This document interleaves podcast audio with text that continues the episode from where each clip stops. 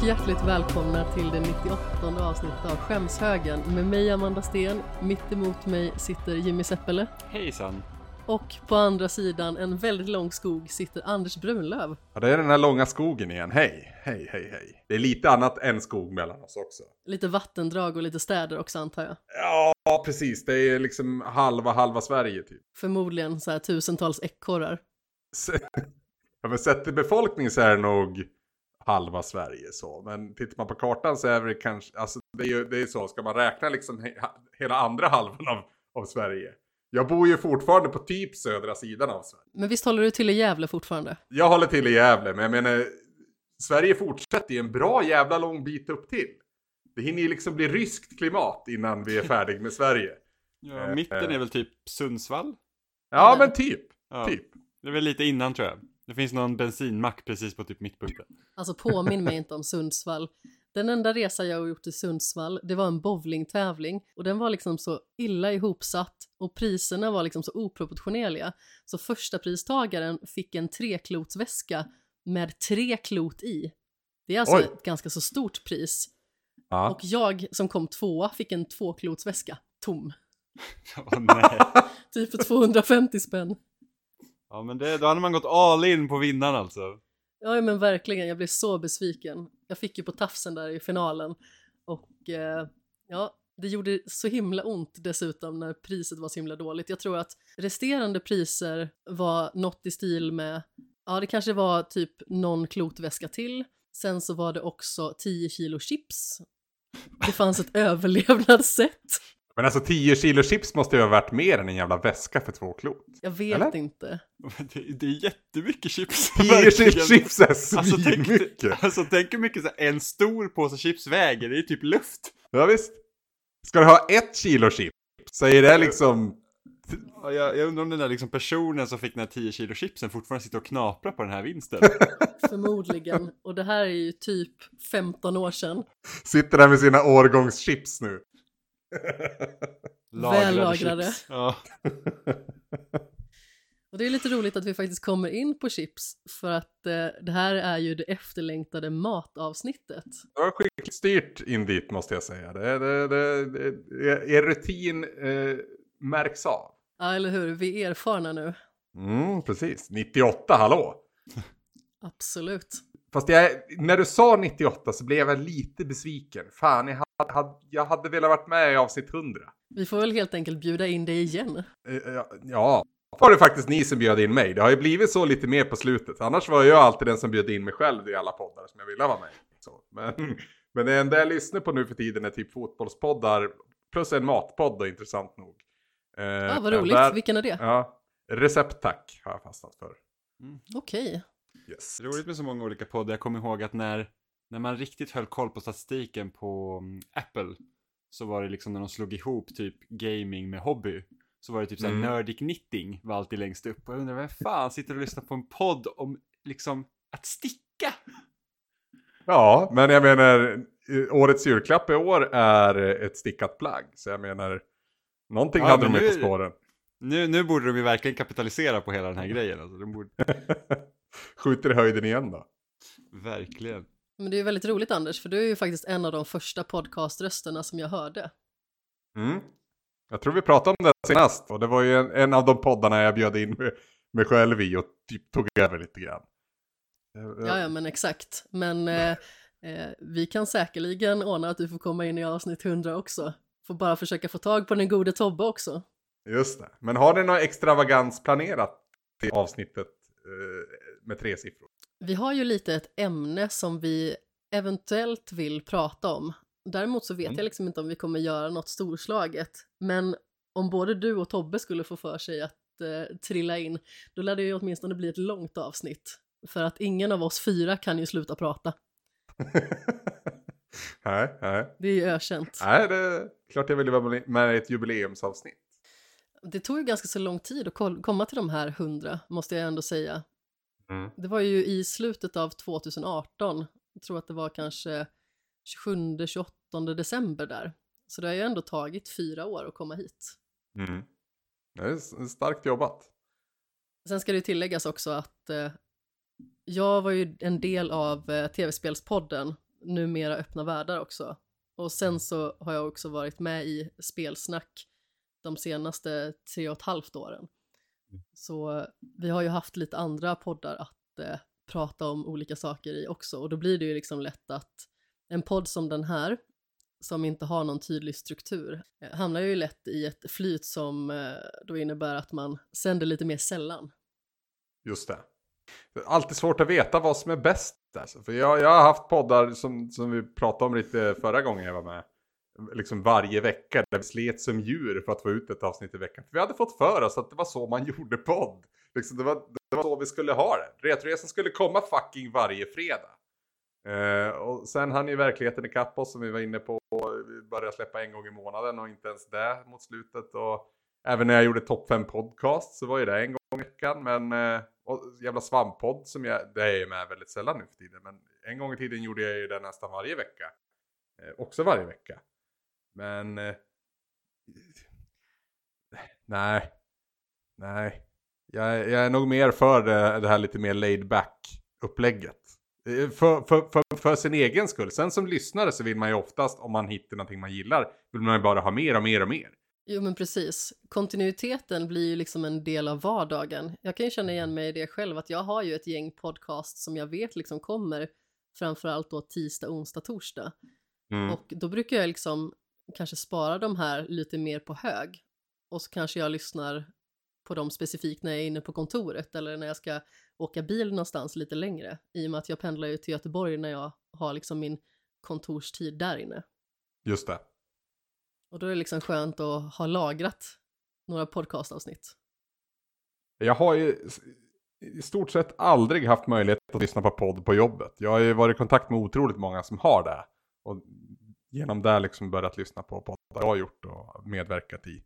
Eh, men min enda poddtid är liksom hemma vid städning eller liksom med mat eller någonting sånt. Eller liksom på väg till eller från jobbet. Och just nu bor jag liksom 10 minuter från jobbet. Så det är, det är 20 minuter per dag. Man får ta den lilla tiden man får helt enkelt. Ja, eller så får man lyssna på jävligt hög hastighet. det, det är ju också. jättejobbigt. Någon ja, gång hade jag råkat sätta upp hastigheten och alltså jag blir ju jättestressad. Ja, det, det, det är lätt att man får den effekten. Jag kände ju pulsen så här successivt steg. Mm. Men vad är det du jobbar med Anders egentligen? Jag jobbar inom daglig verk verksamhet. Så jag, ah, okay, jag, jag, hjälper andra att jobba. Uh, så i, via min vårdutbildning, alltså min gymnasiala vårdutbildning, så har jag ändå ett jobb där jag jobbar måndag till fredag. Så jag leder varje helg. Det är väldigt, väldigt lyxigt. Och otroligt inspirerande jobb i det det jag jobbar med så att säga. Och liksom få folk att hitta sig själv, tro på sig själv och våga testa grejer. Så det, det är lite min arbetsbeskrivning. Det är ju kanon ja. Mm. Det är sånt som jag skulle behöva lite mer av, att tro på mig själv. ja, jag, jag, gör tyvärr inga privatinsatser så. Får anlita det är oftast, min, min målgrupp är också en annan än vad du tillhör. Får väl ändå säga. Jo, jo, men precis. Det förstår jag också naturligtvis. Mm. Vi finns ju till för de som ej kan stå till den öppna arbetsmarknadens förfogande. Ja, men exakt. Yes. Jag jobbar ju med siffror, så jag sitter ju liksom och knapprar och eh, pysslar i Excel dagarna i ända i stort sett. Ja, det, det, kanske därför du och Tobbe så mycket att prata om. Vi liksom lever i samma, samma värld. Vi sitter och jämför Excel-ark. Ja jävlar. Ja, det, det, det är en värld jag har så otroligt svårt att förstå för jag är inte kompis med siffrorna alls. Jag är mycket mer en, en färgmänniska än en siffermänniska. Ja, jag förstår. Nej men alltså det har blivit så framförallt på senare år liksom när jag eh, kom underfund med att jag är inte som gjord för att jobba jättemycket med människor liksom på daglig basis. Jag tycker att det är jättekul att ha liksom personlig träningsklienter där man då får se personer utvecklas, men kanske lite mer sporadiskt då. Mm. Eh, och sedan så tycker jag jättemycket om att instruera gruppträningsklasser som jag ändå gör sådär sju, åtta gånger i veckan. Och det ger mig väldigt mycket och jag får liksom väldigt mycket energi av det tillfället och jag har väldigt roligt och deltagarna är fantastiska. Men just det här dagliga mötet med folk i en strid ström det tar liksom så himla mycket energi för mig. Så jag känner mig helt liksom utpumpad när jag kommer hem. Och det är Mm. därför det också fungerar så himla bra för mig att arbeta med administrativa uppgifter, just för att då kan jag liksom gå in i min egen värld och jag vet liksom att ja, men jag kanske har 160 av den här grejen som måste fixas just nu. Men det är liksom bara att plöja sig igenom det. Det kan vara avtal eller fakturor eller för den delen liksom att man kollar på prisbilden eller liksom sådana saker. Eh, och det låter ju väldigt torrt och det är det också. Men eh, det är också väldigt mycket utrymme för att jag ska kunna lyssna på saker och det är också väldigt skönt. Något trivsamt och mysigt i bakgrunden och sen så har man liksom det här fulla fokuset på, på uppgiften. I det motoriska och enfaldiga så att säga det är väldigt lätt att hitta någon typ av eh, liksom, energi, eller vad ska man säga, man hittar ett lugn ändå. Jag, jag brukar jämföra med liksom, när man får röja i kök. Jag, för på mitt jobb ska sägas också, vi, vi nämnde att kvällens ämne är mat. Eh, och en av mina arbetsuppgifter är att varje, en dag eh, varje vecka så lagar vi mat som en arbetsuppgift som vi sen äter. Så att liksom, jag, jag får, jag får liksom eh, lifea Gordon Ramsay lite. Eller, absolut inte Gordon Ramsay, men jag, jag får liksom... Och du bara frågar sig, är det så här, kommer det inte upp i hans kulinariska egenskaper så då är det otrevligt istället? Nej, men, men ja, nu blir det väldigt så här privat och snudd på sekretessbryt. Men jag har fått höra lite att jag ibland är lite väl petig. Eh, och det kan, jag väl, ja, men det kan jag känna igen mig i. Men jag, liksom, jag har ju en idé om hur, hur saker ska bli. Och det är liksom inte... Min, min idé, eller min uppgift egentligen är att jobba helt med händerna bakom ryggen.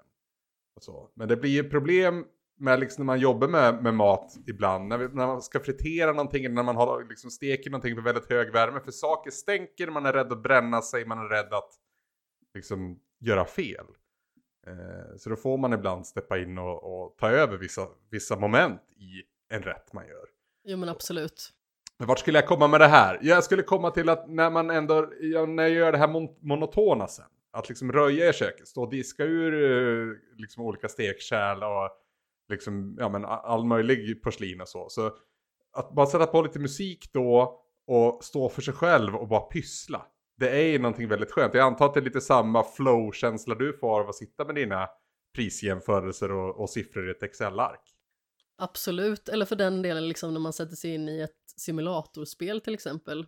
Ja, i somras precis. så kom ju Two Point Campus. Och det, Just det. sträckkörde jag ju i stort sett i, vad kan det ha varit Jimmy? 50 timmar. Ja, typ. Och det var också så här perfekt upplevelse och det jag behövde just då. Jag behövde någonting där jag inte behövde tänka så himla mycket. Jag kunde lyssna på en bok eller en podcast samtidigt och liksom bara kötta det spelet till en Platinum. Mm. Och sen så kände jag mig så äckligt nöjd efteråt liksom för att det hade varit jättemysigt och det kändes liksom som att eh, jag hade fått så himla mycket så här, kvalitetstid för mig själv och liksom i min egen zon. Mm. Det finns ju en, en, eh, det finns ju en, en, jag ska inte säga att det är en trend, för jag, jag känner att jag har inte längre örat mot rälsen så att säga, vart, eller vart vinden blåser har jag liksom inte så mycket koll på. Men jag vet att min kollega Linus på Svampriket är ju väldigt förtjust i sådana här, och det finns säkert ett jättebra namn, samlingsnamn för den här typen av spel, men där man bygger liksom konstruktioner som ska vara automatiska och sköta sig själv på något vis. Ja, jag har hört det här jävla samlingsnamnet som jag inte kan verka fram nu också. Men, men det är väl lite typ samma... spel som Factorio och, och Ja, sånt. exakt. Exakt. Eh, men det är väl lite samma känsla man jagar där egentligen. Eller tillfredsställelsen kanske liknar sig vid det. Jo, jo men precis. När man liksom bara går in i ett system och får det fungera. Mhm. Jag tycker det är väldigt tillfredsställande att sortera saker också, eller liksom ställa saker på sin plats. Det är en sån här bra idé som jag ofta får typ vid två på natten, liksom, när man egentligen borde gå och lägga sig, så känner man att nej men, jag kanske borde ändra om ordningen på alla de här spelen och filmerna, så att de står i den här ordningen istället. Och då bara gör man ju det, för att man känner att man är liksom inne i det tankesättet och eh, liksom uppslukas av den känslan. Får jag bryta? Eh, det var ett konstigt eh, ljud här. Jag måste bara kolla, kolla vad det var. Ett ögonblick.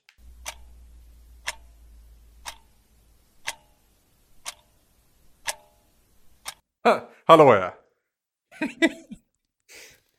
Det var, det, jag hörde bara ett, ett, ett ljud av att folk, någon var jävligt missnöjd, alltså frustrerad. Som att någonting hade hänt. Men det var alltså Emelie som försökte låsa en dörr som redan var låst. Det är inte så lätt. Nej, det det är blir ju jobbigt. Och det hörde jag alltså genom en betongvägg. Med Oj. noise cancelling lurar på.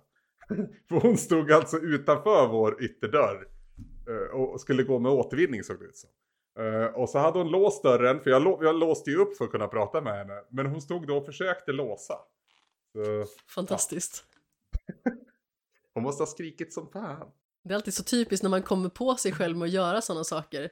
Eh, jag stod också en gång liksom och försökte att eh, låsa dörren eh, och det visade sig att dörren hade liksom inte gått igen helt. Så att Ja, den just det. fastnade liksom hela tiden. Och jag bara, vad i hela fridens namn är det som försiggår här? Stod liksom och slet och drog i det stackars låset. Sen bara, jaha. Det var så här det låg till. Det var ju olyckligt. Är, är så här, känslan av att man är dolda kameran, är det en referens som är för, för gammal för, för er två? Eller? eh, Nej, det vill jag inte klocka? tycka. Nej, okej. Det känns absolut igen. Ja. Så unga är vi inte. Nej, man vet aldrig. Jag, fan, jag fyllde ju år igår, så jag känner mig extra gammal idag. Ja men just det. Du får ett eh, grattis eh, på bästa sändningstid här då. Ja men precis. Ja, du, du grattade mig tidigt under gårdagen, så du, du var nästan först i kön. Ja, jag kanske var tidigt ute. Ja, det, det tycker jag. Inte först, men... Ska man fråga samma fråga som alltid får av sin far när man fyller år? Så bara, Hur känns det nu då när du är ett år äldre? Ja, nej alltså jag... Ja. Grejen är ju att jag fyller ju 39 år. Och det är ju en väldigt, väldigt ospeciell siffra, men nu har ju nedräkningen börjat. Inför ett berömt streck. Så nu ska jag liksom börja klura ut en lämplig kris som funkar med min budget. Jag, jag, skulle ju gärna köpa en, en sportbil, men jag kommer inte ha råd. Och jag kan fan inte belåna mig för att leva upp till den krisen. Jag får liksom, jag får kanske, jag ska fan börja lyssna på den här jävla sticka-podden och börja sticka eller någonting sånt istället. Det känns ändå rimligt utifrån mina ekonomiska eh, muskler, så att säga.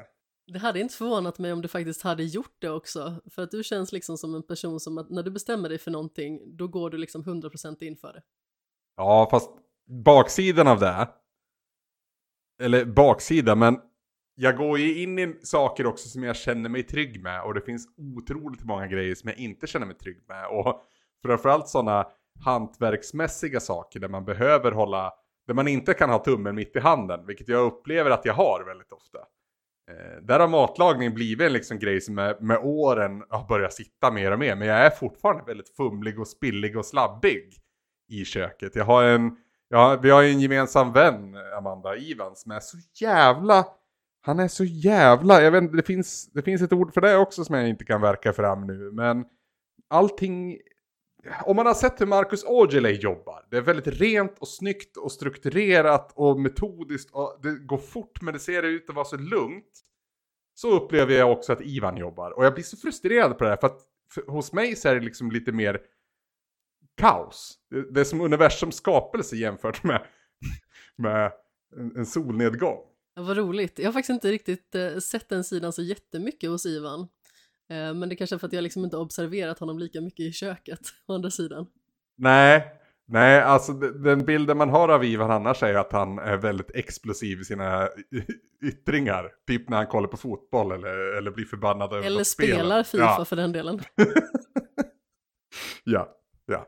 Jo, han har väl uh, bli, fått klä den rollen också lite i våran, eh, våran lilla kult. Eller vad vi ska kalla det. Jo men exakt, man får ju liksom kanske en, en stämpel på sig, eh, även att man kanske inte jobbar så hårt för att få den. Nej men så är det ju. Jag har blivit lite grann den här personen som eh, då och då går och gömmer mig i ett hörn med min eh, Playstation Vita eller sådär liksom. Mm. Och jag kan ju faktiskt vara en person som är otroligt social. Det är bara det liksom att jag behöver gå liksom tillbaka till mitt vattenhål lite då och då så att jag verkligen känner att men, nu är jag på banan igen och kan socialisera med alla de här människorna. Mm, jo men det är, alltså, det, det är du långt ensam om att, att känna i den här gruppen ens. Och liksom i många, för många människor i många sociala sammanhang så behöver man återhämtning ibland. Inte minst när man träffar så väldigt många olika människor som man oftast inte träffar till vardags också. Det blir ju väldigt, väldigt speciellt. Det blir ju liksom en, en inte, kanske inte en sekt, men eh, ja, kanske lite sektkänsla över meetup-gänget nu. En väldigt mysig sekt får man ändå säga. Ja, ja, ja, det tycker jag också. Ja, det säger de alla. Ja, men det är liksom inga mordhot eller några andra obehagligheter här. Än. Har ni försökt gå ur denna sekt? Vem vet vad som händer då? Alltså det har väl säkert att, nej jag tror inte någon har mordhotat någon. Men det var någon gång det var någon skar sig på en kniv i köket. Där jag satt nere på bryggan. och, du, och du vet, skriket var så från benmärgen. Alltså det var så, det var så djuriskt skriket. Jag ska inte namedroppa vem det var, jag vet mycket väl vem det var, vi har snackat om det sen. Men det var så djuriskt skriket så jag tänkte att nu har någon dött. Nu har det slagit helt slint för någon. Och nu, nu, nu kommer det stå i tidningen om någon, någon jävla sekt i, i mitt i Sverige som, som, där någon gick och styckmördade folk. För att det, det var liksom det ljudet på, på skriket. Men personen i fråga hade bara gjort illa sig och det gjorde tydligen väldigt, väldigt ont. Och så sättet hen avreager, sig på var att skrika väldigt högt. Så, så att, men mina tankar var liksom, de stack iväg snabbt där. Av diverse olika anledningar. Men, eh, ja nej. Det, det är väl det närmsta vi har kommit tror jag. Vad jag vet i alla fall. Ja, förutom om man kanske har velat strypa någon annan i något spel. Men eh, det händer ju inte allt för ofta. Ja, ja. Men det, nej, och det hör ju till. Liksom. Det är en del av vår kultur. Apropå Tobbe som vi nämnde tidigare så finns det en väldigt rolig bild på oss två som är ganska så lika liksom till personligheten, eh, även att vi är liksom i lite olika åldrar då.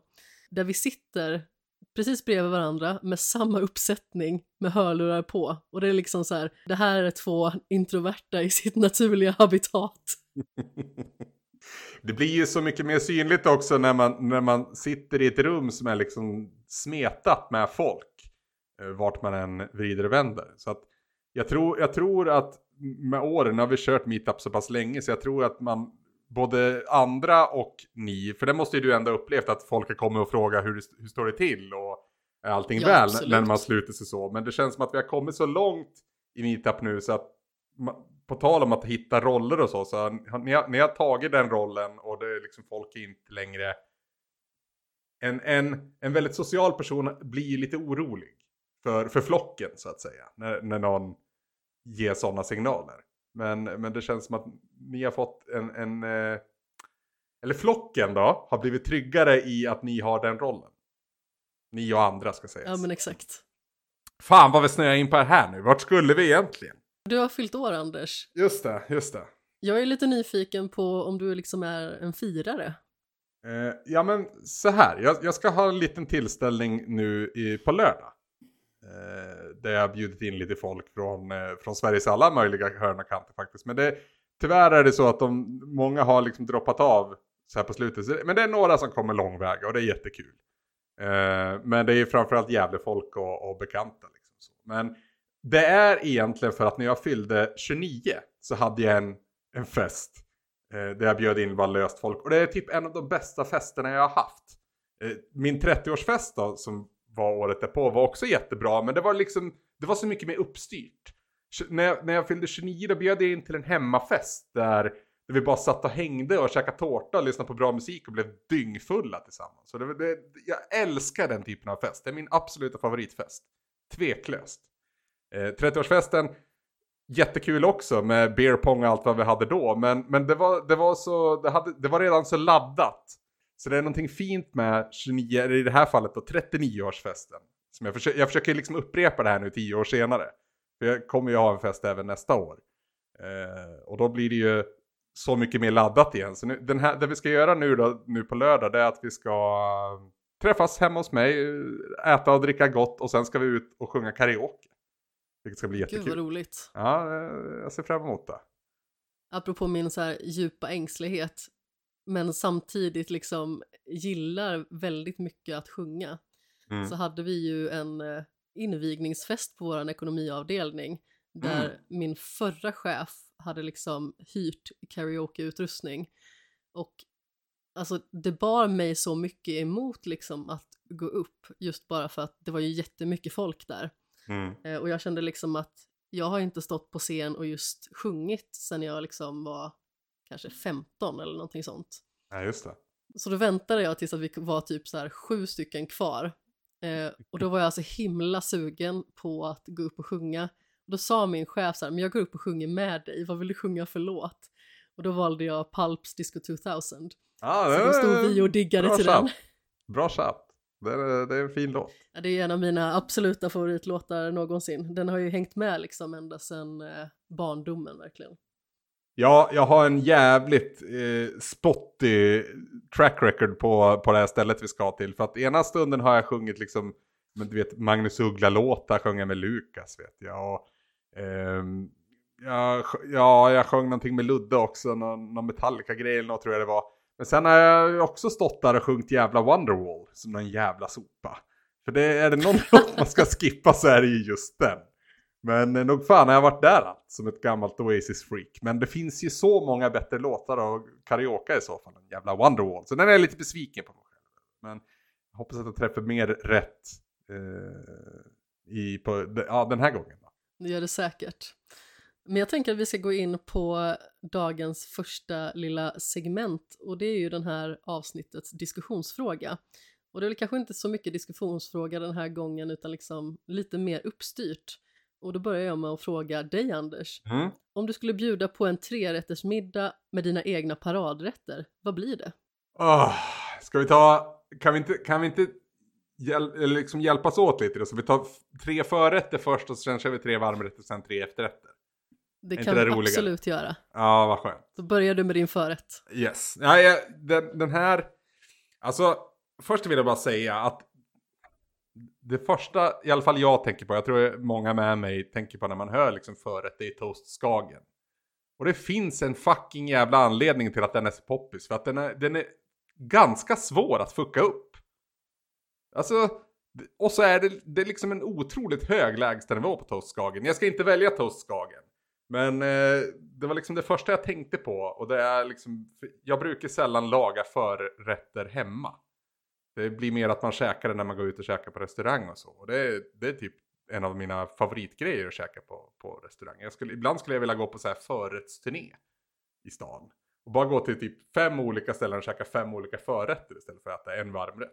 Jag vet inte hur ekonomiskt för... Ja men det har någonting, det är ju väldigt mysigt. Ja, Och oftast är det lite mindre rätter också. Ja, och samtidigt är det inte jävla tapas.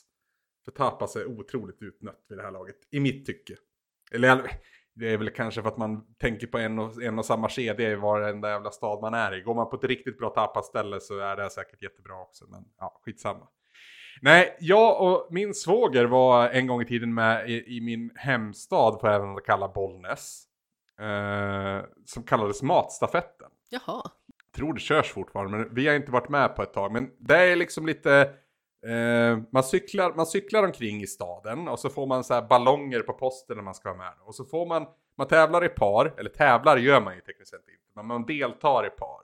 Och då blir det tilldelat att, att laga antingen en förrätt, en varmrätt eller en huvudrätt. Och den rätten du blir tilldelad då, då, då är det liksom på besök på varmrätt och efterrätt sen om du får förrätten och vice versa. Så, och vi har fått förrätt lite för många gånger och efterrätt. Vi har aldrig när vi har varit med fått varmrätten, vilket grämer oss lite. Men eh, de gånger vi har haft förrätt så har det liksom skit kommit emellan för, för det vi egentligen tänkte. Det var ett år det var så grönjävulskt varmt.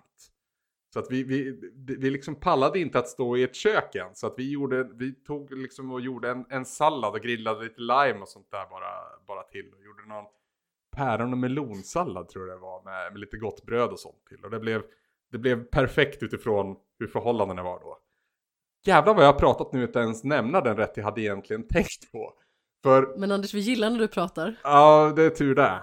Eh, den, den jag har tänkt, om jag ska ha någon paradförrätt, den funkar lika gärna som varmrätt också. Men den har jag ju helt, helt och hållet snott från vår gemensamma vän Anna Nilsson.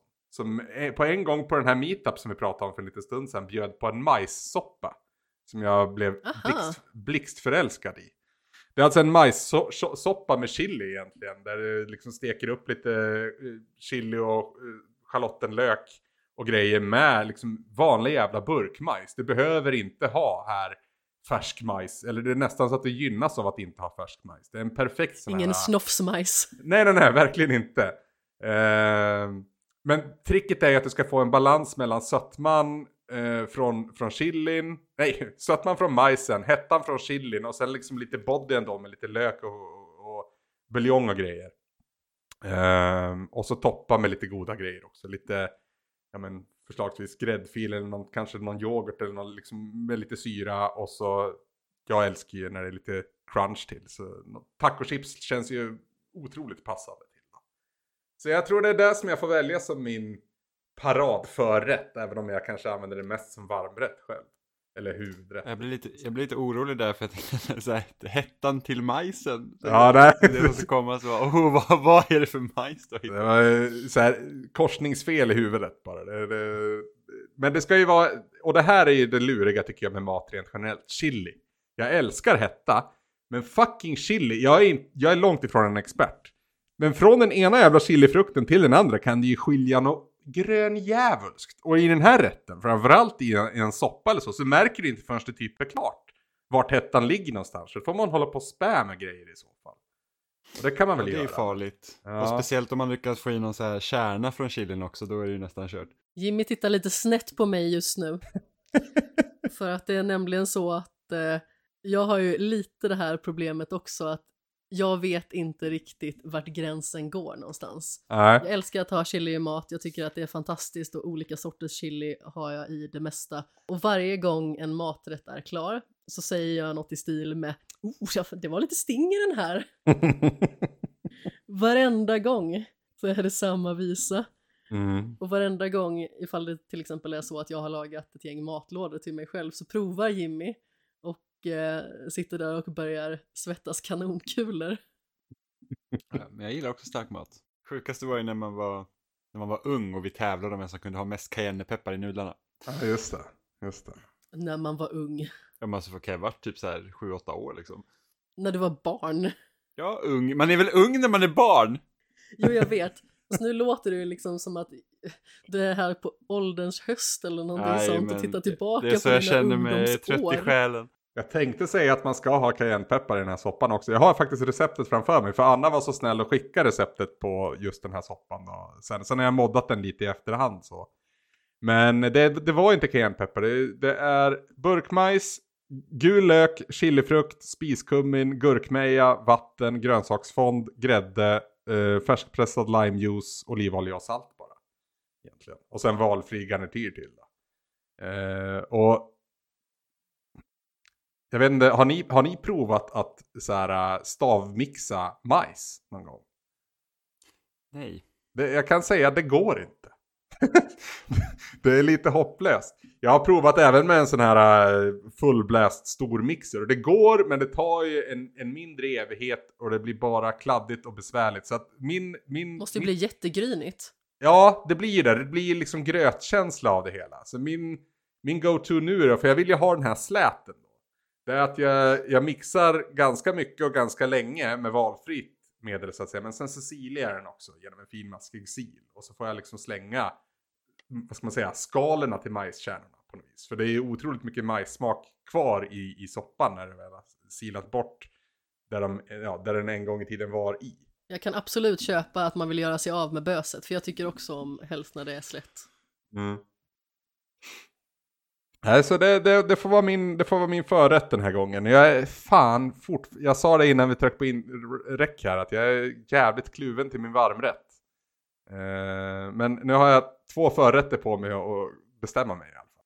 Vi får ju skicka en liten puss och kram till Anna då också. Ja, om verkligen. hon skulle råka lyssna på det här, för att hon är ju också en fena i köket verkligen. Verkligen. Inspiratör. Absolut, alltså varje gång jag ser henne laga mat eller komma med sina bakverk och så, man blir ju så himla imponerad och känner liksom så här att wow, den här personen vill jag också vara. ja, hon, ger, hon, är, hon, är, hon är fantastisk men hon är också bra på att ge en komplex. Fast det handlar ju mer om mig själv kanske. Absolut. Men Jimmy, din förrätt. Ja, alltså jag har ju Jag har en variant på toastskagen istället. Eh, Ja men snyggt! Jag är inte så himla mycket av en förrättsperson sådär heller, men eh, jag tycker att toastskagen är jättegod. Men så istället för att bara egentligen göra skagenröra, så man har ju liksom det, det rostade brödet så att säga, och sen har man gravlax till. Mm. Och sen så toppar man det med en variant av skagenröra, men man har inte räkor, man har kräftstjärtar istället. Mm. Och sen så kör man lite citron och så lite dill på, det är supergott verkligen. Heter det inte någonting annat när man har kräftstjärtar istället för räkor? Det gör det säkert, jag vet dock inte vad. Nej, det, det sitter långt bak i huvudet på mig det här så jag kan, jag kan sitta och killgissa hur mycket vi vill nu men, men jag för mig att det byter man namn. på typ, ja, går man typ på burkarna på Ica så är det kräftröra. Ja just det. Just det. Men eh, för att jag föredrar nog kräftor framför räkor. Eh, faktiskt. Det är lite köttigare. Ehm, så att det, det är nice. Jag är ju skaldjursallergiker va? Så att jag kan liksom inte ställa mig in i den hyllningskören för att då skulle jag må jättedåligt. Ja, men du äter heller inte lax så att eh, du kan äta brödet. Jag kan äta brödet. Jag älskar bröd. Bröd är fantastiskt. Alltså bröd är ju typ det finaste vi har gjort. Alltså det... Let's face it, det är typ det första maten människan började laga och baka och göra någonting. Och det är, det är ju bra jävla gjort människan. När man äter ett gott bröd. Det är... Och då pratar jag inte om någon jävla ICA-bröd jag köpte som liksom gjorts i någon fabrik. Utan jag pratar om ett bageribröd där man har liksom satt en deg och jobbat med den, gärna med händerna. Det är fan det finaste vi har. Men det är som knark. Alltså man köper en sån här limpa och tänker att ja, man har den här limpan ganska länge men alltså det är så gott så att man kan ju bara, man kan ju bara skiva och skiva och skiva. Och så bara bröd och så smör på, det är liksom, det räcker gott. Vi kommer ju prata lite mer om eh, The Great British Bake Off sedan. Men när vi började kolla på det och drog igenom typ alla säsonger som hade kommit förra sommaren, då fick ju Jimmy ett sånt brödbryt verkligen. Och eh, började baka massa olika sorters bröd och det var ju fantastiskt för mig. Ja, Man hade väldigt ont i magen dock väldigt länge. ja men det, så blir det ju. Det tråkiga är att jag hade ett helt annat namn i, bak i huvudet. Men kräftskagen tycks vara det officiella namnet på en skagen med Jaha. kräftstjärtar i istället. Det var ju jättetråkigt känner jag. En stor lättnad. Ja, faktiskt. Toast Mikkelsen. Du då Amanda? Jag kör lite på samma tema som du Anders där med soppa faktiskt. Mm, mm. Så jag tänker mig en morotssoppa med apelsin, ingefära och chili. Det är någonting som eh, också har en tendens att bli så här rövigt starkt verkligen.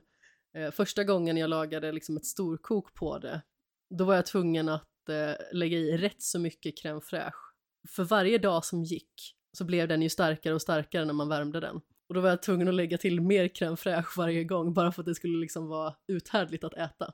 Fast ska vi vara ärliga så är ju det inte ett problem. Alltså mer crème fraîche, det, det gör ju alla gladare. Är det inte lite så? Ja, absolut. Jag älskar crème fraîche verkligen. Det är ju kanon. Ja, jag också. Vem- Vem kan inte älska crème fraîche? Jag skulle kunna sitta och äta crème fraîche i fucking burken med en sked, bara så här. Nom, nom, nom, nom, nom. Föredra Ja. gräddfil. Ja, det är till vissa grejer. Men eh, crème fraîche har någonting lent och fint. Grädd, gräddfil är mer liksom svalt och, och rinnigt och inte skarpt. Men ja. Det är lite mer syra i det. Ja, ja, ja, ja. Ja. Jag tycker väldigt mycket om crème fraîche faktiskt. Man kan göra väldigt mycket med det, liksom både varma såser och kalla såser som eh, fungerar liksom kanon. Min eh, käresta gör en kick-ass jävla vitlökssås med crème fraîche bas. Den är, Oh. den är toppen. Ja, men det, är, det bästa är inte, det är inte mycket heller. Det har, på, på en dec, vi gör det enkelt då, en deciliter crème fraîche har det kanske en halv matsked majonnäs. Det är liksom basen. Sen är det vitlök, honung, senap, salt och peppar. Men det liksom, balansen däremellan är ju the key. Och så framförallt hitta rätt typ av senap. För det ska ju vara något dijon-liknande men det ska ju gärna vara grovkornigt och eh, så att det ger lite body så att säga. Du får lite, får lite, ja, lite struktur i såsen. Den kan du använda till fucking allt sen. Inte allt, men eh, allting som du vill ha vitlökssås till. Det låter ju kanon. Mm. Eh, Just den här soppan, Mm. det är ju någonting som jag lagar absolut för sällan. Men det är också en soppa som har liksom blivit en av mina favoriter. Just liksom att det finns en sån fin balans liksom från eh, morötterna som är grunden egentligen. Och sen så har vi eh, lite hetta från chilin, vi har det syrliga liksom från apelsinen. Sen så kommer ingefäran där också och ger liksom en annan typ av kick. Så när man liksom lyckas balansera ut de här smakerna väl, då är det verkligen en kanonsoppa och det är också perfekt att ha liksom en klick crème fraîche i och även ha gärna så här medelhavsbröd till. Det är någonting som jag tycker är så himla gott. Och det bästa är ju om man kan lägga band på sig själv och ha en tillräckligt stor bit av brödet kvar när det har liksom när du har ätit slut i skålen men det finns fortfarande soppa kvar i skålen. Om du förstår vad jag menar. Så du kan ta en brödbit och bara gucka runt det. Och fånga upp allting så att det sugs upp i brödet. Och den, den sista tuggan då av brödet, det är, ju- då är du ju i himlen. Verkligen. Jag instämmer å det fullaste. Det är ofta så. Det, det, vi, vi, återigen innan inspelning så pratade vi om en, en podd jag lyssnade på. Och de var inne på det också. Att ibland är det den sista tuggan som är så jävla god. Ta någonting så enkelt som det här. Typ med köttbullar, potatis, gräddsås och säg lingonsylt eller gelé eller vad du än vill ha. Det kan ju se ganska prydligt ut när det ligger på tallriken i början. Men när det är liksom på de sista tuggorna, när allting har liksom mojsats ihop. Det är fan med det godaste. När det liksom nästan tippar tallriken och skrapar ihop det sista. Och den, den sleven in, den är himmelsk alltså. Jag älskar det. Absolut. Samma sak liksom när man har haft någon eh, trevlig pasta där det är lite mycket sås egentligen. Så att det nästan blir en liten pastasoppa kvar som man typ får skrapa upp med sked. Det älskar jag också för att alla vet ju att livet blir bättre, allting blir bättre per automatik med ost och eller sås. Ja, gärna i kombination. Ja, definitivt. Och lägg till bröd på det också då sen. Så är det ju, då har det liksom livets alla byggstenar höll jag på att säga. Men Då storknar man. ja, ja visst. visst. Men nu är jag nyfiken på den här varmrätten som du har sålt in väldigt dåligt. Ah, fan. Fan. Ja men alltså det är ju så. Jag, jag, jag, har, jag, jag har ju, min, min paradrätt är ju lasagne. Men jag vill fan inte sitta i en podd och prata om lasagne. För det är så jävla gjort. Och när vi pratar om rätter som har en hög lägstanivå så måste ju lasagne slå rekord. För har någon av er, ja det är klart man har ätit någon dålig lasagne. Men det var ju fortfarande inte äckligt. Alltså det ska mycket till för att en lasagne ska bli liksom äcklig. I mitt tycke. Jag har ätit många mediokra lasagner. Men de allra flesta jag har ätit har varit bra eller bättre. Jag har ätit en riktigt vidrig lasagne en gång. Alltså Okej. den var liksom inte vidrig på det sättet liksom att såsen smakade skitkonstigt eller för den delen liksom att eh, det var en dålig ost eller liksom någonting sånt. Det var inte på sån detaljnivå. Men en gång när jag med sällskap var i London, då var vi liksom kvällen vi kom dit på Bella Italia. Mm. Just bara för att vi behövde någonting snabbt, vi var kanonhungriga och behövde bara hiva i oss någonting.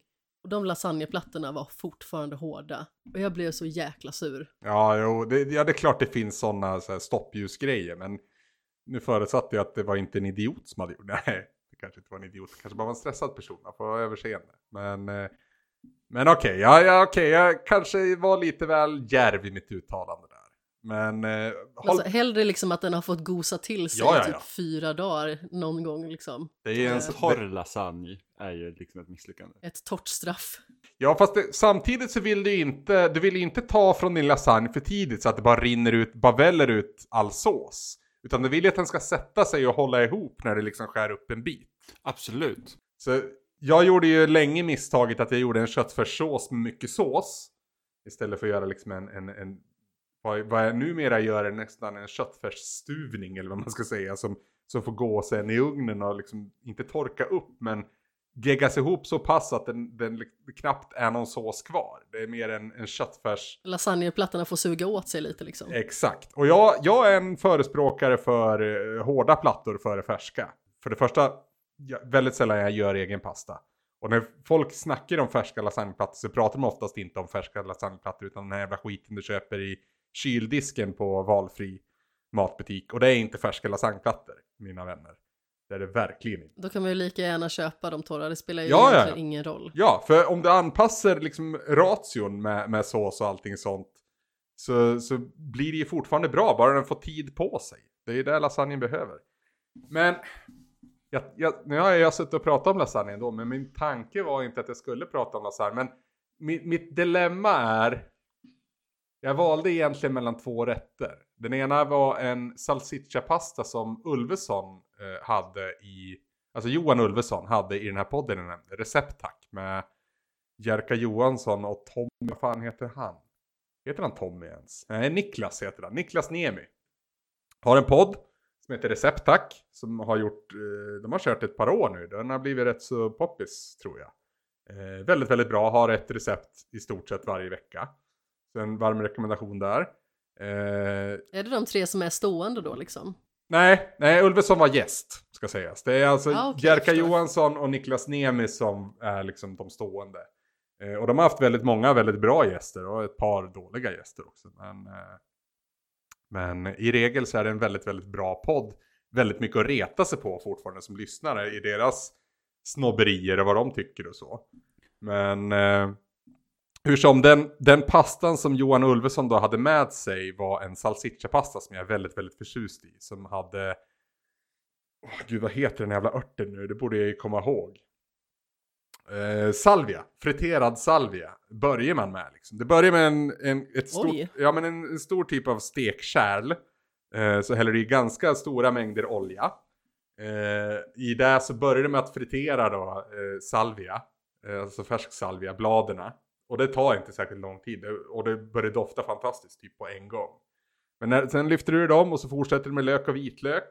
Ur med det och sen då i med eh, salsiccia färs. Och kör den riktigt jävla crispy. Eh, det ska bli liksom ett, ett, ett fras av det där. Och sen massa vitt vin och tomater och götta och ost och jävelskap och så ner med en bra pasta och släng ihop det där och så ett gott vin till. Alltså, oh, du är hemma. Men det är, Har du någon speciell pastasort som du liksom föredrar att använda? Ja, till just den är så här, heter den rigatoni? Som är typ som eh, avlånga stavar med hål i. Jag tror det är rigatoni. Absolut. Ja, den, den är fin. Men egentligen allting som kan fånga upp sås bra. För den blir ganska såsig den här eh, pastan. Och så är det trevligt med liksom när man får en sås med pastan och sen det här korvkrispet då, som salsichan tillför. Men, men det är inte heller den jag tänkte ta som min, eh, så min rätt. Utan, fast det är fel att kalla det en paradrätt. Men jag gjorde fan en fläskfilé här i helgen. Och det är, låter skittråkigt. Men det kanske inte är min paradrätt, men jag måste ändå få berätta om det. För jag har stekt fläskfilé fel i så många år. Så mycket och så länge att jag liksom slutade rätt länge att köra fläskfilé. För det blev liksom bara okej. sådär. Men jag skar alltid upp i medaljonger och stekte tills de var klar. Men jag stekte ju dem ju nästan, nästan uteslutande alltid för länge så att de blev overdone. Och inte torra, men de blev inte heller så saftiga som de kan bli. Så att jag låter säkert som en fullblodig idiot, men här nu i helgen så gjorde jag då, eh, först marinerade jag fläskfilén rätt så länge i en marinad på lite, jag ska se vad var det? Det var lite vitlök och så var det lite sriracha, eh, lite honung, sesamolja, jag tror det var någon annan olja också. Eh, och lite andra kryddor och sådär. Så man fick ligga och dra sig hel, hela fläsk, fläskfilén så med en sippåse in i kylen i några timmar så. Sen helstekte jag den runt om ganska hårt i en gjutjärnspanna så att den fick eh, fin färg och så. Sen fick den gå i ugnen. Länge och lugnt medan jag gjorde då smashad potatis till med mycket smör, salt och, och timjan. Och, och så en jävligt fin bea till det. Och det var ju alltså kött och potatis har ju någonting. Jag vet att det är den mest öppna dörr jag sparkar in, men jävlar vad gott det blev. Eh, Det var en ögonöppnande grej för mig. Just smashed potatoes är ju otroligt gott faktiskt i sin enkelhet. Ja, ja ja, visst. Och det är så jävla lämpligt för att det, det, i olika steg kan ni ju förbereda det. Så nu så behövde jag ju ugnen på två, jag hade ju behövt två ugnar här. För att potatisen vill ju ändå köra så att den blir krispig och då behöver den en viss temperatur. Medan fläskfilén mår ju bra av att köra på kanske ja, men de lägre hundratalet, 130, 140, 150 grader kanske. Och länge. Eh, med termometer i upp till, ja men jag tror jag siktade på 60, 65 grader. Tror jag. Jag tror vi landade på 67 när den hade vilat färdigt. Eh, jag tror Livsmedelsverket säger eh, 70 där, men för, för svensk fläskfilé så är det nog inga problem. Är, är det nog? Jag, jag, jag har hört folk som jag litar på som säger att det är så, så då, då gick jag på det Ja, också. men det är ö- över 65 så dör de flesta bakterierna Yes. som är farliga. Yes. Och precis. Nej men det, det, jag vet att jag låter, det, det är skitenkel rätt så, men, eh, men jävligt fint. Och som av en händelse då så, eh, den här veckans eh, recepttack hade då älgstek med smashad potato och så en gräddsås då gjort på, på stekresterna och lite annat jox. Så det var just smashad potato, fa- eh, smashad potato. smashad potatis eller smashed potato. Eh, fast deras spin var ju att han hade, när liksom, Gud, jag har tre olika konversationer igång samtidigt, jag ber om ursäkt för det. Ehm, men när han tog ut potatisen första gången då, när den bara ha, behöver det här sista, sista skjutsen. Då hade han på drösvis med parmesan. Och då tänkte jag, det ska jag testa nästa gång. Det lät ju fantastiskt. Jag, jag brukar alltid uh, skeppa på lite mer smör där och kanske om det, jag brukar oftast ta en, en provbit då och unna mig medan jag står och väntar på något annat. Och då blir det nästan alltid att man behöver mer salt. För det behöver väldigt mycket salt till den här jävla potatisen. Eh, men jag tänker parmesan kanske kan ersätta saltet till stor del. Och just att den ska vara inne så en kort stund sen och bara få den här sista fina färgen. Då, parmesan är ju ganska känt för att det typ inte smälter någon gång. Förutom när du har det i en, i en ordentlig sås eller så. Eh, men typ i en carbonara så smälter ju parmesanen. Då- Man ska inte ha parmesan i en carbonara men jag brukar ha både parmesan och pecorino i min carbonara. Jag tycker det funkar bra. Jag tycker man får göra som man vill. Det är ju så. Det här, det här gamla utnötta med att en italienare skulle aldrig ha grädde i en carbonara. Vad fan vet folk om det? Fråga en italienare och fråga en annan och du får olika svar. Det är liksom... Det är, Men precis. ja. Sen tycker väl inte jag heller att man ska ha grädde i en carbonara. Men eh, det är en annan sak. Vill man ha det så får man väl det. Men det, det går att göra, det, det liksom, det man vill komma åt av grädden går ju att få till genom att bara använda liksom, det här äggucket med ost och lite pastavatten. Ja, men det var lite som när man, eh, alltså jag gick till hotell och restaurang i gymnasiet Mm. och när vi åt köttfärssås och då var det så att då vill man ha ketchup på. Och, och lärarna liksom försökte håna en. Man var såhär bara, jag äter vad fan jag vill. Ja men så är Liksom, det. det är gott. Så är det. Varför ska jag bry mig? Alltså jag älskar ketchup. Fortfarande. Även om jag liksom då... Ja, men det är skitgott. eh, Just för en köttfärssås så, så vill man ju få fram de där smakerna utan att behöva ketchup. Men det är fan minst lika många gånger som jag äter ketchup till min köttfärssås. För det är Ja, gott. men jag använder även ketchup som smaksättare liksom medan jag lagar maten. Mm, det kan jag också göra faktiskt. Även om det känns ju, det finns ju sådana här grejer, eller kanske bara mitt huvud, men det känns som att man fuskar ibland. Men alltså, bra fusk, bra hacks, så att säga. Det är ju någonting man går igång på. Bra fusk, så ketchup i sås och typ grillkrydda. det är samma sak. Nej men bara det här, äh, först när man liksom började med att lägga vitlök, men om man skulle ha mycket vitlök, liksom, stå och skala mycket vitlök kan man ju bli, tappa nerverna för. Men lägga allting i liksom en, en skål med en annan skål upp och ner, vänt uppe på och bara ruska tills du blir svettig. Då har typ all vitlök skalat sig.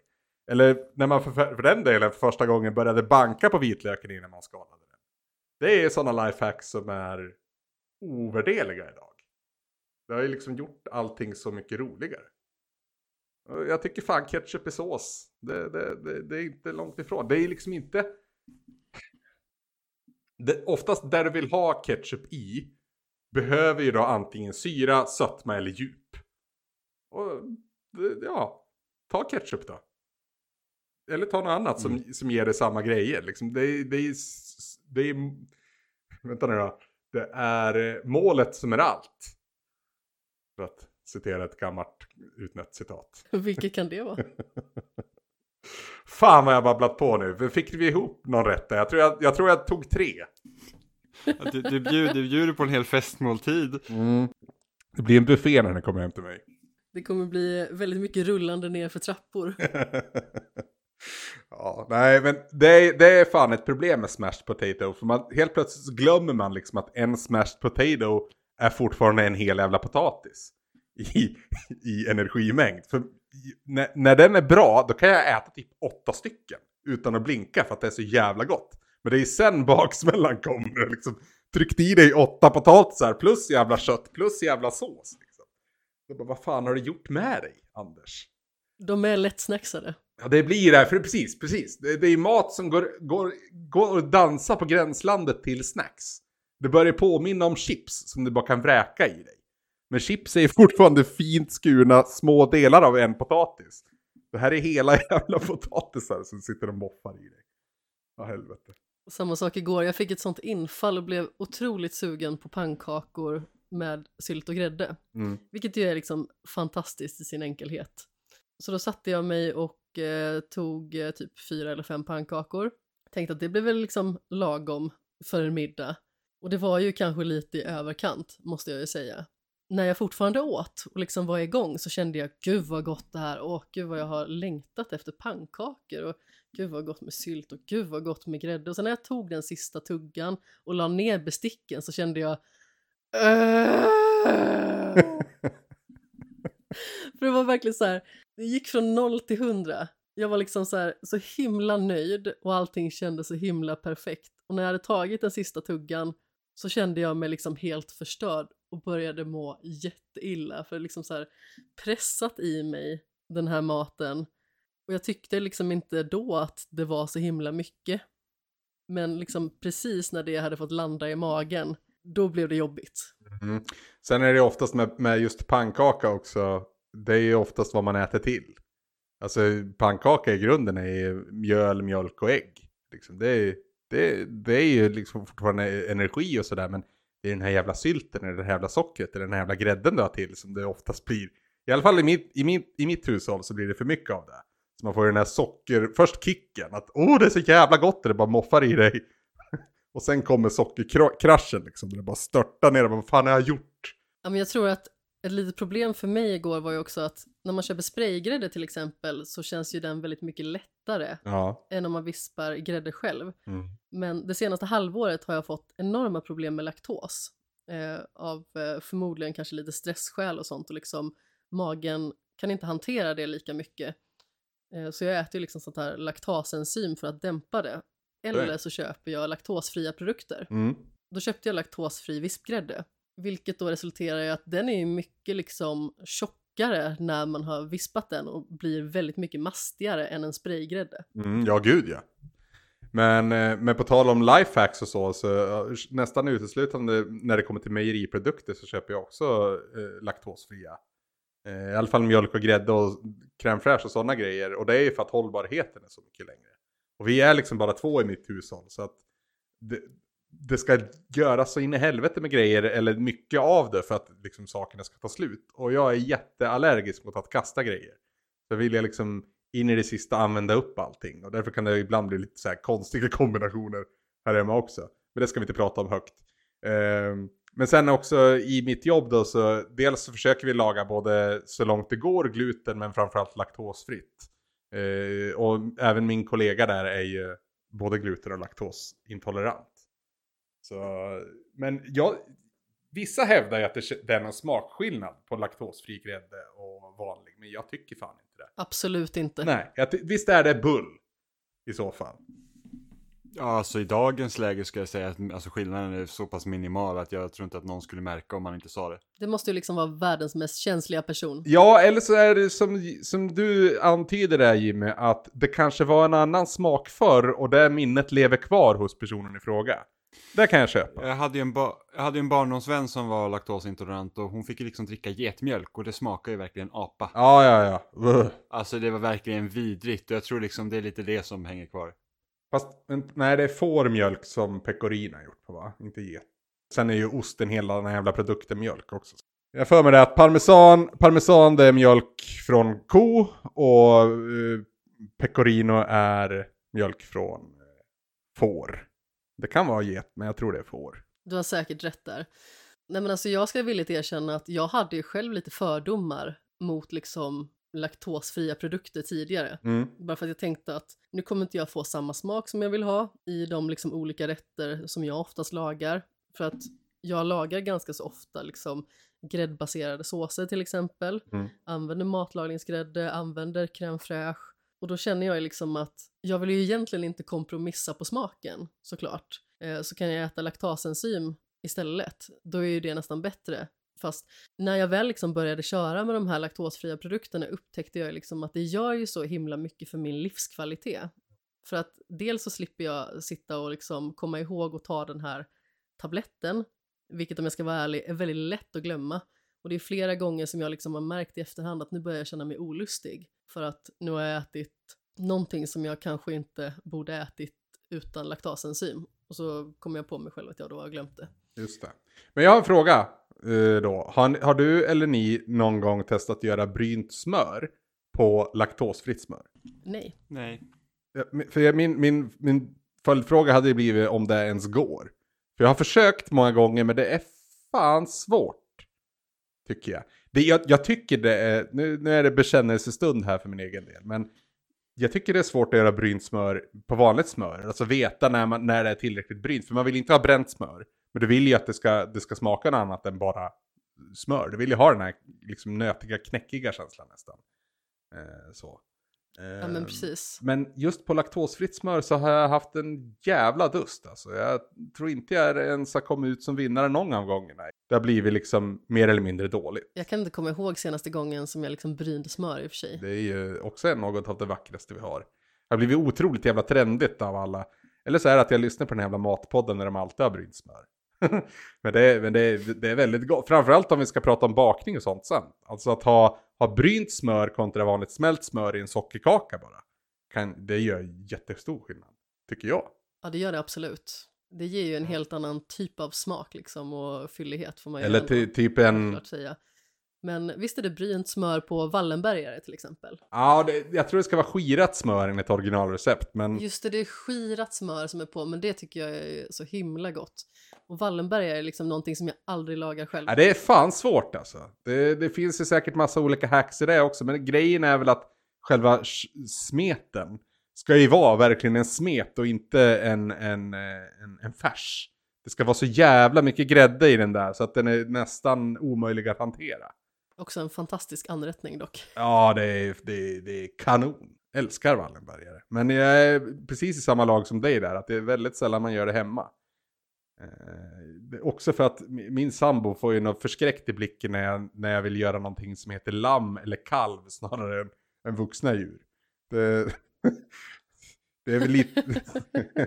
jag förstår ju vart de kommer ifrån, men jag, så här, hon... hon eh, jag, jag, personligen tycker jag då att, man, att hon behöver se helheten. Men jag, 100% det är problematiskt med den lättvindhet som ibland tar köttkulturen för. I alla fall jag. Eh, så. Det, det är jag fullt medveten om.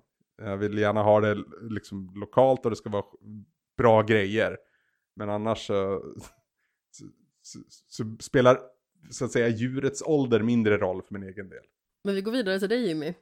Vad är det för liten huvudrätt som du sitter och lurar på? Ja, jag funderade lite på vad jag skulle välja. Jag tänkte först, att fan det är jävligt gott när man gör plankstek ändå. Oh. Eh, liksom införskaffat plankor och allting och oljat in dem och de är så himla bra och det, det blir så jäkla gott. Men eh, sen kände jag att det är lite tråkigt.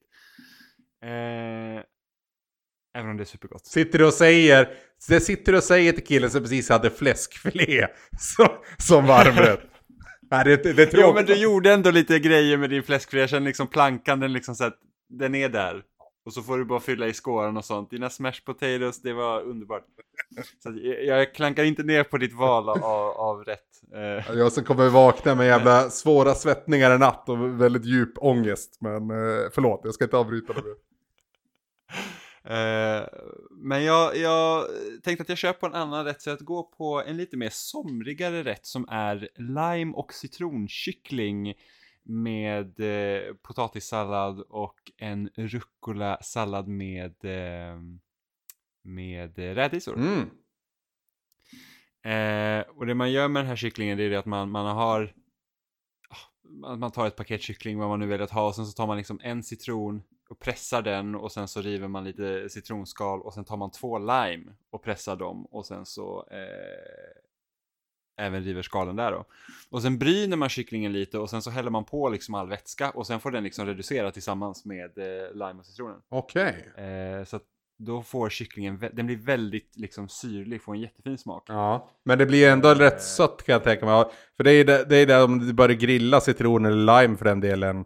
Så blir det en helt annan dimension på, på syran från citrusfrukten så att säga. Det blir mycket, mycket Ja, sötare men och lättare att ha mycket av så att säga. Ja, men precis. Om, om man, man får verkligen den här liksom Jag tror limesmaken i kombination med lite den här um, sura citronen gör underverk. Mm. Men Eh. va, va, vilken, vilken del av kycklingen sa du? Eller det spelade ingen... Vill du ha med ben i eller vill du ha utan? Nej, alltså jag kör med, det är egentligen kycklingfilé då. Ja. Eh, som man kör med och sen så, så strimlar du dem så att det liksom är mindre bitar. Just det. Och sen så typ får det nästan koka liksom i den här vätskan. Just det. Så det blir ett, det blir ett Eh. guck mer, eller inte ett guck kanske, men ändå... Ja, jag förstår.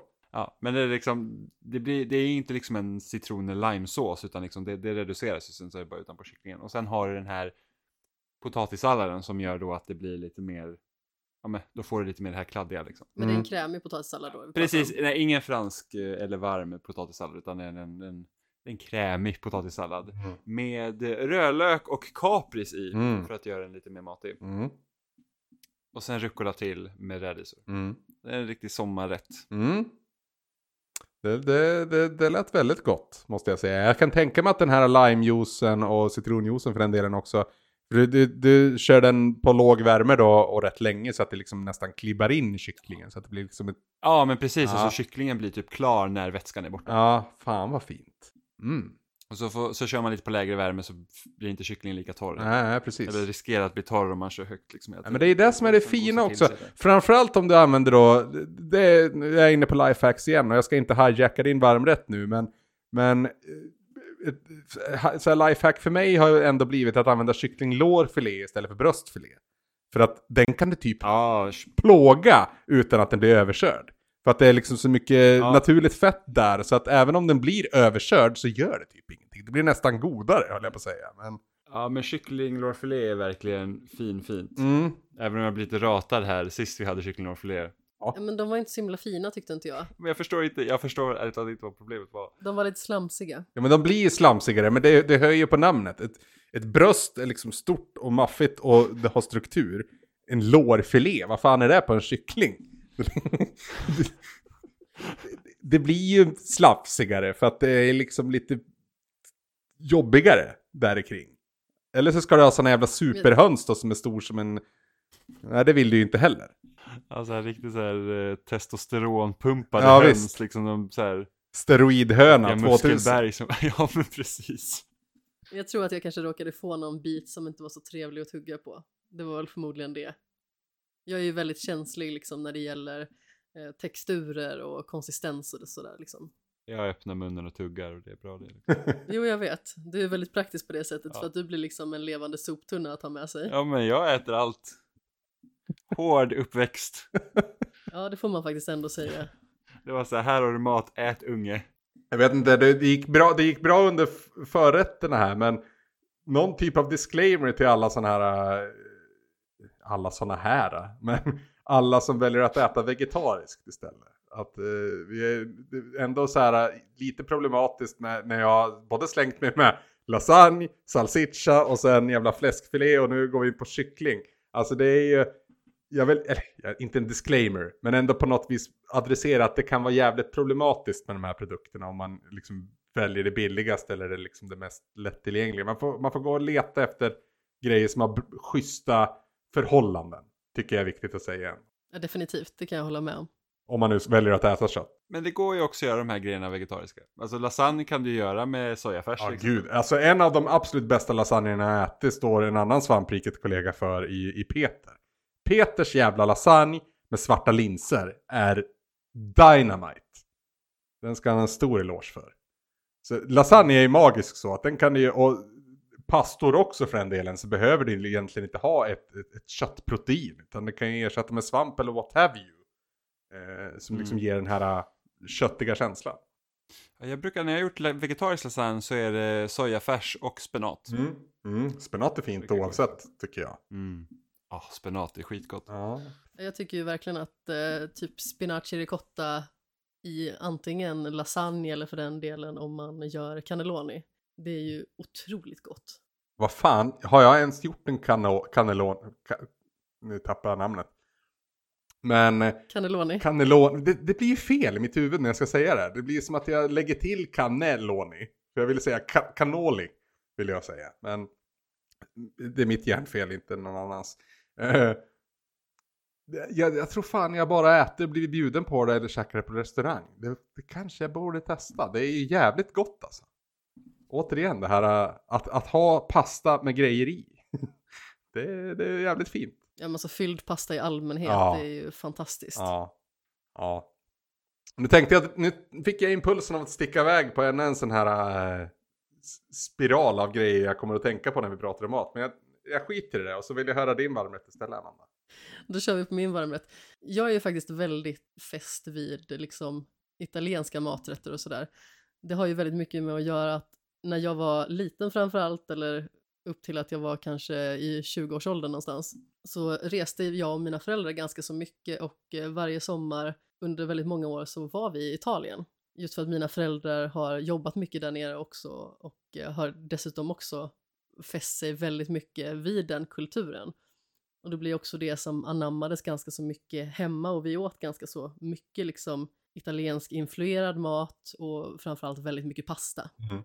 Eh, Så min rätt är en pastarätt. Och eh, då kör jag på en rostad paprikapasta. Mm. Och den här är ju oförskämt lik den här TikTok-pastan, Mm. vilket eh, gör mig lite sur. För att innan jag ens hade sett den så höll jag på med den här pastan och tyckte liksom att den var fantastisk. Och nu låter jag liksom som en person som upptäckte ett band innan det blev känt. Lite.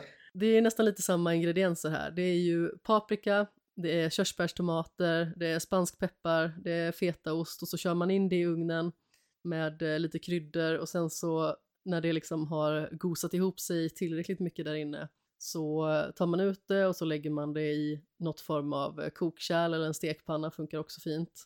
Eh, häller på lite vatten, en buljongtärning och eh, sedan så låter man det liksom reducera och puttra en stund på med matlagningsgrädde och sen så stavmixar man ihop det till en härlig sås och sen i med pastan på det. Jajamän. Jajamän. Jag älskar pasta. Jag- skulle kunna äta pasta sju dagar i veckan utan problem. Jag försöker att variera eh, och så. Men, men min, min kärlek till pasta är eh, orubblig. Alltså det, det, och det är ju därför att du kan göra så jävla mycket olika goda grejer. Så det blir liksom inte samma rätt. Även om man äter pasta på måndagen och äter pasta på tisdagen kan det vara två vitt skilda saker i mitt tycke. Ja, absolut. Väldigt lätt att variera sig inom samma rätt också. Mm. Alltså, om man skulle vilja ha liksom något ytterligare protein till den här rätten till exempel så funkar det ju ganska så bra att liksom slänga in lite kyckling till exempel eller lite chorizo. Det funkar liksom ganska så bra. Varför med inte smakerna. båda? Så. Kyckling och chorizo är ju bra kompisar annars. Bacon är ju också liksom någonting som Ja, skulle gifta sig bra. jävlar. Ja, nu har vi nog täckt upp alla köttgrupper, höll jag på att säga. Nej, jag ska sluta noja över det där. Jag ska sluta noja över det där. Eh, jag, jag, jag, jag gillar kött. Eh, men min efterrätt innehåller inte kött. Eh, det gör den faktiskt inte. Det är nog Tack och lov. det är ganska få efterrätter som innehåller kött. Tror jag. Gelatin då möjligen är väl någon, det närmaste man kan komma. Men det, det är ju inte min nu heller. Jag tar en av de rätterna som jag och min svåger bjöd på då. Under en, eh, ett, en upplaga av eh, Matstafetten heter det. Ja, Och då gjorde vi en Toblerone-mousse. Precis vad det låter som. Det, det, det smälte ja, men vanlig liksom choklad och lika mycket Toblerone över ett vattenbad och så gör det en, en mousse på det. Så det är väldigt, väldigt enkelt. Men det fina med Toblerone är just att de här små, ska man säga, kolakristallerna finns ju med sen i moset som liksom så här lite happy surprise. Och sen får man ju liksom pimpa den här lite då. Så vi höll på och smaksatte grädde med lite olika konstellationer. Men jag tror det landade i kanske bara en myntakvist när den var som allra bäst. Vi hade också färska hallon till för att ge ett fint bryt. Eh, som dekoration men ändå liksom inte ett eller två hallon. Utan det vi, vi hade så här stora, du vet, eh, vad ska man säga, de är inte så höga glasen men de är väldigt breda och, och ändå liksom låga. Så man, man kunna dekorera ganska mycket med det här. Och så sen också eh, så ugnsrostade vi sådana jävla nötter som jag tappat bort namnet på. Men som är så svår att få av eh, skalet på som man brukar gnugga med kökshandduken. Vad heter de nötter? pistagenötter. Nej, det heter något annat. Hasselnötter tänker jag på. Vi, vi, Ja, vi ja. körde rostade hasselnötter till det också. Och eh, egentligen, den tweaken som jag har gjort i efterhand, det är att jag försökt göra återskapat en 88 i den här formen. För vi är nästan där med choklad och, och grädde och, och hasselnöt. Så det det behöver egentligen är att det behöver ha mer vaniljsmak någonstans och så kanske lite mer hasselnöt i chokladen också. Jag vet att någon gång när jag bjöd på den här så istället för att ta Toblerone så köpte jag Eh, vanlig liksom mjölkchoklad men med hasselnötssmak. Och det var fan så nära perfektion jag har kommit med den här efterrätten. Den är jävligt fin alltså. Jag, jag är väldigt förtjust i mousse. Jag tycker den är oftast också för att jag, när jag gör mat och sen ska bjuda på efterrätt så den mat jag har gjort innan är oftast ganska tung. Och man är ganska redigt mätt. Men en mousse känns ändå ändå liksom, det är inte lätt på något vis. Det kan vara ganska motigt. Men det är lätt att äta om inte annat. Du behöver inte tugga så mycket och, och du behöver inte ta så mycket heller för att få hela smaksensationen. Men gör man en bra mousse då blir den ju liksom luftig och fluffig också. Exakt. Att det liksom inte blir som en stor kladd bara på tallriken. Ja, och så ska du ju äta den kall men inte iskall. Den ska ju vara liksom vara kylskåpskall snarare. Så att den blir ju, den blir ju fräsch men den blir inte som att äta glass. Jag, jag, nu kommer jag säga någonting som säkert upprör folk men är inte glass lite överskattat? Har vi inte landat där? Alltså det är klart det finns mycket bra och god glass. Förstå mig rätt. Men att få liksom glass till någon jävla paj som efterrätt. Nu är det säkert vad ni har. Nej, jag vet inte. Men jag vet inte. Jag, jag, eh, jag är lite trött på den här jävla vanliga vaniljglassen i alla fall. Vi kan bättre. Just glass som tillbehör är jag inget fan av faktiskt. Exakt. Jag känner ändå att glass är ju glass är ett väldigt bra substitut eller liksom en smakförhöjare till många andra liksom efterrätter. Jag föredrar ju när glass är hjälten själv och så har man liksom på andra godsaker. Jag är ju liksom ett barn när det kommer till glass. Mm. Jag älskar ju liksom så här choklad och kolasås och strössel och maränger och kan typ inte få nog liksom. Eh, man får stoppa mig innan eh, jag liksom eh, får eh, någon form av hjärtinfarkt av alla liksom maränger som jag skulle kunna proppa i mig. Maräng har jag också kluven relation till. Jag tycker den är, den, den är bara konsistens och sen smakar det bara sött. Och jag får säga lite rysningar av just det här knarret som kan komma från en maräng. I alla fall när man får stora klumpar maräng. Däremot om man har liksom en maräng, ett maränglager eller liksom marängtoppen av någonting i någonting annat. Det kan jag, det kan jag leva med. Men, men just de här marängklumparna, det, det, nej, nej, nej, nej. Man måste ju ändå älska liksom att ta sådana här vanliga små maränger och så krossar man dem i glass och sen så på med sås och så på med strössel och så är det liksom det är mjukt och krispigt och liksom bara allmänt härligt och gosigt liksom i den där skålen.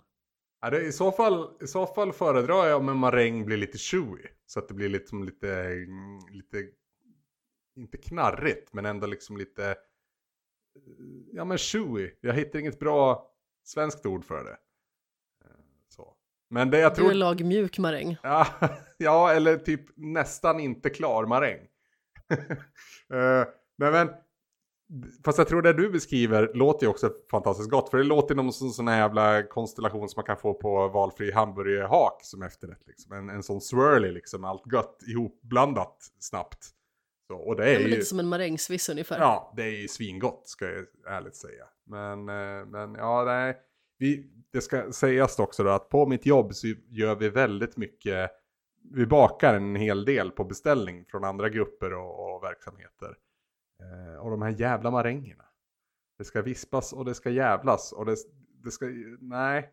Jag, jag har ett kluvet, kluven relation till maränger. Nu ska vara tyst. Nu ska vara tyst. Men min, efter, min efterrätt var alltså Bestämde jag mig om det var Toblerone eller hasselnötschoklad i förresten? Jag tror inte du gjorde det. Nej, vad tycker ni låter bäst? För hela idén med att ha uh, hasselnötschokladen är ju att som sagt komma nära glassen 88. Som är min favoritglass. Älskar den glassen. Jag skulle nog säga hasselnötschokladen för att jag tycker inte om Toblerone speciellt mycket. Nej. Nej, nej för hela, hela pilen med en Toblerone-mousse är ju då som sagt att du får det här lilla Det är ju typ kolakristaller eller någonting sånt i en Toblerone. Och när du har... Precis, det är det jag inte tycker om. Nej, nej precis. Ja, men då kör vi på hasselnötschoklad då som du smälter över ett vattenbad. Gör ett mousse på.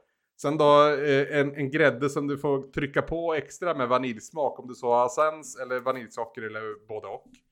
Men liksom så att det smakar nästan lika mycket vanilj som grädde. Och så sen då riktigt på gränsen till bränt rostade hasselnötter eh, till det också. Som gärna kan säkert, inte salta, men ja, eller kanske lite salt. Alltså lite salt är aldrig dumt till söta saker. Det, det, det, på tal om lifehacks så, så salt behöver komma in där någonstans. Men jag vet att någon gång gjorde jag någon, Salt cola är ju någonting som har kommit upp väldigt mycket de senaste åren. Det känns som att det finns i typ allt, men det är ju så av en anledning, för det är ju förbannat gott. Exakt, och det var, det var vad jag gjorde någon gång, men då blev det nästan så att jag tog överhanden för det andra. Så det gäller ju att, alltså hasselnötterna ska ändå vara ett komplement till mousset. Så, men eh, alltså en, en, en salt kolakräm med hasselnötterna irörda, vet du, det är ju, åh, fy fan vad gott. Ja, ja nej, nu, nu ska jag vara tyst ett tag. Då skickar jag vidare efterrättspinnen, höll jag på att säga, till dig Jimmy. Men precis, och efterrätt är väl inte egentligen min starka sida. Eh, jag föredrar ju liksom förrätt och huvudrätt egentligen framför eh, söta saker. Savory eh, före sweet, helt enkelt. Ja, precis. Eh, men jag skulle nog köra på en choklad brownie eh, med en eh, hallonkompott. Och så kommer den här lilla kulan vaniljglass som eh, har blivit eh, skändad. Ja, men jag, jag har bränt många Tidigare. broar ikväll. Jag har skändat både maräng och glass. Ver- alltså, du är verkligen på min hitlist nu alltså. Den skändade vaniljkulan. Nej, men jag håller med dig om maränger. Maränger är djävulens påfund. Ehm, Nej du. Ja fast å andra sidan, eh, du får lite fripass också i och med att du har diabetes. Ja, jo, jo, men jag har aldrig, jag har aldrig varit förtjust i maräng. Jag förstår liksom inte, vad, det, man kan lika bra ta ett sockerpaket och hälla i käften. Eh, men eh, för att ja, jag älskar choklad, jag älskar vaniljglass, hur tråkigt den må vara. Ja men det, det, jag, jag är lite mer på, på, på din, ditt spår där också. Att om det används som ett komplement. För, att, för choklad kan ju bli väldigt mäktigt. Ja, Men med glass till så hjälper de ju varandra. Precis. Så man, man, eh, man slätar ut brownen lite med den här glassen och sen får du in lite syra i hallonkompotten. Precis, så du och jag sitter i ett träd och pekar och skrattar åt Amanda. Det är väl det, vad vi gör just nu. Ja, men precis. Ta din jävla maräng. Låt min maräng vara. Jag har ju faktiskt, eh, jag och min syster var ju i luven på varandra länge på grund av en påse maränger hon hävdade att jag hade ätit upp. Fast så inte var fallet eftersom jag inte tycker om maräng. Eh, och det, alltså, det, alltså det var liksom många Har det här någon bråk. gång fått en upplösning? Nej, hon tror ju fortfarande att jag åt de här marängerna, eller så kom vi fram till att det kanske är mamma som åt dem. Jag tror ju att de åt upp marängerna själva och glömt bort att de tog liksom den sista påsen. Eh, men alltså det var flera år av liksom konstant liksom bråk om den här påsen marängerna. Varje gång om man skulle liksom få överhanden. Ja, ja, absolut. Det var, det var, ja. Så att eh, jag har en personlig vendetta mot maränger också dessutom. Är det är svårt att vara du? Jag tycker det. Jag vill ju vara personen som säger tiramisu som eh, min efterrätt. Men jag har aldrig testat att laga det själv. Däremot så älskar jag min mammas tiramisu. Hon gör en fantastisk sådan. Och det är väldigt svårt att göra en tiramisu på liksom perfekt sätt. Just bara för att antingen så finns risken att det blir på tok för sött. Det vill man inte ha. Det vill man inte ha, men man vill inte heller ha den här grejen att det smakar för mycket sprit. Nej. För att då tar liksom det också överhanden. Det man allra minst vill ha är en tiramisu som inte smakar tiramisu som var det senaste jag fick när jag beställde en jävla tiramisu. Den, jag, nu, oh, nu tangerar det en bitter ådra i mig som det kanske hör på mitt, hur mitt tonläge bara skiftade där. Men vi var ute och käkade för några, några veckor sedan och jag fick en skitbra, jag tror det var en toastskagen till, till förrätt då. Och så sen, jag tror det var någon hjortfilé till varmrätt. Så jag var svinnöjd och så bara, nu ska jag toppa allt det här med en jävligt fin tiramisu. Jag hade höga förväntningar från köket för både för och varmrätt hade levererat. Men den jävla tiramisu. Alltså det smakade inte någonting som kan liknas tiramisu. Det var liksom, det var sockerkaka och något no annat jox med något liksom pudrat kaka uppe på. Nej, det var, det var fan inte bra. Pudrat kakao är ju vanligt att man har ovanpå. Ja, ja, ja, det, det är fine. Men inte på jävla sockerkaksdelar. Nej. Nej.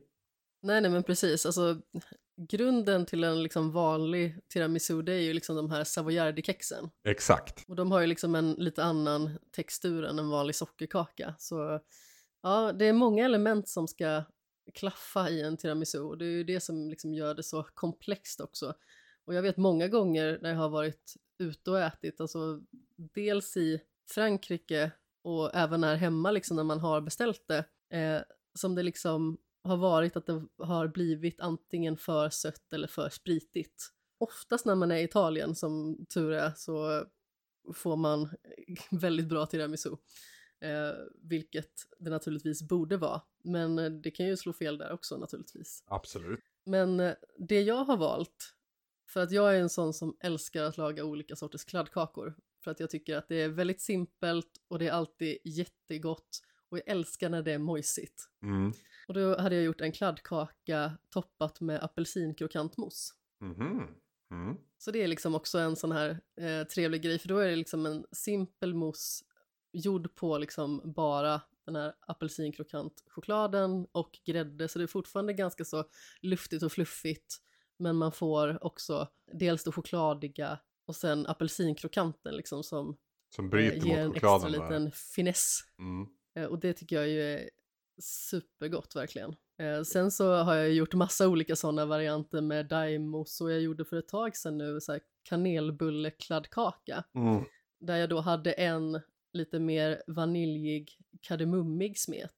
Och sen en som var lite mer kanelig och sen så gjorde man liksom en, eh, en liten spiral då med den här kanelbullesmeten i mitten. Fan, jag inser nu när du säger kanelbulle att jag valde ju fel efterrätt. Fan, får jag, Nej! får jag börja om? nej, nej jag vill, jag, vill, jag vill snabbt bara nämna, jag vet inte om ni tittade på Benjamins under de två säsongerna som det gick. Jag vet inte om det ska gå något mer, men det som har sänts hittills är väl två säsonger i alla fall. Det har vi inte kollat på. Nej, för det- är påfrestande på sina håll. Så, men det är oftast rätt så bra recept och mat som kommer in där ändå. Jag tycker han, han är inte så bra på att presentera alltid den här gode Benjamin. Men eh, kvaliteten på, som kom ut från det där köket var det oftast inget fel på. Och just efterrätter är lite som du var inne på Jimmy, det är inte min starkaste gren. Men när jag väl hittar någonting som liksom funkar så, så vill jag gärna göra det flera, flera, flera gånger. För att det är jävligt gott med efterrätt. Mm. Eh, och den här då är ju perfekt för mitt jobb. För den är baserad på gamla vanliga kanelbullar som har bli- blivit torra. Och jag har gjort den så många gånger nu, både hemma och på jobbet, så att jag liksom börjar köpa liksom färdiga kanelbullar som jag sen lägger framme. För hela idén är att de ska vara, de ska vara liksom torra så att de nästan, inte, inte är skorpa, men det ska ändå vara så att du inte vill äta dem som de är. Och då riv, Det är fnöskebullar. Exakt, och så river du ner det i en form och kör i grädde och du kör i mjölk och där kommer brynt smör igen och massa andra grejer. Och gräddar i, i ugnen sen och liksom låter det gucka ihop igen så det blir mer som en pudding än någonting annat. Och det är alltså ta mig till jävla himlen vad gott det är. Det smakar som en rojdad jävla kanelbulle fast i, i eh, puddingform. Så jävla gott. Spännande. Ja, så jävla gott. Alltså, den varmaste av rekommendationer att göra det. Jag ska kolla om jag inte jag kan fiska fram det här receptet. Det ska ni testa mina vänner. Det blir nog lite kanelbullaktigt på söndag nu också, för att jag är inget jättestort fan av lussebullar. Däremot så tycker jag liksom att det går att göra ganska så goda lussekanelbullar Mm. på samma deg. Och eh, Jimmy älskar ju att baka dem. Jag tycker också saffran är, kan bli rätt så ensam som smaksättare. Saffran gör sig bra som en, en, en kompletterare till andra grejer. Men när saffran är huvudsmaksättaren, för det blir den ofta en, en lussebulle. Nu vet jag att Emil sitter i ett annat rum och svär över mig, för hon älskar lussebullen i sin enklaste form. Hon är väldigt så här puritan när det kommer till lussebullar. Men i mitt tycke så tycker jag saffran kan bli lite ensamt som smaksättare. Så att, att ha det snarare som du beskriver i en kanelbulle med, med saffran därtill. Tycker jag är kanon. För kanel kan också vara lite så. Det kan bli rätt så naket för sig själv. Eh, så ja, jag gillar vad du, vad du säger. Jimmy älskar ju verkligen när han får möjlighet att göra sina lussebullar. Jag noterade ju liksom senast vi hade tvätttid att ja, men nästa gång det är tvätttid så är det första advent och det känns ju som att det fortfarande typ är augusti. Eh, så då skickade jag ett meddelande och då fick jag tillbaka Då ska jag baka lussebullar! Liksom med 17 utropstecken efter. Och jag är ju sån här galning så att jag gör någonting, jag kan inte göra så här lagom mängd utan jag kör ju ofta dubbelsats. Såklart. Ehm, för att det är så kul och liksom när man ändå bakar så är det ändå kul att göra mycket. Ja, absolut. Eh, och nu fick de på jobbet höra så här att jag skulle baka lussebullar. De bara, Åh, kan inte du ta med hit? Så jag bara, yes det gör jag som blir dubbelsats och nu jävlar ska det komma lussebullar till kontoret.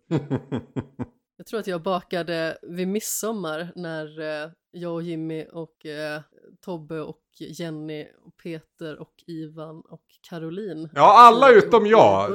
Rub it in my face, rub it, rub it, gör det. All, all, he, hela gänget var samlat, förutom jag. Du får ju komma tillbaka till Borås, Anders. Det är fan inte mitt, min idé att flytta hit. Jag gjorde, nej, det var det inte. Men ja, nej, förlåt. Skicka ett jävla recept på en kanelbullekaka i... Ja. Ja men vad fint. Nej, men när vi firade midsommar då gjorde jag så här citronmuffins med eh, glasyr och kokos. Då hade jag lovat att jag skulle baka till jobbet också. Så då bakade jag trippelsats och Oho. Jimmys respons på det var nu snackar vi. Vilket är en väldigt rolig respons för en diabetiker liksom. Ja men det, alltså, jag är så himla van med att Fram man med sockret. alltså, kommer från en liksom, relativt stor familj, för vi har, haft mycket, vi har liksom varit familjehem, så har haft mycket liksom, fosterbarn och sådana grejer, så att vi har alltid varit många. Och liksom, det sitter fortfarande i. Jag kan liksom inte laga lite mat. Nej. Så att det är liksom, allt man lagar är massor och det, det är roligt. Jag måste fråga dig Anders då. Hur ställer du dig till att äta samma mat flera dagar i rad? Är det bra så, jag, jag sa ju precis att pasta kan jag äta alla dagar i veckan. Men, eh, men jag, jag, ja, nej, alltså du tänker att man gör typ en, en, en sats av någon gryta eller någonting sånt och sen. Jag, jag tycker inte om att värma matlådor från gårdagen till middag. Utan matlådan har sin plats som lunch dagen efter, tycker jag. Det är lite så, lite fyrkantig av mig i den aspekten. Men om, säg det att man gör en, en, en chili till exempel. Så kan man ju koka ris eller koka något annat till den nästa dag. Eh, eller liksom lägg det i en wrap och gör en, liksom, någon typ av ja, men wrap med massa grönsaker och någon god sås. Alltså det det går ju att variera så. Men lite variation vill jag nog ha. Ja, absolut. Men jag är ju samtidigt, jag är lite samtidigt inne på, på Jimmys skola där att när jag väl sliter mig upp till spisen och står och lagar så är jag, jag gör ju aldrig mat för två. Men eh, jag har ju ändå va- fortfarande bara ett, ett vanligt kök så att säga och mina stekkärl rymmer ju bara en, vi, en viss mängd. Så att eh, det är där jag förhåller mig till snarare än hur många som ska äta det egentligen. Ja, det är jättebra om det blir fyra matlådor när jag och sambon är klar. Det är väldigt olika åsikter kring det här. Oftast är det ju liksom föräldrar med barn som liksom har börjat få något form av medvetande liksom och eh, som liksom då börjar diktera villkoren lite för att de kanske är kräsna eller inte vill smaka ditten eller datten och så behöver man ha lite mer variation. Men vi är ju verkligen sådana att vi lagar en sak och sen så äter vi det i två, tre dagar bara för att vi har liksom kommit underfund med att vi sparar så mycket tid i och med att vi spelar så himla mycket när vi liksom får tid för det. Så då har vi liksom våra jobb, vi har träningen och sen så har vi liksom spelandet och då är det skönt att liksom inte behöva laga middag varje kväll. Och jag såg en ganska så rolig liksom eh, mem på det här. Att det var någon som eh, hade skrivit något i stil med att inte visste jag att det jobbigaste med vuxenlivet skulle vara att bestämma vad man skulle äta varje kväll. Ja, det är ganska, ganska spot on faktiskt. Alltså, Ja men verkligen. Och jag känner ju det att det är så himla skönt att laga en sak och sen så har man det flera dagar i rad för att då har man liksom lite tid på sig att bestämma någonting nytt. Mm. För att jag har liksom inte den kreativiteten i mig att komma på någonting nytt varje dag.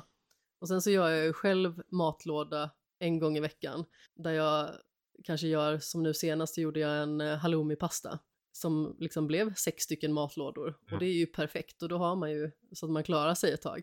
Mm. Ja. ja, men sitter ni då och äter matlåda dag två? Äter ni liksom här, som djur ur matlådan också? Eller ni värmer det i alla fall och lägger upp på tallrik och så färdiga rätten? Vi är inga barbarer. Nej men alltså vi har ju såna här jättestora matlådor så nu idag till exempel så gjorde vi eh, kyckling och eh, ris bara liksom i sin enkelhet. Och eh, då har vi liksom all kyckling i en stor bytta och sen så riset i en annan bytta och sen så värmer vi det liksom på tallrik dagen efter. Så det ser ju fortfarande vettigt ut. Mm. Men ni, ni, ni sparar det som... När ni, när efter, när, efter ni har ätit det dag ett. Sparar ni det portionsvis? Eller sparar ni det i större kärl var för sig? Större kärl. Ja, det, ja det, det är mer rimligt tycker jag. För då har du större valmöjligheter sen också. Alltså ta, så här, ta en jävla kycklinggryta eller what have you med ris. Alltså köp ett, ett schysst bröd eller baka själv för det eller liksom ett så men större, ja men säg libabröd eller för den delen schysst käk har ett gudomligt jävla kebabbröd om ni har testat det. Eh, schysst käk var ju någon snubbe som var med i Mästerkocken som jag följt sen och han har massa kebabsåser och kebaber och, och allt möjligt. Och det mesta är jävligt bra. Det är halvfabrikat, Absolut, jag håller med dig. Ja men det är så jävla hög nivå på det. Och just hans kebabbröd har jag verkligen kärat ner mig i. För det är så jävla flexibelt och bra. Men det är ändå stort och hållbart. Perfekt för kebab men även för andra röror. Eller liksom grejer i. Och jag, jag vet, jag gjorde någon... Absolut. Jag gjorde en... Jag har en sån här crockpot hemma så jag gjorde ett långkok på massa älgkött jag kom över. Ehm, som blev liksom, ja men ursäkta ordvalet, men pullad älg kan man väl säga. Alltså det, jag kokade sönder det så att det liksom gick att dra isär. Och där hade jag ju då sen i en bytta i, i kylen och kunna ju liksom variera med allt möjligt. Till potatis, till ris. Jag tror inte jag gjorde det till pasta någon gång. Men bland annat så gjorde jag liksom en enklare sallad, en god sås och det i en rulle. Och gärna lite ris också som suger upp all den här extra vätskan. Det, var jävligt fint måste jag säga. Vi sitter fortfarande och gråter här båda två efter den pullade älgen. Ja men ni fattar ju vad jag menar. ja, absolut. Och det är, man kan ju säga pulld älg, men det är roligare att säga pullad älg. Absolut. Jag håller med dig. Jag tycker det är fint att vi tog oss igenom sex olika rätter ändå innan vi kom till nivån av pullad älg. Så det, det ja, jag känner jag, jag sparar på den tillräckligt länge. Oh. Förlåt. det är inget att be om ursäkt för. Det är roligt att ha roligt, annars blir man ledsen. Kloka ord. Ja, eller hur? Verkligen. En riktig filosof.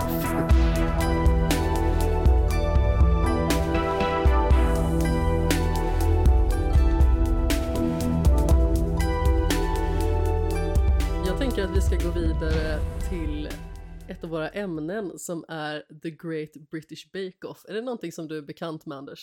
Tänkte precis säga att det är någonstans här jag zonar ut. För att jag tittar på mycket mat-tv, men då är det oftast eller nästan uteslutande centrerat kring mat och inte bak. Eh, både våra, våra internationella aktörer och våra eh, svenska aktörer så jag tittar på allt från jävla mästerkockar både i Australien och i USA och i Sverige. Eh, och som nämnda Benjamins. Jag tittar fan inte på Halv åtta hos mig varje gång. Men det är väl om de är i någon rolig stad och där jag kanske har någon koppling. Då kan jag kika in. För det är kul att se vad vanliga Svenssons gör också. Även om det är långt ifrån alltid som det är Svenssons med i Halv åtta hos mig. Men just bakprogram har jag liksom inte ramlat ner i än. Eh, det förekommer ju vissa bakmoment i nämnda program eh, ändå. Men, eh, men då är det är oftast med matfokuset jag fångas in. Och det, är- det, det är inte som att det finns ett program att välja på där. Så att hade jag bara haft mer tid så kanske också en bake-off hade varit någonting. Men just Australiens mästerkock som du nämnde tidigare, Ja, det är ju absolut den bästa versionen. Fasen vilken hög nivå det är på dem och vad trevliga och mysiga de är. Ja, och det är liksom någonstans... För jag var inte, det var inte det första Masterchefen jag såg. Utan jag såg ju Gordon Ramsays superamerikanska synkrunkande eh, version först. Alltså jag, jag har blivit så allergisk, och det är, det är inte som att det är Gordon Ramsays produktioner som är liksom synkar överallt. Förstår alla vad jag säger, eller vad jag menar med en synk? Eller behöver jag förklara det? Förklara gärna. Men en synk är ju när en deltagare sitter och pratar inför kameran om det som händer. Alltså de har liksom klippt in en deltagare som berättar om händelsen när den händer i programmet så att säga. Men det är så uppenbart att det inte är vid samma tillfälle. Så de får sitta och prata i en annan presens. Eller ja, i, i en... Vad är motsatsen till presens? Alltså, i, de får prata i nutidsform fast det uppenbarligen inte är det. Det här finns ju i alla möjliga program, men framförallt upplever jag i svenska och, och amerikanska produktioner. Och det är så jävla allergisk mot det. Jag följer ju Robinson, och de också synkrunk, så det, det, det skvätter om det. Eh, Stort problem med det. Jag tror det mest jag stör med amerikanska produktioner är att de är typ helt ADHD med klippning. Ja, ja, ja. Det det är, är också. liksom klipp konstant. Och man, man liksom, alltså, jag behöver liksom inte se en ny vinkel varannan sekund. Nej, och eh, gärna också måla upp en typ av jury där, ja men säg nämnda Gordon Ramsay är med då som superhjältar och någonting helt ouppnått. Alltså han har säkert gjort jättemycket bra, men det blir lite, det blir lite ormen som äter sin egen, nej det blir det inte alls. Det blir någon som sniffar sitt eget bajs snarare, när det är liksom hans produktion som är till för att hylla honom i första hand. Det, det, det gillar jag inte. Men sen så blir det också en väldigt så antagonistisk stämning. Ja. Och det Gud, tycker jag är väldigt tråkigt att kolla på. Och ju äldre jag har blivit, desto mindre intresserad har jag blivit av liksom, den här intrigen som ofta är i den här typen av program. Och det är därför jag bland annat älskar The Great British Bake Off så himla mycket. För att där är de otroligt snälla mot varandra. Det märks liksom att de har blivit vänner, de hjälper gärna till. Och det är det som jag tycker är väldigt fint, att det är fortfarande en tävling och de vill vinna. Men de behöver inte göra det genom att vara otrevliga mot varandra eller sabotera för varandra. Man behöver liksom inte ha apberget eh, tillagt bara för det. När man ska sparka ner han. Nej, det, det gillar jag. Nej, det, enda räddningen för svenska mästerkocken som jag ser det har ju varit Marcus Aujalay som är en av mina favoriter för att han är som sagt väldigt lugn och pedagogisk och, och ja, men han, är, han är trevlig att lära känna på något vis genom maten han lagar. Känns väldigt human. Ja, verkligen. Och han har en fantastisk YouTube-kanal om man vill spana in den. Där han gör vettiga grejer på ett vettigt sätt. Så varm rekommendation där också. Men nu ska, jag- nu ska inte han vara med i nästa Mästerkock. Eh, som börjar till våren. Han kört i VIP nu under hösten. Så vi får se hur det, hur det står sig när han inte längre är med. Jag tycker det är synd för att han var liksom den absolut mest trevliga Mm. i den juryn och de andra två har jag faktiskt lite svårt för. Eh, dels så har vi Mannerström som alltid är lite av en bakåtsträvare. Men han är ju så jävla... Han har också en YouTube-kanal, men det är ju om man vill se en gubbe stå och flämta i ett kök och stånka och grymta och upprepa sig själv. alltså det är jävlar vad tydligt det är att åldern har börjat ta honom. Lite. Sen, to be fair, i när det, de klippen, då hade han haft corona precis. Så att jag fattade att det var svårt med andningen och sånt där då också. Men, men ja. Nej, alltså annars... Ja, men det känns som att han måste hävda sig väldigt mycket, vilket är lite pinsamt när man är ett så stort namn. Ja, men det är som att han är lite fast i det förgångna väl? Är det inte det? Att han var stor förr och han är väldigt noga med att på- påpeka fortfarande att han var stor förr. Eller fortfarande, han vill väl snarare kanske hävda att han är så stor fortfarande, vilket han inte är. Eh, men jag tror han är väl också klar med Mästerkocken nu va? Det är VIP som han har kört, men eh, han den är långa fan, som är lite från Norrland tror jag. Nej, han är, nej, nu blandar jag ihop. Jag kommer inte ihåg vad han heter, men jag gillar honom också. Han har ett väldigt artikulärt sätt att prata. Mycket gott! Så, när han pratar. Han, han ersatte förra säsongen. Och, eh, men den tredje då, som är Mischa, Mischa Billing, henne är jag supersvag för. Så här kan jag inte hålla med. Jaså? Det, det, det är min savory än så länge. Hon är ju mer en, en vinmänniska än en matmänniska, men jag gillar hennes sätt att uttrycka sig väldigt mycket. Men absolut, hon har ett bra sätt att uttrycka sig, men samtidigt så tycker jag att det ofta finns en stroppighet som jag har lite svårt för. Men det kanske är just liksom hennes eh, dialekt som låter som att hon försöker att försköna någonting som kanske egentligen i grunden låter lite slarvigare. Ja, fast stroppigheten är ett plus för mig snarare. Jag, jag gillar ju det. Ah, Okej, Så jag är, jag är med dig på att det är stroppigt, men för mig hamnar det på pluskontot snarare än någonting annat. Men åter till The Great British Bake Off Jimmy. Kan inte du berätta lite om eh, den här senaste säsongen? Och vi håller det ju spoilerfritt. spoilerfritt! Internationellt och spoilerfritt! Apropå pullad älg. Eh, vi håller det naturligtvis fritt från spoilers, just bara för att eh, det är ju ett program som eh, är högaktuellt och eh, dessutom så är ju inte det vårt primära fokus utan vi kommer bara att eh, snudda vid det lite på ytan och prata om den senaste säsongen. Säsong nummer 13 för att vara exakt. Åh jävlar! Ja, men precis. Ja, men det är ju... Ja, och den här säsongen har inte sänts i svensk tv än, utan det är ju... Den kommer först i sommaren tror jag. Så TV4. det, ni har sett det hos en kompis eller? Ja, precis. Ja, det är Eh, så jag brukar se ja. matserier. Vi ska prata om en annan matserie som jag såg hos en kompis också innan den kom på Disney Plus här Ja. nu i höst. Men, ja. Och, och det går ju under namnet Hela England bakar i Sverige då. ja, just det. Eh, men här, The Great British Bake Off, så det är ju, vad är det, 12 eller 13 eh, amatörbagare som eh, tävlar liksom om då att bli vinnaren helt enkelt. Eh, och då varje tävling så är det egentligen tre moment där man först har liksom en signaturutmaning eh, där man liksom har sett, ja men de ska liksom, de får en uppgift att baka typ, ja men vad kan det vara, typ tio små kakor eller någonting sånt och så får de liksom instruktioner att så här så här ska de vara och sen så är de fria liksom att, ja men välja vilka smaker de vill, liksom vilken variant de vill på den här då, till exempel. Eh, och sen har de en eh, teknisk utmaning där liksom de får liksom ett recept eller ett utdrag av recept och så ska liksom så här att det ska bli så likt som möjligt då. Eh, och alla ska ju gå, utgå ifrån samma saker. Och sen har de liksom finalen då som är liksom en showstopper där de liksom har ett ett mycket större projekt de ska göra och där får de ju också typ fria tyglar liksom inom, inom ramarna för liksom det temat som är för varje tävling då.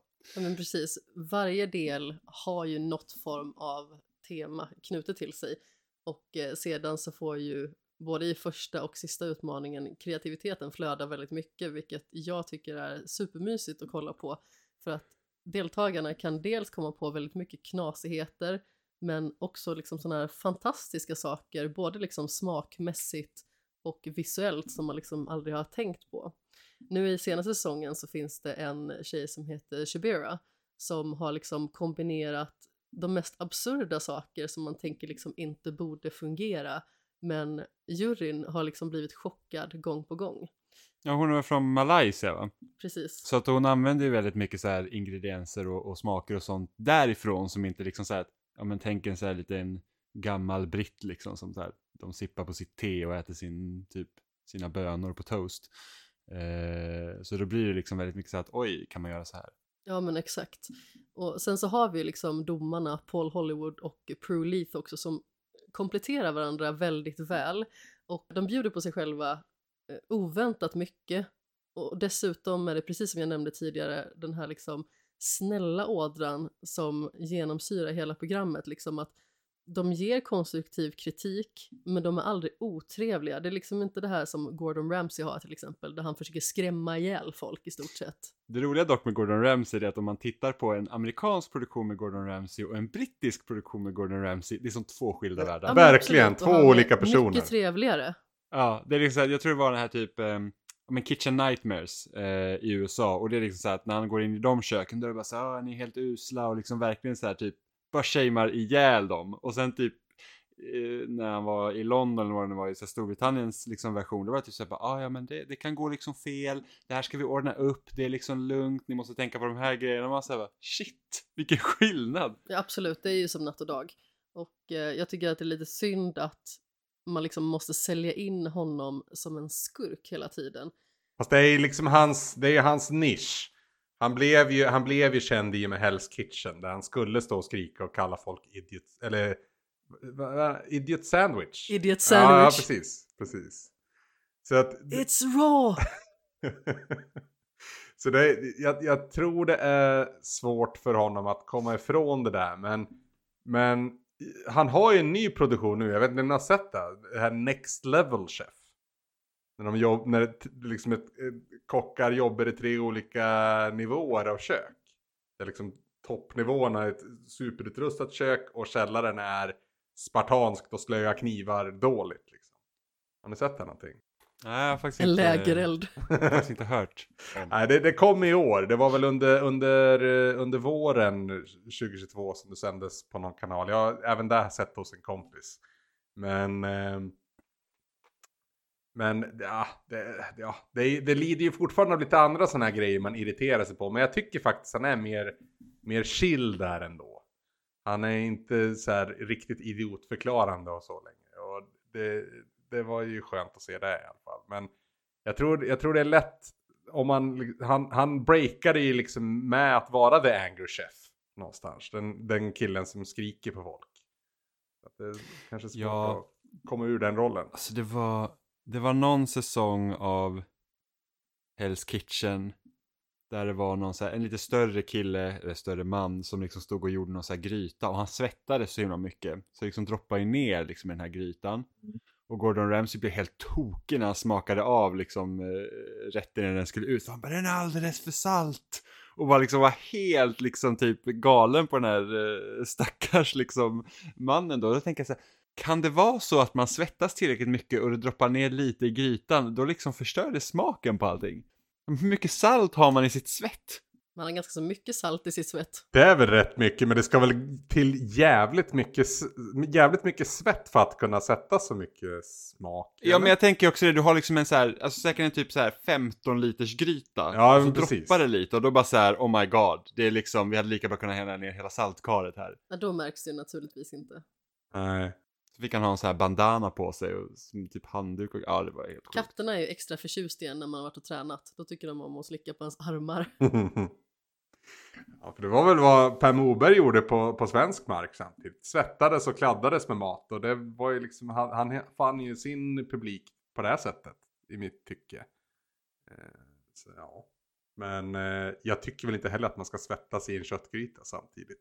Men Nej, absolut. Men det finns ju liksom så här, någon rim och reson. Ja, gissningsvis var det ju här någonting han såg då, så är det ju lätt att eh, klanka på the big guy så att säga. Ja. Eh, och han har ju en tendens sedan länge att överdriva sina uttryck. så, så, ja. Ja, det får man ju lugnt säga.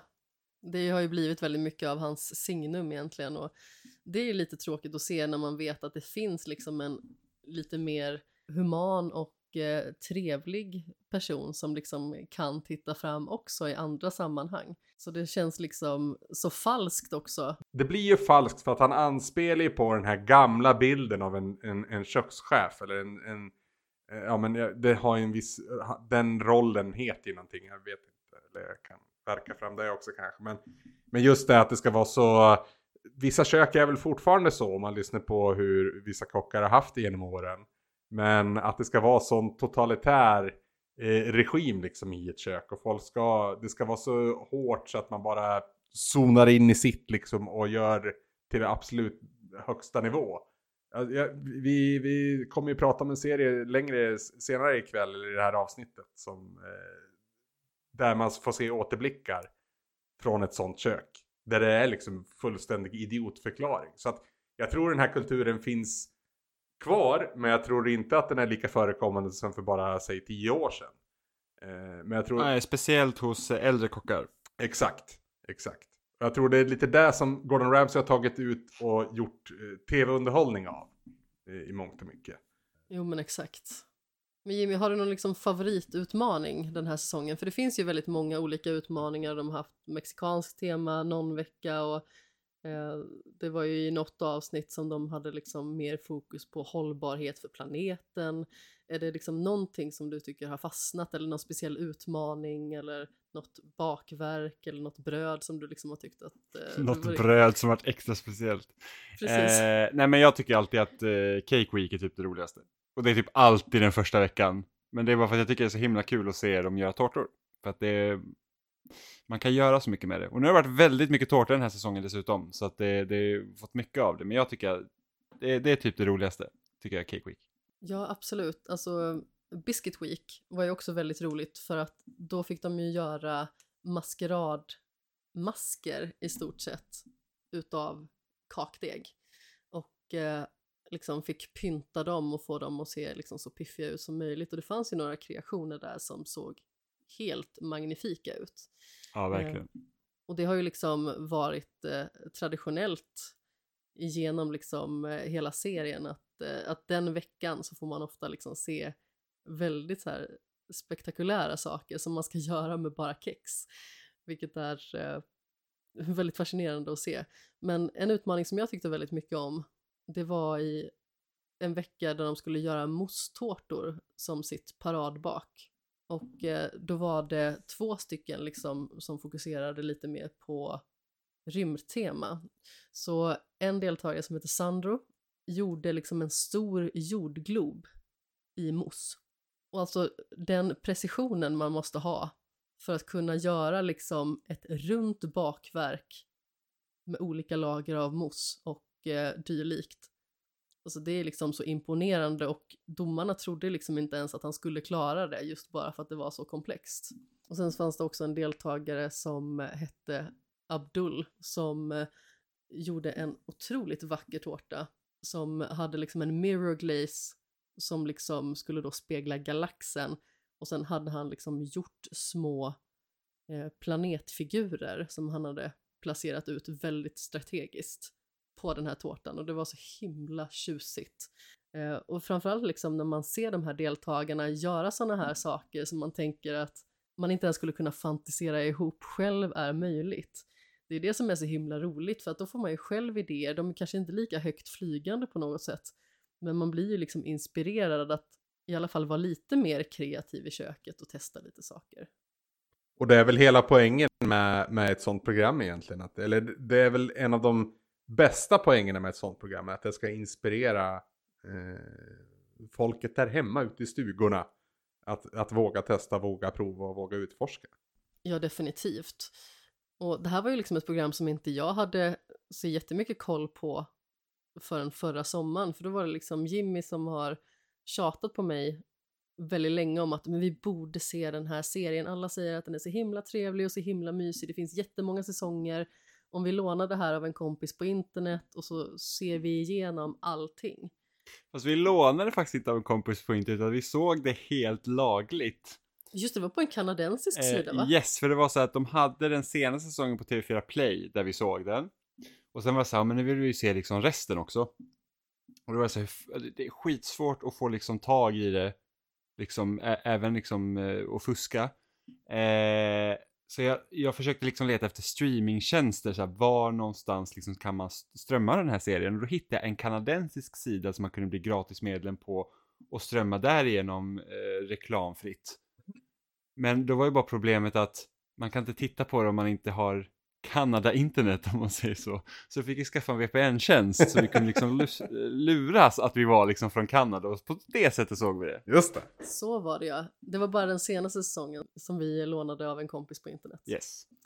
Ja, just det. Det var lite knixigt med den där tjänsten minns jag till och Ja, från, men och det- det, det var och- värt det. Och den var lite bråkig också för rätt som det så loggades man ut och sen så behövde man Eh, så funkar liksom inte när man ska skriva i sitt lösenord så fick man säga att jag har glömt mitt lösenord så fick man göra ett nytt. Alltså, Det, var jättekonstig tjänst, det är inte jättebra men eh, man gör, vad gör, man gör vad man kan helt enkelt. Men som tidigare nämnt, det är definitivt värt det. Både de första två programledarna som var med, som i stort sett startade showen, var ju otroligt roliga. Det som jag tyckte gjorde den här eh, showen lite seg i början var att de hade liksom ett avbrott där det liksom gicks igenom historik kring den platsen som de var på. Där de liksom pratade lite mer om historiska bakverk och visst, det har ju absolut någonting och det är ju spännande. Men samtidigt så kände jag liksom att jag vill bara tillbaka till tävlingen och se vad de ska hitta på för någonting. Sen så var ju de som presenterade det jätteroliga, framförallt en av dem, Sue Perkins hette hon va? Ja. Och sen när de byttes ut så gjorde de ju så till Noel Fielding och vad är det hon heter nu igen? Sandy? Ja just det, Sandy någonting. Jag minns inte exakt vad hon Sandy heter. någonting. Ja. Jag hade till och med glömt bort att eh, hon var med där ett tag, för hon var väl bara med i någon säsong. Och jag kommer inte ihåg vad hon heter. Eh, Dansk-brittisk är hon väl? Sandy Toxvig. Ja, men precis. Hon var ju också otroligt bra och sen så ersattes hon av Matt Lucas som eh, absolut eh, känns igen sedan tidigare från Little Britain. Jag tycker ju framförallt att eh, Noel Fielding, det är en sån person som jag inte riktigt haft på min karta vidare mycket tidigare. Men han är väldigt knasig och väldigt rolig. Och eh, en av de roligaste grejerna i varje avsnitt är att få höra honom säga Det är väldigt roligt. en väldigt orimlig grej att liksom sitta och se fram emot men varje gång de säger eh, on your marks, get set, bake då vill man liksom att han ska säga bake. Jag hittade till och med en sån här eh, ihopklippt version av alla gånger han säger bake. Men den togs bort från Youtube så jag kunde inte ha med den. Nej, dumma Channel 4 som eh, tog rättigheterna på YouTube. En stor besvikelse. Har ni tittat någonting på svenska motsvarigheten? För hela Sverige bakar har väl körts i bra många säsonger det också nu. Det har ju kändisversionen där också så. Kändisversionen kollade jag på. Okej. Eh, mycket för att eh, Nor El Refai och Erik Eriksson ju tävlade i par. Just det. Och de tycker jag om mycket. Men är det inte så, för visst vann, jag vet inte, de kanske haft flera kändisversioner, eh, men vi måste ta en liten stund och prata om Jesper Blomqvist. För den jäveln har nu vunnit Sveriges Mästerkock VIP, hela kändis-Sverige bakar. Mästarnas mästare. Han har vunnit SM-guld med IFK Göteborg. Han har vunnit eh, Champions League, Premier League och eh, FA-cupen med Manchester United. Han har vunnit fucking allt han har ställt upp i. Är inte det lite otroligt? Det är nästan som att man blir lite på dåligt humör. Och han är typ världens mest sympatiska människa. Han är så jävla lugn och, och liksom inte blygsam men ändå så här äh, jordnära verkligen. Fucking älskar honom. Det är så svårt med sådana personer också för att de är så himla elit på det de gör men det går inte att hata dem. Exakt, det är provocerande hur, ja, hur uh, ödmjuka de är. Samtidigt, man behöver inte hävda sig själv om man vet att man är bra. Nej, nej, och sen är det väl så med, sett till hans fotbollskarriär, att den nådde ju, när, när 90-tal blev 2000-tal så började han bli eh, skadeförföljd och han, han blommade ju aldrig ut i den omfång som man kanske hade hoppats på när man såg till hans potential. För han var ju, han var ju i Milan när Milan var ett kanonlag i fotboll, vilket de är igen nu då, men det har ju varit många mörka år däremellan. Eh, och även i Manchester United när de vann trippen liksom. Det, det, det når inte högre. Eh, men sen efter det så var det inte så mycket mer. Han fick ju aldrig något genomslag i landslaget så. Men det fick jag det att handla om fotboll ändå. Det var inte min mening. Men det, det slog mig när det lämnade kände Sverige som bakar. Eh, för han var ju och vann nu senaste eh, Mästerkocken VIP. Eh, Vad roligt. Mm. Mm. Jag, jag, blev, jag blev väldigt glad och han gjorde jättefina grejer. Han, det märktes att han, han, han visste vad han höll på med. Det var ju mellan han och Karl Fredrik på Österlen som det stod i, i finalen. Okej. Jag tänker göra en liten kort instickare om en bok som jag har börjat läsa som heter Varning för mat. Och eh, den handlar om allting ifrån dieter och historia till dieter och föräldraskap, klass, manliga kostideal, vetenskap, magi, urbanisering, identitet, journalistik, filterbubblor, sociologi, etnologi och religion. Oj. Så det är liksom en väldigt stor blandning av eh, innehåll som då olika personer har fått skriva om. Och framförallt så fäster jag mig naturligtvis vid psykologibiten i och med att det är någonting som eh, intresserar mig. Då med undertexten lidelse och lidande i självbespeglingens tid. Och jag tänkte egentligen gå in lite på och fråga vad är er relation till mat? För det är ju någonting som är väldigt olika för människor. Jag fastnade på ett citat tidigt i boken som ändå säger väldigt mycket, där det stod Maten omvandlas till ett minerat fält och trampade fel briserar gemenskapen. Oj. Och det säger ändå liksom väldigt mycket om hur liksom dietkultur har utvecklats och vad det gör med människor i sociala sammanhang. Även hur det kan skilja sig mellan olika klasser och också naturligtvis hur det kan föra människor samman. Men eh, det kan också kontrollera människors liv egentligen. Så eh, jag börjar med dig Anders. Vad är din relation till mat? Min relation till mat är att det är någonting, eh, det är någonting jag fick lära mig lite själv. Alltså, jag tycker min mamma lagar eh, rätt så god mat och sådär, men det var liksom inte så att jag kunde plocka upp så mycket tips från henne. Det var rätt mycket, vi kommer från en, en ja men typ en bondefamilj, även om vi inte är bönder så är det liksom i den samhällsklassen vi, vi rör oss vid. Eh, så. Morsan, morsan jobbar lågavlönat inom, inom vård och omsorg med fokus psykiatrin och min pappa var ju då framförallt eh, hästuppfödare och travtränare. Och det, det är liksom inga, inga pengar, så det, det var liksom den samhällsklassen vi kom ifrån. Därav var liksom, det som stod på middagsbordet var ju oftast mer eller mindre halvfabrikat både här och där. Och liksom genvägar var det billigare och, och bättre alternativet. Men jag flyttade hemifrån rätt tidigt. Eh, jag var 16. Och med mig när jag flyttade hade jag vår kokbok. Så där någonstans började jag i Mixtra och laga en del mat själv. Alltså i början var det ju väldigt mycket falukorv och makaroner, det ska jag ärligt säga. Och det var många gånger man inte hade råd med så mycket annat än liksom det och nudlar och möjligen en köttfärssås här och där och så. Men, men eh, det har kommit med tiden. Men jag, folk frågar ofta utifrån jobbet också då om jag är bra på att laga mat och det tycker jag fortfarande inte. Jag tycker det är kul att laga mat Och jag älskar att äta mat. Det är liksom de två grunderna jag, jag lutar mig mot. Men nog fan tar jag genvägar och nog fan äter jag liksom skitmat många gånger också. Eh, jag, jag önskar att jag hade ett betydligt mer, eh, vad ska man säga, inte hälsosamt kanske, men ett, ett, ett, eh, ett mer balanserat förhållningssätt gentemot den kost jag stoppar i mig.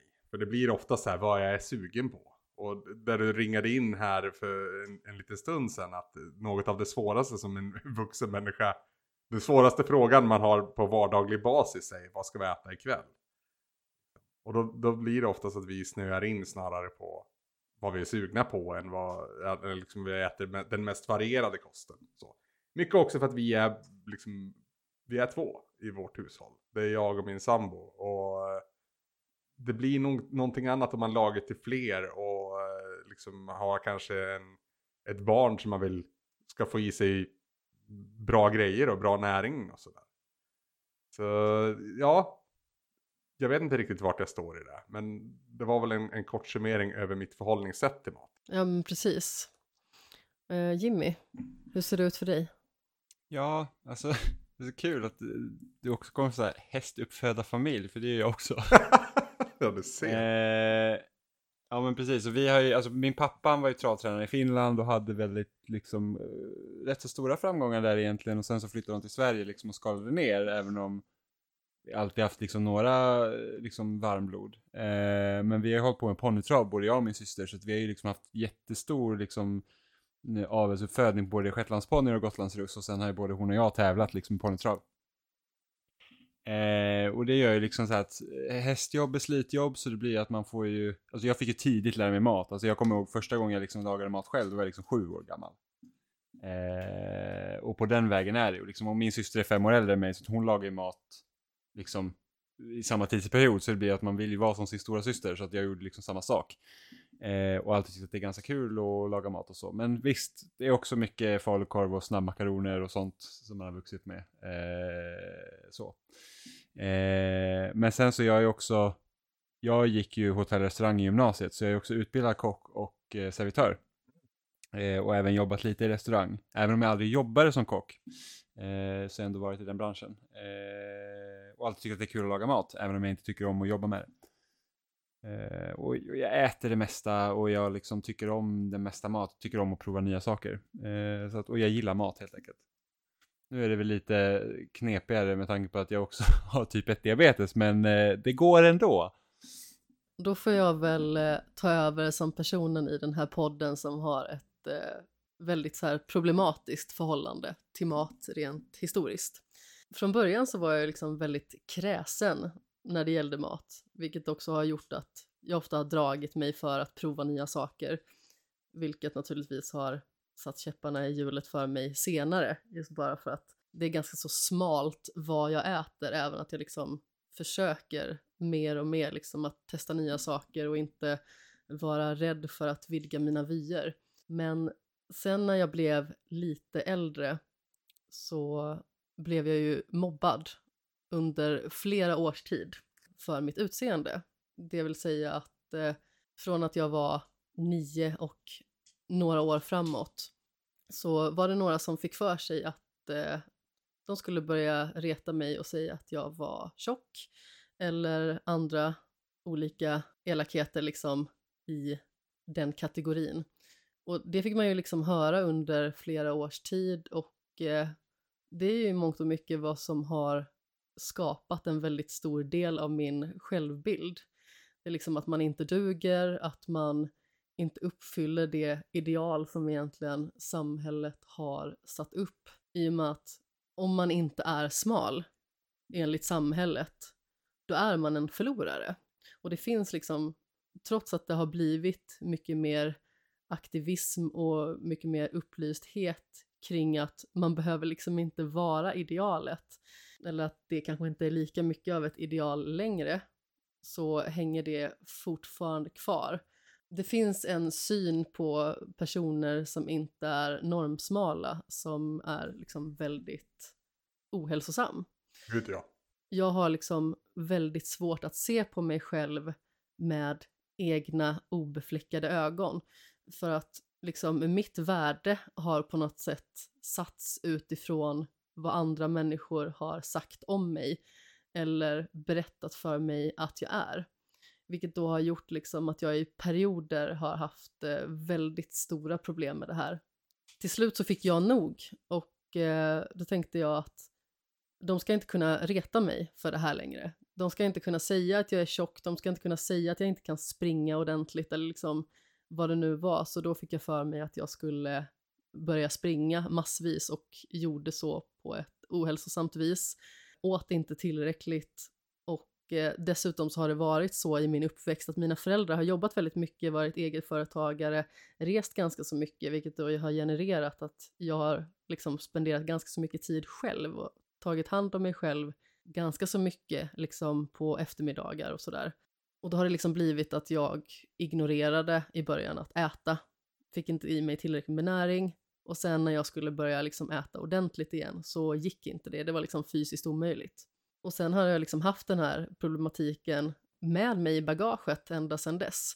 Och även att jag lite mer nu idag har ett annat synsätt på mat där jag känner att jag har lättare att till exempel, det är ju ett dåligt uttryck, unna mig saker där jag snarare är en sån person som säger liksom med de små får man ta tre. Men jag har ju liksom tidigare varit sån att jag i perioder inte ens har velat berätta för folk vad jag har ätit för att jag har skämts över att jag har ätit. Eh, och det ska man ju inte behöva göra för att i grunden så är ju liksom mat det viktigaste som vi behöver för att kunna överleva. Och det är ju någonting som går tillbaka liksom till människans begynnelse egentligen. Vi behöver äta för att bygga upp våra kroppar och för att kunna utveckla dem. Och det har ju liksom olika betydelse för alla människor liksom. Men i grunden så behöver alla mat av samma anledning. Det är en av de absolut första och viktigaste trappstegen i den här berömda behovstrappan i alla fall. Det är, det är liksom Maslows behovstrappa. Ja, exakt. Så ja, absolut. Vardagen och festen blir mycket trevligare om man faktiskt kan uppskatta det man stoppar i sig snarare än liksom antingen behöva skämmas för det eller skämmas för sin egen kropp hela tiden eller eh, tro att alla dömer en. För att det finns ju liksom fortfarande en dömande ton, alltså bara på arbetsplatsen så finns det ju mycket sånt. Bara sådana här små kommentarer, det kan ju liksom förstöra en persons dag. Och det bekommer faktiskt inte mig så jättemycket för det finns liksom andra saker som är svårare för mig att hantera. Men det är liksom många som kan liksom bli uppriktigt ledsna över att folk liksom påpekar hur mycket de äter, vad de äter eller jaha, ska du äta samma sak idag igen? Det kan ju vara så himla många faktorer som spelar in där. Det kan ju vara liksom att man kanske inte har råd. Man behöver inte påpeka hela tiden vad alla andra äter. Sen så tycker jag att det är trevligt att diskutera mat och man får ju liksom gärna eh, diskutera det på ett trevligt sätt men ofta kan det ju liksom vara så att många blir liksom stötta över hur man kommenterar deras eh, matvanor. Ja, och på samma sätt så är det ju, alltså det finns ju, om vi säger ett, i, en, i en matsalssituation där det är flera stycken som sitter och äter så är det inte sällan man, någon kommenterar över sin egen mat. Åh, vad mycket mat jag hade med mig idag. Hur ska jag orka äta upp allt det här? Och så. Och i, i grund och botten kanske det bottnar i ett, ett problem tycker jag med matlådorna att de är så jävla stora. Så att det, jag har också stått inför det här problemet att jag, man, man har så jävla mycket mat med sig i matlådan ibland. Så jag börjar aktivt kö, köpt mindre matlådor för att det ska bli mer rimlig portion att ha med sig för en person som mig då. Men, eh, men, men fortfarande, där, där person A beklagar sig inför person B att ja, jag har så mycket mat med mig eller jag har så tråkig mat med mig idag. Så kanske det finns en person C som sitter lite på hörnet där men som helt klart är med eller i alla fall hör diskussionen som har lite samma grej. Och det blir, det blir en indirekt skuldbeläggan till den personen. Eh, inte kanske ens medvetet, men du är inne på någonting i att diskutera vad man äter och vad man, liksom indirekt då, vad man ska äta och inte äta och hur mycket man ska äta av vardera sak. Det, det tangerar ett, ett riktigt problem, tycker jag. Absolut, det finns ju väldigt mycket skam och skuld i liksom mat och dietkultur. Och eh, det är ju otroligt problematiskt liksom i väldigt många sammanhang och det är ju liksom inte sällan som man stöter på någon person som har haft problem med det här. Det behöver ju kanske liksom inte vara nödvändigtvis en ätstörning, även att det finns i vårt samhälle betydligt mer än vad man tror. Men det kan liksom vara sådana här små saker som eh, folk liksom tycker är jobbigt i sociala sammanhang. Mm. Det kan ju liksom vara att man inte äter någonting som alla andra äter och så ska det hela tiden påpekas. Verkligen. Verkligen är det så. I samma andetag som jag sa de här grejerna som, eh, som jag precis sa så inser jag att det här är ju någonting jag har gjort mig skyldig till hur många gånger som helst själv också. Eh, kanske inte med den här dömande liksom, tonen i åtanke men nog fan har man kommit dragandes med den ändå. Helt klart. Ja men precis. Och det är ju så himla lätt hänt att göra det också, liksom att man sitter där och eh, säger typ att idag ska jag unna mig X eller åh gud, jag är så mätt jag får inte ner en bit till för jag har ätit så himla mycket. Eh, och så kanske det är någon som sitter där och har ätit ännu mer och känner att aha, var det inte okej okay att äta så mycket? Eller liksom just det här ordet unna sig, det är liksom någonting som jag försöker verkligen kliva ifrån. Man ska aldrig liksom behöva förtjäna att äta. Ja, men det är så jävla kopplat till cheat day och liksom att eh, idag får jag äta vad jag vill. Det får du fan göra vilken jävla dag du vill egentligen. Exakt, och jag som har jobbat i träningsbranschen i, vad är det, nästan 14 år har ju liksom fått höra både det ena och det andra och eh, på många sätt så har det ju liksom inte varit en fördel för att det är liksom väldigt mycket dieter, det är många som tävlar inom träning och kroppsbyggeri och då är det liksom svårt att komma undan. Det blir en fixering i en helt ny nivå liksom när man rör sig inom den sfären. Ja. Jag fattar det. Men samtidigt så är det också en värld som har varit liksom väldigt lärorik och eh, den har också visat mig att det är liksom inte fel att människor ser olika ut. För jag har liksom ofta fått höra att det är skönt att inte alla liksom ser ut på exakt samma sätt just för att det kan vara liksom väldigt skräckinjagande. Att det liksom är okej okay att ha lite kurvor. Alla behöver liksom inte se ut som den här mallen som folk säger att man ska vara. Det är det finaste vi har höll jag på att säga, men det har jag sagt om, om 14 olika grejer ikväll. Men, eh, men eh, ja, absolut. Det normbrytande egentligen. Att, att, eh, att, och det, det är någonting otroligt befriande att träffa en person som doesn't give a fuck. Eh, kan jag känna. Som en, en, en person då som kommer från att eh, gå med en hel del kilon till övervikt själv.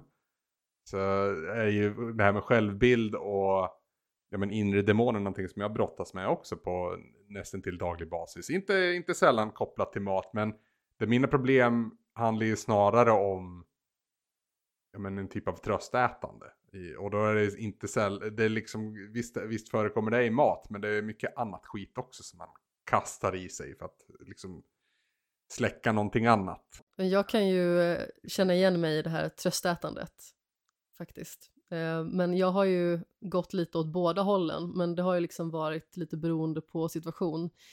Det känns liksom så futtigt när man försöker beskriva sin ätstörningsproblematik för andra, men jag ska försöka att vara ännu mer konkret i vad det liksom har gjort med mig.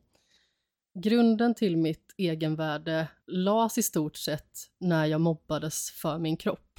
Är jag inte smal nog kommer ingen att respektera mig, ingen kommer att ta mig på allvar, ingen kommer att se mig som en förebild, ingen kommer se något fint i mig och ingen kommer att älska mig. Någonsin egentligen. Med åldern har jag ju rent rationellt insett att det ju liksom inte är sant. Men under årens gång har det fortfarande liksom påverkat mig och kommer nog alltid vara en komponent av mig som jag aldrig kommer bli av med helt. Sen så tror jag ändå att jag som helhet varit relativt förskonad i och med att jag bara varit på väg tillbaka in i det, liksom att falla tillbaka en enda gång. Eh, och det var när jag precis fyllt 18 och eh, jag hade varit ihop med min första riktiga pojkvän då, ungefär sedan ett år tillbaka och då upptäckte jag att jag hade gått upp lite i vikt. Det här gjorde att jag höll på att falla tillbaka i mina gamla fotspår egentligen. Utöver liksom att träna bowling över typ 10 timmar i veckan, träna gym eller gruppträning nästan varje dag, så började jag också cykla flera mil om dagen. vilket med facit i hand naturligtvis inte var så jätteklokt. Och gymmet låg liksom runt hörnet från min gymnasieskola. Så jag gick och vägde mig varje rast som var liksom tillräckligt lång för att jag skulle hinna. Och detta var liksom en reaktion på att jag trodde att han skulle göra slut med mig om inte jag var smal nog. Han visste liksom om vad fyra år av ät och träningsstörning hade gjort med mig, så han sa faktiskt till mig att jag höll på att tappa fotfästet. Naturligtvis så förnekade jag det först, men sen så insåg jag att han hade rätt ändå. Och eh, jag har faktiskt inte vägt mig sen dess. Inte ens på ett landslagsläger när de sa att jag inte ens behöver kolla på vikten överhuvudtaget. Men jag tyckte ändå att de behöver liksom inte ha min vikt till något. I och med att det liksom är bowling och vi tävlar inte i någon viktklass. Man, und man undrar ju vad de ska med... Vad, vad ska de med vikten till då liksom? Det, det känns som att det efter, efterleva från väldigt, väldigt långt tillbaka. Men jag kan liksom aldrig se, jag kan aldrig se varför, varför vikten blir av betydelse i just bowling. Jag kan se det i typ fysiska sporter som brottning och bo boxning, absolut. Men... Ja men exakt, där har man ju en faktisk viktklass som man ja. utgår ifrån. Det är ju samma sak i till exempel olympiska lyft och styrkelyft och sådär. Men just i bowling så har det egentligen ingen vikt överhuvudtaget. Så det kändes faktiskt väldigt märkligt och jag tror att, som sagt, att det är ett litet förlegat tänk egentligen som de höll sig kvar vid. Och jag tror, och hoppas i alla fall att de fick sig en liten tankeställare när jag sa att jag tänker inte göra det här och eh, höll mig liksom principfast egentligen. Mm. Nej men som sagt, den här grejen med vikten var liksom en väldigt stor grej för mig då och det är någonting som jag tog liksom ett aktivt beslut att vandra ifrån och eh, hållit fast i för att jag inser ju att det kommer att göra mer skada än nytta. Eh, och jag känner ju till exempel om det någon gång skulle komma till att man skulle bli gravid till exempel, då vet inte jag riktigt om det är krav på att man ska väga sig till exempel och en sån sak kan göra mig ganska så ängslig. Mer än liksom att tänka på hur man ska förhålla sig till kost och sådana saker. För även att jag aldrig har ogillat mat, snacks eller sötsaker i sig liksom, så har relationen till mat i perioder varit riktigt sorglig. Och jag kan liksom fortfarande känna av sviterna och det jag har gått igenom såklart. Men sen några år tillbaka kan jag faktiskt njuta av sånt som jag tycker är gott. Som till exempel bullar som vi bakade igår. Mm. De var kanon. Mm. Och så liksom utan skamkänslor också, i väldigt mycket större utsträckning. För att liksom avsluta min sån här jättelånga utläggning vill jag också säga att problematik av den här naturen yttrar sig ju väldigt olika från individ till individ. Och det är ofta att man liksom inte kan se på en person om den lider av en ätstörning, är ångestdriven, destruktiv eller självhatisk. Och det är väldigt liksom viktigt att se personer och fråga hur de verkligen mår. För det kan betyda så himla mycket mer än vad man tror när allting kommer till kritan. Verkligen. Men jag tänker att vi lämnar ungdomens hårda tider och eh, gör en liten inflikning om en film som vi såg i helgen. För fjärde helgen i rad då, bisarrt nog, så har vi varit på bio och såg den här gången The Menu. Okej, okay, jag trodde ni hade sett filmen för fjärde gången. Det hade varit väldigt bisarrt. Det hade varit imponerande. Det är förvisso en väldigt bra film. Jag ska också säga liksom att för transparensens skull så vill jag påtala att det här är andra sittningen som vi gör. Eh, den första gjorde i torsdags och nu sitter vi här igen på måndagen för vi hade liksom så mycket att prata om. Men Jimmy, om det är någon som är sugen på att se den här, vad har du att säga om det? Det var en väldigt bra film eh, faktiskt. Som liksom är, jag vet inte, det är som att det känns som att den är en sa blandat med, ah, svårt att säga liksom, men det, så här, typ foodie sa eller någonting sånt, jag vet inte. Eh, inte liksom så att den skulle vara gårvänlig på det sättet, utan den är liksom den liksom är mystisk och, och så här att, för det handlar ju om de här, eh, egentligen två karaktärer som är, de är på en båt och så ska de åka till den här liksom en ö som har en jätteberömd restaurang. Och så är det en massa människor som liksom är samlade då för att, eh, ja, de ska, de, liksom, de ska ha en hel kväll på det här stället då. Det ska vara superexklusivt. Så det är någon så här matkritiker och någon kändis och allting sånt som eh, åker över dit. Och liksom det här ska liksom vara en meny som är liksom helt outstanding. Liksom. Och allt är planerat typ till perfektion egentligen in i minsta detalj. Ja men precis, och då har vi den här uh, unge mannen då som är så här ett superfan av den här kocken. Uh, som liksom, här, han kan allt om, om, liksom den här, det här stället och den här liksom, och så har han bjudit med sig en, en, en tjej då. Som är liksom så här, hon bara typ, jag vet inte ens varför jag är här, typ. Eh, och så börjar det liksom. Och, och ju längre tid det går på den här kvällen, så här, ju, ju konstigare blir det. Liksom man märker så att någonting är inte riktigt som det ska. Och det är liksom på den, på den eh, guran man spelar då helt enkelt. Alltså jag skulle vilja beskriva det som att man lyckas parodiera den kulinariska elitismen på ett helt vrickat vis utan att det blir pajigt. I början så känns det ändå liksom så här snofsigt och finstämt, men sen så spårar det ur. Men det spårar liksom inte ur Tarantino mycket, för att ofta så kan inte andra regissörer hantera det. Jag skulle, jag, jag skulle också säga att det, liksom, det är nästan som en kommentar på samtiden det här med att man hela för att liksom då lyckas eller för att liksom då kan man säga bli viral så tar man liksom alltid steget längre. Liksom det här med att okej okay, men nu har folk gjort det här, vad kan jag göra för att liksom bli för att utmärkas ännu mera? Eh, och tills det går överstyr helt enkelt. Verkligen. Vi båda rekommenderar den varmt. Ja, den, den, var, den var verkligen jättebra. En av årets bästa filmer skulle jag nog säga. Definitivt. Men vad säger ni? Ska vi gå in på avsnittets lista kanske? Ja! Ja men kanon. Då undrar jag, vilka fem livsmedel har du alltid hemma, Anders? Ska jag ta fem på, rätt upp och ner? Nej, jag tycker det är bättre om vi tar en, en åt gången. Så som vi gjorde. Då, får jag liksom lite wiggle room också. Eh, Absolut. Så, Börja wiggla. ja, men alltså det finns ju, det finns ju usual suspects här så att säga. Eh, jag har väl oftast ganska mycket grejer hemma. Jag är inte en sån som heller är jätterädd för bäst före-datum. Jag kan sniffa mig till saker som har blivit dåliga. Men min enda gripe där egentligen väl, fisksås är svårt att lukta på och säga om det har blivit dåligt. För att det luktar ju dåligt. Luktar redan... alltid skumt. Ja, precis.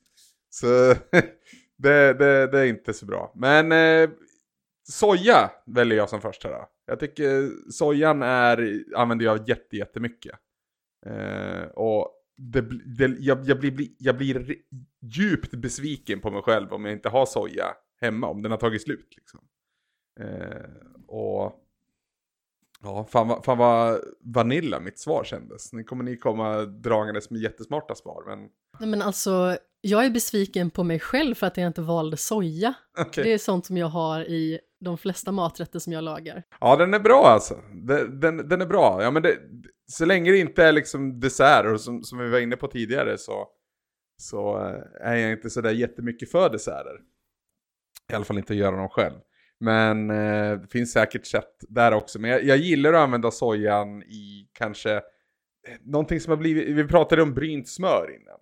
Att, att, att ha brynt smör och sen liksom blanda ut det med lite soja är också jäkligt kanon. Det blir en umami-bomb utan dess like. Det, varm det kan jag tänka mig. Mm. Är det någon speciell soja som du liksom tycker är fin fin? Jag föredrar kinesisk soja. Det, det, alltså, jag har väl aldrig riktigt fattat, men min favorit är liksom, nu ska jag inte produkt, eller det gör väl ingenting om jag produktplacerar. Jag gillar Kikkomans väldigt mycket. Den med lite trekantiga flaskan, den, den är min go-to. Sen om den är liksom bättre än någon annan, det vet jag inte. Men det är den jag tenderar att luta mig mot. Alltså jag tycker den har en speciell smak. Alltså risken med att man köper liksom annan soja, det är att det typ bara är salt. Ja, ja precis. Det vill man ju inte. Även om det, det tillför väldigt mycket sälta så tillför det ju någonting annat också. Det är det oftast den andra. Annars skulle man ju bara salta liksom. Ja, men precis. Jag håller med om den kinesiska sojan. Jag föredrar att ha den i mat faktiskt. Mm. Däremot så fick jag en intressant smakupplevelse, kommer inte ihåg vad den restaurangen hette, men de hade en hemmagjord soja med stjärnanis. Oj! Mm. Det lät ganska spännande. Inte helt tippat, men gott till dumplings. Ja, det kan jag tänka mig. Verkligen. Jimmy, din första. Ägg. Får jag säga där. Vad bestämt. Ja, men det var så här, jag funderade. Men, men ägg, jag, äter så, jag äter säkert ägg varje dag. I princip. Det gör det nog faktiskt. Ja, eh, och det är eftersom som diabetiker så är det väldigt vänligt livsmedel att äta. Eh, för att det påverkar blodsocker så lite. Det är så, otroligt eh, det... versatile också. Alltså, det går ju att använda i all jävla oändlighet. Jag menar bara, bara koka ägg på olika sätt. Eller, ja men, ja, det, det går liksom inte. Den listan är ju rätt lång. På grejer man kan göra med ägg. Ja men precis. Eh, och ägg är så jävla gott. Det är ju det. Jag tycker att det är skitgott. Jag hade en kollega en gång, han brukade koka liksom typ så här 20 ägg åt gången, så en kastrull, och sen hade han liksom snacks. Så Oj. att han var så här, ja men jag är lite hungrig på kvällen, så gick han och tog ett ägg. ja, men det funkar ju. Ja, för det är så gott. När jag pratade om snacks innan så var inte ägg på min lista kan jag säga. Sen har jag ju, sen har jag en lite underlig förteelse som, så jag tror att det är en finlandssvensk grej för att det är liksom, jag, jag härstammar från Finland, men alltså det är att när jag äter kokt ägg så har inte jag liksom, jag saltar inte bara ägget eller jag har inte kaviar till ägget utan jag äter det med smör. Mm. Så man tar liksom en klick smör på tallriken och sen så saltar man lite smöret och så tar man sked på smöret och så sked ner i ägget och så äter man så. Och det tycker folk är jätteunderligt. Mm. Jag har sett fler göra det. Jag vet eh, en gammal kollega från tiden i Borås, hon hade alltid med sig ett, säg någonstans mellan medel och, och löskokt ägg. Eh, som hon hade mosat Mm. med majonnäs och också lite kaviar.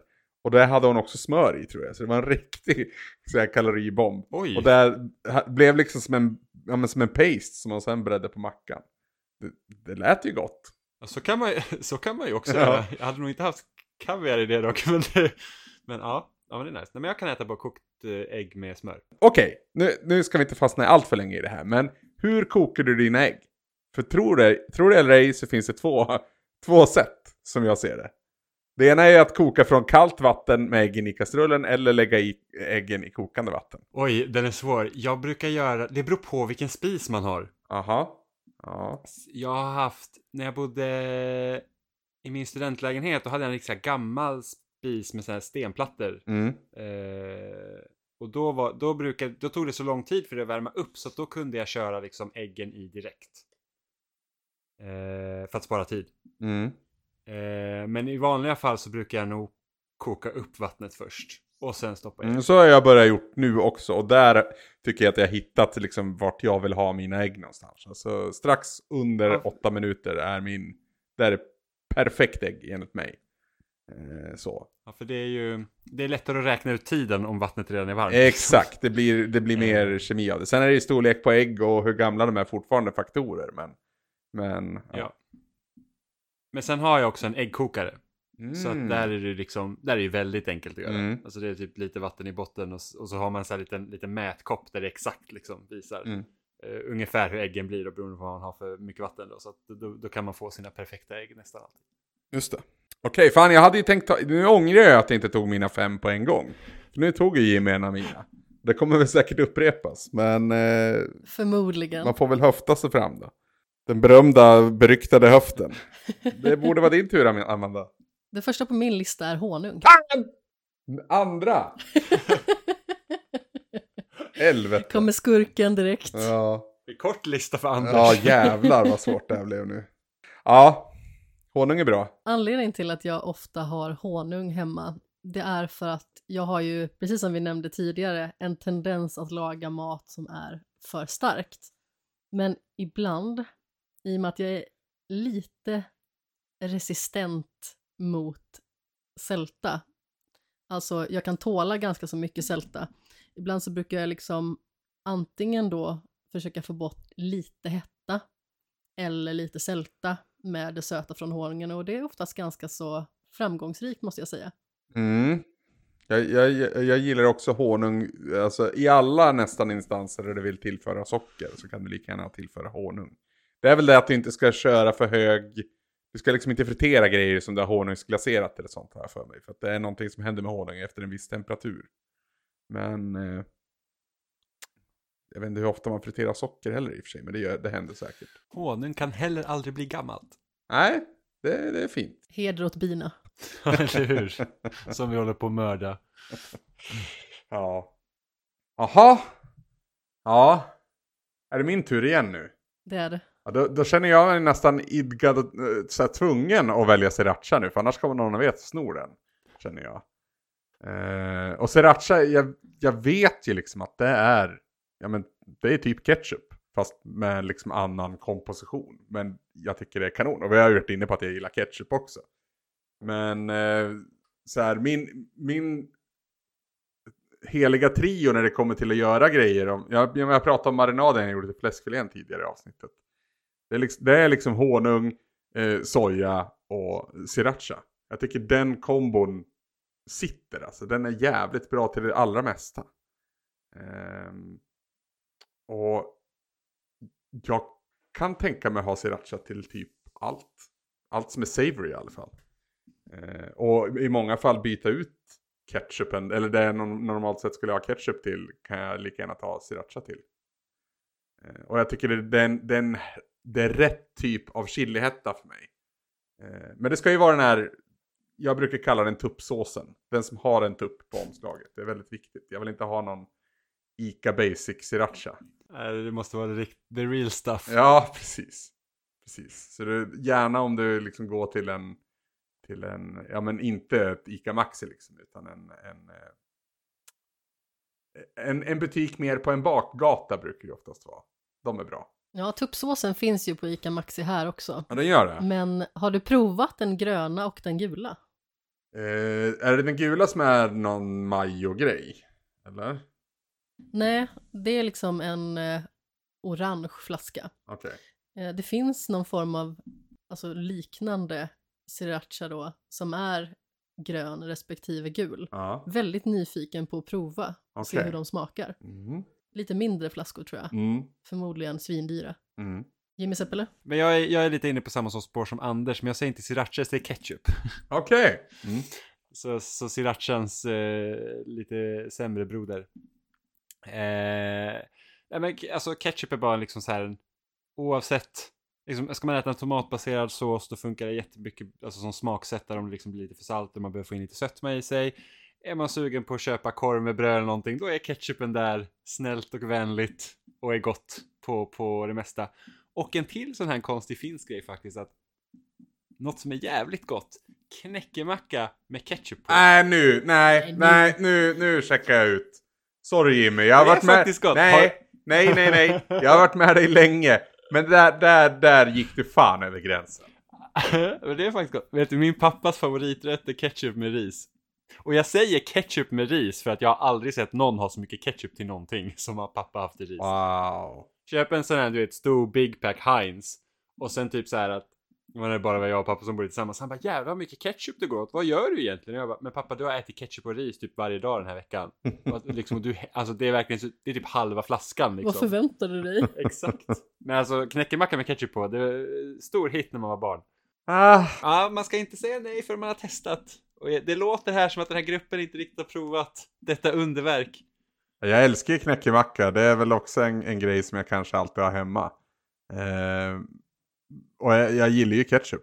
Etablerat redan. Se. Men, men Se. gott plus gott Du är inte ha alltid s- en ekvation som går ihop. Ja, precis. Men du måste ha smör i botten också, annars blir det ju bara ketchup på något torrt. Ja, okej. Men Ja, värt att provas. jag vet inte jag. Då tänker jag hoppa ifrån den här hädelsen och eh, säga grönsaksbuljong. Det är någonting som jag har i väldigt mycket och framförallt liksom såser där man kanske har eh, i en tidig fas stekt upp grönsaker och så. Då är det väldigt trevligt att liksom tillsätta vatten och en buljongtärning och sedan så låter man det reducera länge.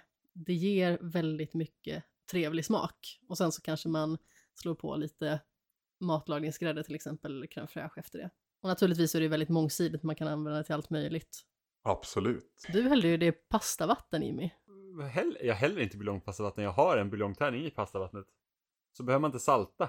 Det var lite det jag menar. Ja. Du lägger en Det lät precis som att buljongtärning jag, i. så här, bara, jag kokar upp pastan och sen så bara här är min buljong och bara sköljer över den. Du blev så bestört att du råkade spotta mig på Oj näsan. förlåt, ja men upprörd. Inte nog med att min ketchup-idé blev nedklankad på, jag säger att jag slösar på buljongvatten. Utsatt men- för förtal. Som sagt, jag kokar pasta i buljong. Så brukar jag göra när jag kokar, eh, kokar bulgur och ibland har jag gjort det med ris också. Bara för att smaksätta det lite. Men aldrig med pasta har jag inte gjort. Då brukar jag snarare salta arslet av mig. Men eh, det, Allt, alltid, eh, alltid gjort. mm. Men gott. Ja, det, det är gott. Eller ja, jag vet ju inte vad det är typ utan buljong. det är sånt som jag har gjort pasta. Jag blev väldigt förvirrad första gången du gjorde det. Ja, det är mycket saker att bli förvirrad över sen jag kom in i ditt liv. Smör på ägg, ketchup på knäckebröd. Jag har aldrig sett dig äta ketchup och Nej, men knäckebröd. snart så. Här kommer det fram saker. Jag vet inte hur jag ska Blev hantera inte det du här. också förvånad att jag har keso på macka? Anders, brukar inte du äta keso på smörgås? det, det kan jag absolut tänka mig. Ja. Men Keso för mig är ett pålägg, liksom. Ja, ke- Kes, jag har, det, det, det är inte en grej som jag alltid har hemma. Men, eh, Nej. men, eh, och jag tycker att om du ska ha det på en macka så behöver det vara, det behöver vara second lead så att säga. Det behöver ha någonting annat. I mitt fall så skulle jag väl ha kanske avokado och keso är en fin kombo. Så kanske något aromat eller något på det, det, det, det, blir gott. Det slår mig att faktiskt min mamma har ätit det ganska så mycket under min uppväxt. Typ med keso, tomater eller liknande. Men det jag blev överraskad över var ju när du åt raggmunk med keso. Ja, skitgott. Och det är liksom inte så här typ att, alltså det är inte så här vanligaste. Men jag kommer ihåg att när vi typ fick potatisbullar i skolan så serverades det liksom, då var alltid keso ett tillbehör. Och det är liksom sen dess så funkar det med raggmunk också. All right. Jag är inte förtjust i lingonsylt. Har vi tagit allting på din lista, Anders? Ja, så nu blir det ju freebasing. Så nu tänker, jag, nu tänker jag ta en grej som jag önskar att jag hade hemma jämt. Men som jag inte alltid har. Men som jag ofta finner mig själv att behöva. Och, och svära över att jag inte har. Och det är citron. Eh, och det är en sån här grej som har kommit ja, rätt så mycket senare i min matlagningskarriär så att säga. Att eh, man behöver ibland någonting som piggar på saker. Eh, och citron är oftast svaret på frågan. Nu går det att ha någon vinäger eller någonting sånt och, och hitta liksom balans med det också om du vill prata grytor eller såser eller så i alla fall. Men liksom till en, till en eh, enklare pasta bara och, och pressa över lite citron. Eller på köttbiten som du håller på och steker, pressa över lite citron. Alltså den, den kan fan gå in överallt. Så att eh, jag har det hemma mycket mer nu, men jag har fortfarande liksom inte i min så att säga grundarsenal. Utan det är oftast att och sen tycker jag att citroner blir dåliga så jäkla snabbt. Jag har inte riktigt kommit på något bra sätt att förvara dem. Rumstemperatur funkar inte riktigt bra, kylskåpstemperatur funkar. Jag skulle vilja ha en jordkällare. Det känns som att, fast jag tror inte att citroner skulle göra så bra där heller. Men jag behöver det där för mina potatisar ändå. Men, eh, citron önskar jag att jag hade hemma hela tiden. Ja. Det är alltid lite så här risky business med frukt tycker jag. Liksom att så här att är man sugen, köper man för mycket, äter jag det här varje dag? Mm. Ja. Samtidigt så är det inte samma sak att köpa den här liksom pressade fruktsaften på, på glasflaska heller. Det är inte samma sak. Nej, den, smak, den smakar artificiellt. Ja, verkligen. Det funkar i, i drinkar och sånt tycker jag. Det är, det är en bra kompromiss så. Men då har du ju också blandat ut det med sprit. Så att det, det, då, då går allt då ner. dödar allt, all- allt dåliga dödas av spriten. Ja. ja, men det är så du borde äta den här ketchupsmörgåsen nu. Med Så ta sprit. en liten hutt med den. Ja, precis. Det är så man börjar. Alltså jag har ketchup och smörgås, men då pratar jag om typ, eh, åh, som mormor gjorde till mig när jag var liten. Stekt eh, limpa, med, som du steker i smör i panna. Och sen stekt falukorv på det, stekt ägg ovanpå det och sen ketchup ovanpå det. Men som en sån här långtradarmacka. Ja, det, den har många namn. TV-mackan tror jag den blev känd som, eh, där jag kommer ifrån. Men gjorde hon typ nästan så här fattiga riddare då av limpan? Nej då, nej då, utan det är bara att Nej. botten ska vara smörig och frasig. Bara. Ah, okej, okej.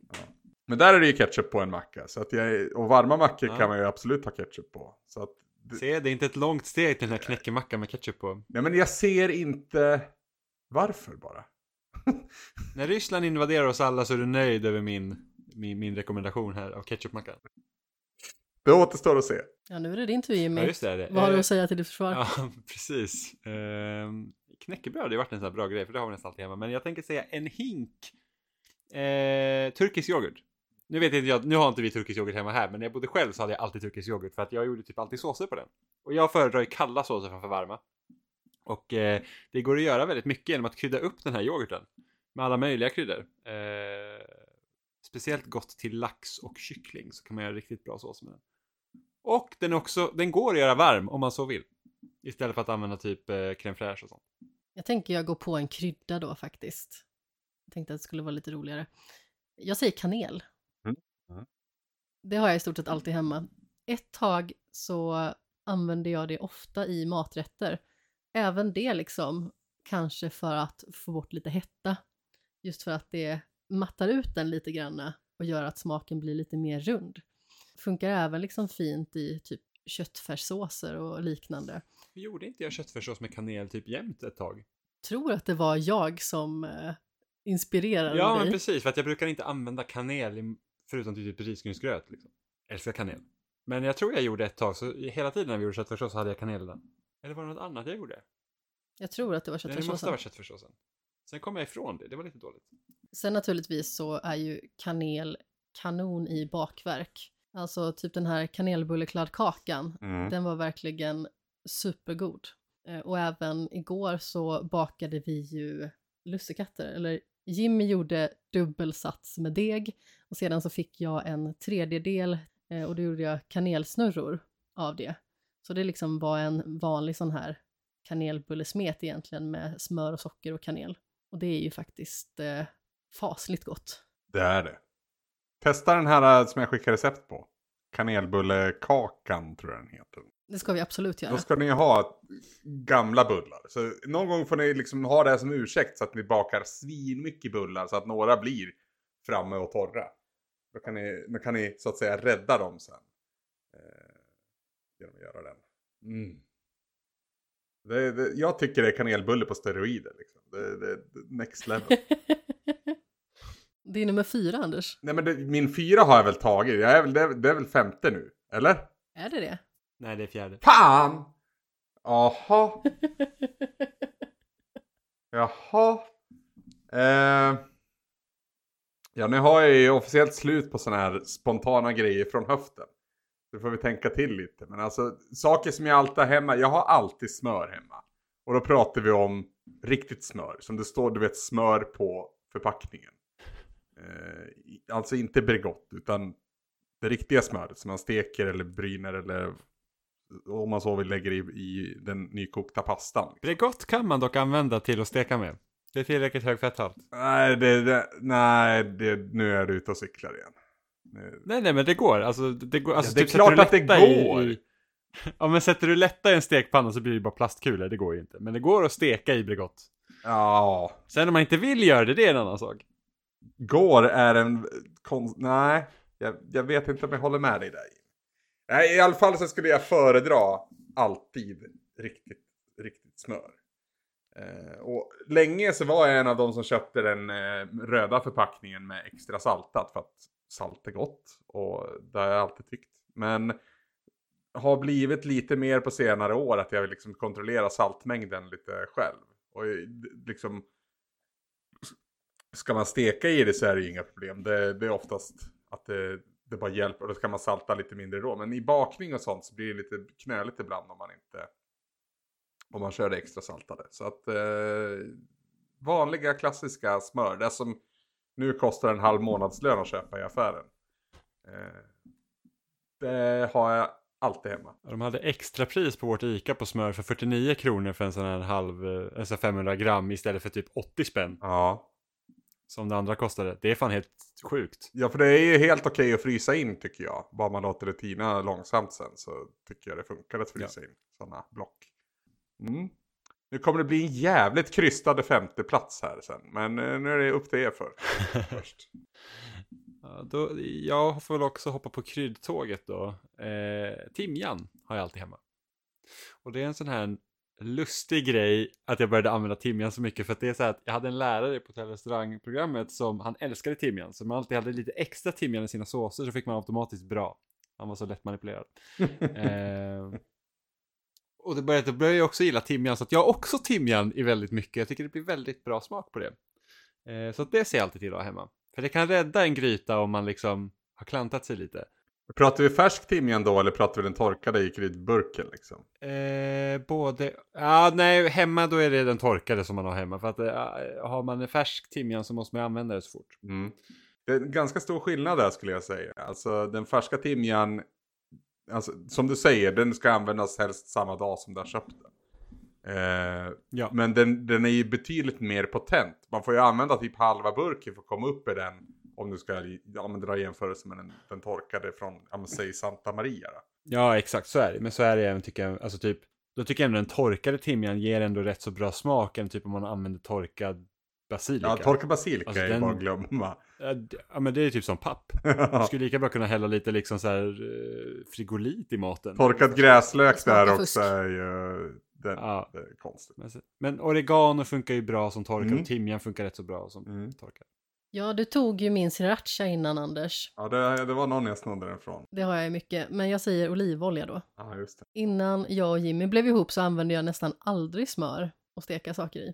Utan eh, i och med att, precis som jag nämnde tidigare, att jag liksom har växt upp väldigt mycket med eh, så här medelhavskultur, både i liksom vad vi äter och vilken tid på dygnet vi äter, så kändes ju liksom olivoljan som en eh, självklarhet ganska så tidigt. Och det är väl typ så här pannkakor till exempel och sådana maträtter som man använder smör till egentligen. Men generellt sett i det mesta annat har det varit olivolja som har gällt. Jag gillar ju att köra både och, ska sägas. Äh, när jag steker saker i smör så gillar jag att ha eh, lite olivolja i också. Det beror på vad man ska steka såklart.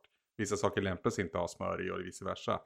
Men kombinationen tycker jag är fin, för då får du ändå upp... Olivoljan hjälper ju smöret att inte hålla på och fräsa så mycket. Det blir en bra... Ett bra samarbete där tycker jag. Som jag nämnde tidigare så använder jag ju liksom inte alltid något matfett att steka i i början, utan ibland så använder jag mig av eh, vatten och buljong liksom. Mm. Men ibland så kan det också vara gott att dutta ner en liten klick smör i slutet där såsen liksom står och gosar till sig. Ja, att blanka av den tror jag det kallas.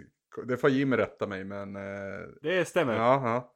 Sett mycket på YouTube. Såserna blir blank om man sätter i, i eh, smör i slutet. Mm. Amanda Sten kan inte snofsiga uttryck.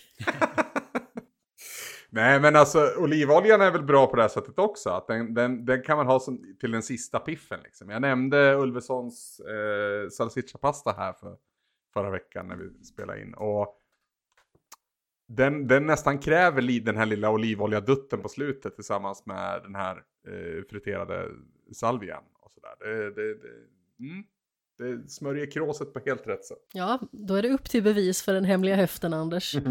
Nej, men jag, jag har väl kommit till, eh, vad säger man, biktstunden här. Eh, kanske inte någonting som jag liksom är stolt över, men jag har fan alltid korv hemma. Det, det, det ska jag inte ljuga om. Oftast varm korv, men även falukorv och ibland liksom finare korv och kryddigare korv, men ganska ofta också vanlig jävla varmkorv som jag äter med bröd. Eh, Du är inte ensam om det Anders. Nej, vad bra. Nej, jag, jag, det har varit min favoriträtt tror jag under i stort sett hela min uppväxt. Det var min go-to.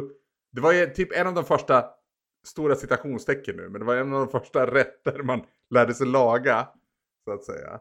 Eh, så det gjorde jag ofta när jag kom hem från skolan. Eh, som liksom midday snack. Eh, någon korv med bröd så. Det var, det var kanon. Och jag tycker fortfarande att det är kanon. Och det går ju att snofsa till och det går att lägga till massvis med grejer. Du kan ju hålla på att karamellisera lök och allt möjligt, what have you. Men en vanlig god korv, helst grillad tycker jag, eh, med senap och ketchup på. Alltså det, det, det är toppen. Ja, det är verkligen skitgott. Jag tycker det. Man är ju man är uppvuxen på Kungsörnens snabbmakaroner, stekt falukorv Ja, det är fint. med ketchup. Mm. Jag tror dock att den bästa korven är när man liksom är ute och grillar i Ja. skogen. Gud ja. Korv, Skinnet blir lite så här knaprigt liksom. Ja, visst. Över öppen eld rent allmänt är ju kanonsätt att liksom, Mm. tillreda grejer. Men, eh, men, men få grejer ta korven där. Amanda rynkar på näsan när vi pratar- om det knapriga skinnet. Hon kör sina Denniskorvar. Jag kör inte Denniskorv. Det smakar ju liksom bara mjöl. Är det ens korv? Denniskorven? Nej, Det får- det är korv. Den får väl inte heta korv? Jag vet, nej hotdogs här, det heter väl hotdogs bara va? Ja, Är det inte det? Ja. Ja. Men det är lite sån här, eh, för några år sedan när, vad var det, Scan började med sin korv-ish. Mm, För att det var typ, var det 60% kött och sen var resten på grönsaker eller något sånt. mm, mm. Eh, Hotdogs, får, eller Denniskorvarna får väl räknas som korv-ish. Ja, jag tänker mig att. Denniskorv är lite så här som Galenskaparnas Nisses tuggummi. Nästan som en riktig korv. ja, alltså, jag älskar verkligen Denniskorv när jag var liten. Det, det är ju säkert alla liksom. Och sen så, där jag hade min studentlägenhet så fanns det en jättebillig matbutik liksom eh, under, det hette Pulsen. Skitbi- alltså verkligen skitbilligt. Det var så att gick man, gick man inte dit en dag så kände man så här, åh nej nu har jag missat ett specialerbjudande så man kan typ hamstra någonting. Men då sålde de ut hotdog, så här stor pack. Och jag bara, ja men låt gå. Det är ju liksom, jag, jag älskar det när jag var liten, det är så jävla billigt nu så vad, vad spelar det för roll? Fy fan vad äckligt det var. Och jag äter det mesta, men det var fan inte gott alltså. Men Icas vanliga grillkorv är faktiskt kanon. Ja, ja, vanliga säger du, men de har ju den här äh, extra fin som är i alla fall över 75% kött i. Den tycker jag har en väldigt hög, det är, är en väldigt liksom bra, eh, vad ska man säga, ja men grillkorv så. Men, Mm. men jag, Det är på en bra dag. De andra är sunkdagen. Nej, jag, jag, kommer ju alltid, jag kommer ju alltid luta mig mot Tillmans. Men det är ju någonting som finns här uppe. För det är ju från min gamla hemstad Bollnäs. Det, där finns Tillmans och de gör ju både falukorv och varmkorv och grillkorv och så. Det, det är liksom min barndom egentligen. Så att det blir alltid den. Du måste väl ha koll på Lappens som ligger utanför Borlänge va? Nej, det ska jag inte påstå att jag har. Ah, fan vad synd. Usch, det var så jättegoda tunnbrödsrullar där. I alla Mm. fall för typ 15-20 år sedan. Ja. så himla mycket mat. Nej men vi brukar alltid, när vi var och tävlade där uppe så, så brukar vi alltid äta tunnbrödsrulle på Lappens. Ja. Skitgott. Du Men- har väl faktiskt också varit och tävlat i Bollnäs? Jajamensan, flera gånger. Hyfsad travbana. den är väl okej i alla fall. Ja, den är liten, Mm. men det, det, det har vunnit många lopp där. Mhm. Men, Eh. men snabb fråga om tunnbrödsrulle. För jag vet att när jag flyttade Ja. till Borås, det fanns inte tunnbrödsrulle någonstans då. Jag älskar tunnbrödsrulle. Det är en sån här riktig jävla, när den är bra då är den så jäkla bra. Men det är väldigt sällan den är bra. Det är typ en på 20 som en tunnbrödsrulle är riktigt bra. Du vet, Tight och bra komponerad och liksom både mos och korv och allting annat smakar gott. Och att man har g- stekt av brödet lite så det har lite krisp där. Det är många grejer som ska stämma. Men eh, jag, jag fick ju leta med ljus och lykta efter en tunnbrödsrulle i Borås. Ja, Jag, jag vet faktiskt inte hur utbudet egentligen ser ut här nere på den fronten. Vi gick ju till, det finns ett ställe här i Alingsås, Alingsås som heter, vad är det, shitpom?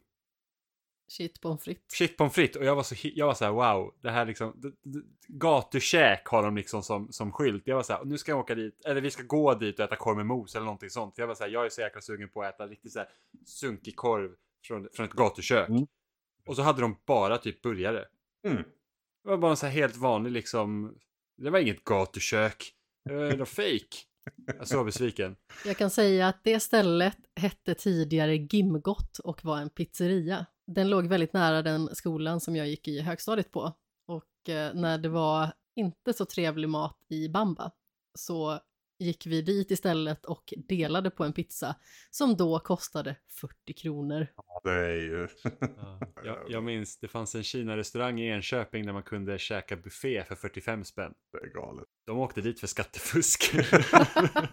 Jag är inte jätteförvånad sådär. Nej, nej, verkligen inte. Men det var verkligen så här, man bara, åh, 45 spänn, ät hur mycket du vill. Jajamän. Nu vet vi vad som hände med Gimgott. eh, och sen så bytte de ägare, eller ja, det kom nya dit. De åkte också dit för skattefusk. att, ja, det var, det var mycket sånt där. Anar ett mönster. Men vi gjorde ju egen tunnbrödsrulle för inte så länge sedan. Ja, det gjorde vi. Och eh, vi hade ju naturligtvis det vanliga liksom mos och korv och sådär. Men jag hittade en vegansk hamburgardressing. Jag tror att det var med sriracha i också. Mm. Som jag smetade på i botten. Mm. Som gav den där lilla extra hettan. Mm. Det var jättegott. Mm. Ja, jag, jag körde ju basic, senap och ketchup. det var ju inget fancy där inte. Jag, jag tycker di- dill hör hemma i min tunnbrödsrulle också. Eh, gärna mycket av det. det Sen, sen om det kommer i form av räksallad eller om det kommer med moset, det spelar ingen större roll. Men aromen som dill tillför tycker jag hör hemma i smakbilden av min ultimata Mm. tunnbrödsrulle. Mm. Och det är riktigt god sån här jäkla, bara, bara slafskäk. Ja, älskar det. Ja, är, är det min tur? Ja, för nu är väl jag klar. Nu har jag tagit mig igenom det här. Ja. Vad fan ska jag säga nu då? Eh, det är så tråkigt om jag ska välja en krydda till. Ja, det är det faktiskt. Men det är faktiskt en krydda till som jag har. Det- Nej! Okej, då, får jag, då får jag bara nämna, det här är en, ehm, en outsider, eller den här bubblade till min lista. Knorrs grillkrydda. Jätte, det är den bästa grillkryddan som finns. Eh, och då är det så här att när man då Kungsörnens snabbmakaroner, smör och grillkrydda på det, det kan man äta enbart det. Men om jag inte får Gud, vet du någonting annat som jag skulle kunna säga som är ännu tråkigare än att välja en krydda till? Det är typ så här en salladspåse. För det brukar jag alltid göra. Förut så köpte jag alltid så typ isbergssallad och, och, och, grönsaker givetvis. Eh, men det är så att isbergssalladshuvudena är så stora så att de blir dåliga så fort. Eh, Jag hinner inte äta upp dem. Nej. Eh, så att nu köper jag alltid den här provensalisk sallad i sån här liten påse som jag har liksom till det mesta jag äter. Ja. Är det ditt slutgiltiga svar? Ja, men jag tänker om det är ett, ett livsmedel jag alltid har hemma så är det faktiskt någonting vi alltid har hemma.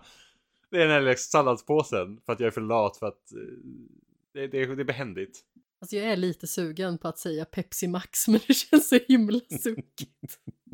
Jag kunde ju ha sagt Cola Zero också, det är liksom typ det jag dricker. Ja, jag dricker faktiskt en hel del vatten. Jag har försökt att bli bättre på det det senaste för att eh, jag kommer ofta på mig själv liksom att känna att eh, kroppen liksom ger tecken på att den saknar vätska. Så jag försöker liksom att eh, ha min vattenflaska med mig var jag än går. Men eh, precis som tidigare nämnt så har vi ju det här medelhavstemat. Så jag tänker faktiskt vara så tråkig att jag säger pasta. Du måste ju specificera vilken pasta. Alltså det är ju väldigt brett naturligtvis. Men jag skulle nog säga tagliatelle. Mm. Ja. Men sen naturligtvis generellt sett, alltså både när jag bodde själv och eh, sedan du och jag flyttade ihop Jimmy, så har jag ju haft väldigt många pastasorter hemma åt gången. Det är lämpligt på det här sättet att det inte blir gammalt så snabbt. Det, det håller sig väldigt länge som en liksom staplevara. Så att du kan, ju, du kan ju laborera med rätt många pastasorter. I alla fall jag har aldrig upplevt, eller sällan upplevt att liksom tor torkad pasta har blivit gammal. Nej, alltså det måste kräva väldigt mycket till. Det, må, alltså det, det måste typ vara så här att när man väl flyttar någon gång så hittar man typ en 15 år gammal konservburk längst in i skåpet. Ja, ja men precis. Eller om det har liksom legat dumt till så att det har blivit utsatt för väte eller någonting, väte eller någonting sånt. ja. Då är det inte så bra. Men har det legat torrt så, så håller det jävligt länge. Ja, verkligen. Nu kommer inte jag ihåg vad den pastasorten heter, men jag var väldigt förtjust i den ett tag. Det ser lite ut som kanske en tredjedel till en halv rigatoni i stort sett. Och så är den lite vriden. Den är inte vriden alls, utan den är rak och ser liksom lite knubbigare ut. Den jag tänkte på är Strossa Peti, Strossa Preti. Jag är osäker på hur- De är också goda. De är jättefina. Den, den skulle jag ha sagt på svaret till vilken pasta man ska ha till min salsiccia-pasta. Eller Ulvessons salsiccia-pasta. Men jag kom inte på det då så fick jag dra till med rigatonen tror jag. Så. Men Strossa är fan fin för att, ja men som sagt, det finns många gömmor att fånga upp sås i. Det är liksom, och så är den ändå, kokar du den liksom så att det har lite tuggmotstånd så finns det en, bra bite i det. Eh, Jag gillar det. Det liksom, Metzemanike är det jag tänker på. mm, okej. Jag vill tro att det uttalas så i alla fall. Mm. Eh, sen så finns det en annan pastasort som jag i stort sett aldrig hittar här hemma som heter orecchiette. Mhm. Som är i stort sett liksom ett tumavtryck. Mm. Tycker jag också är väldigt goda. Tumavtryck. Jag ska skicka i chatten. Jag vet inte vilket min favoritpastasort är. Jag tror det är kanske penne. Eller fusilli. ja. Känns som att vi bara sitter och kastar en massa pastanamn här. Jag skickar en bild i chatten Anders. ja, precis. Ja, det ser ut som att man har tryckt tummen i det, exakt. Vi har ju så här gnocchibilder direkt. Eh, och då, där använder man ju också tummen, men man, liksom att nypa av. Och då är det ju snarare en klump. Och här är det ju som att man har tryckt till den klumpen väldigt, väldigt hårt. Så att det har blivit ett tumavtryck. Jag förstår vad du menar. Föredrar du gnocchi som den torkade sorten eller liksom de här små klumparna? Som den torkade sort, vad, vad menar du då? Gnocchi, alltså den, ja. Alltså enda gången jag ätit gnocchi när det varit riktigt bra, då har jag ätit så att säga riktig gnocchi. Som man har gjort då när den är färsk. Sån som är liksom fyllig och eh, som små degknyten nästan. Ja men alltså det som jag gjort på potatis, ägg och mjöl. I stort sett. Exakt. Ja. Precis. Och eh, liksom, jag, jag vet att en italienare skulle säkert bitchsläppa mig om jag sa det, men jag tycker om att koka dem så gott som klar, men även avsluta och få ge dem lite stekyta i, i en stekpanna. Med till exempel brynt smör. Eh, tycker jag, mm, just att få, för de ska ju vara liksom luftiga inuti. Det ska ju vara eh, liksom inte de här, inte den här tjocka grejen, utan det ska vara väldigt luftigt och så. Men att få en liten, ett litet fras på ytan då, tycker jag är jävligt trevligt. Det blir en härlig, eh, vad ska man säga, ja men texturkontrast. Men just gnocchi och brynt smör är ju väldigt gott ihop. Alltså, både, ja men det, det, är- det är ju pasta som gifter sig med potatis. Och i båda fallen så är ju smör bästa kompis med dem. Där har vi gott plus gott blir gott. Jajamän! Jajamän. Men då har vi ju eh, passerat avsnittets lista och jag tänker att vi ska... Passerat. Det är nu jag klipper in syrsor här och så går vi bara vidare. Vi ska ju gå in på vårt sista segment, så jag tar med mig den finska björnen och den norrländska björnen. Så ska vi prata om The Bear.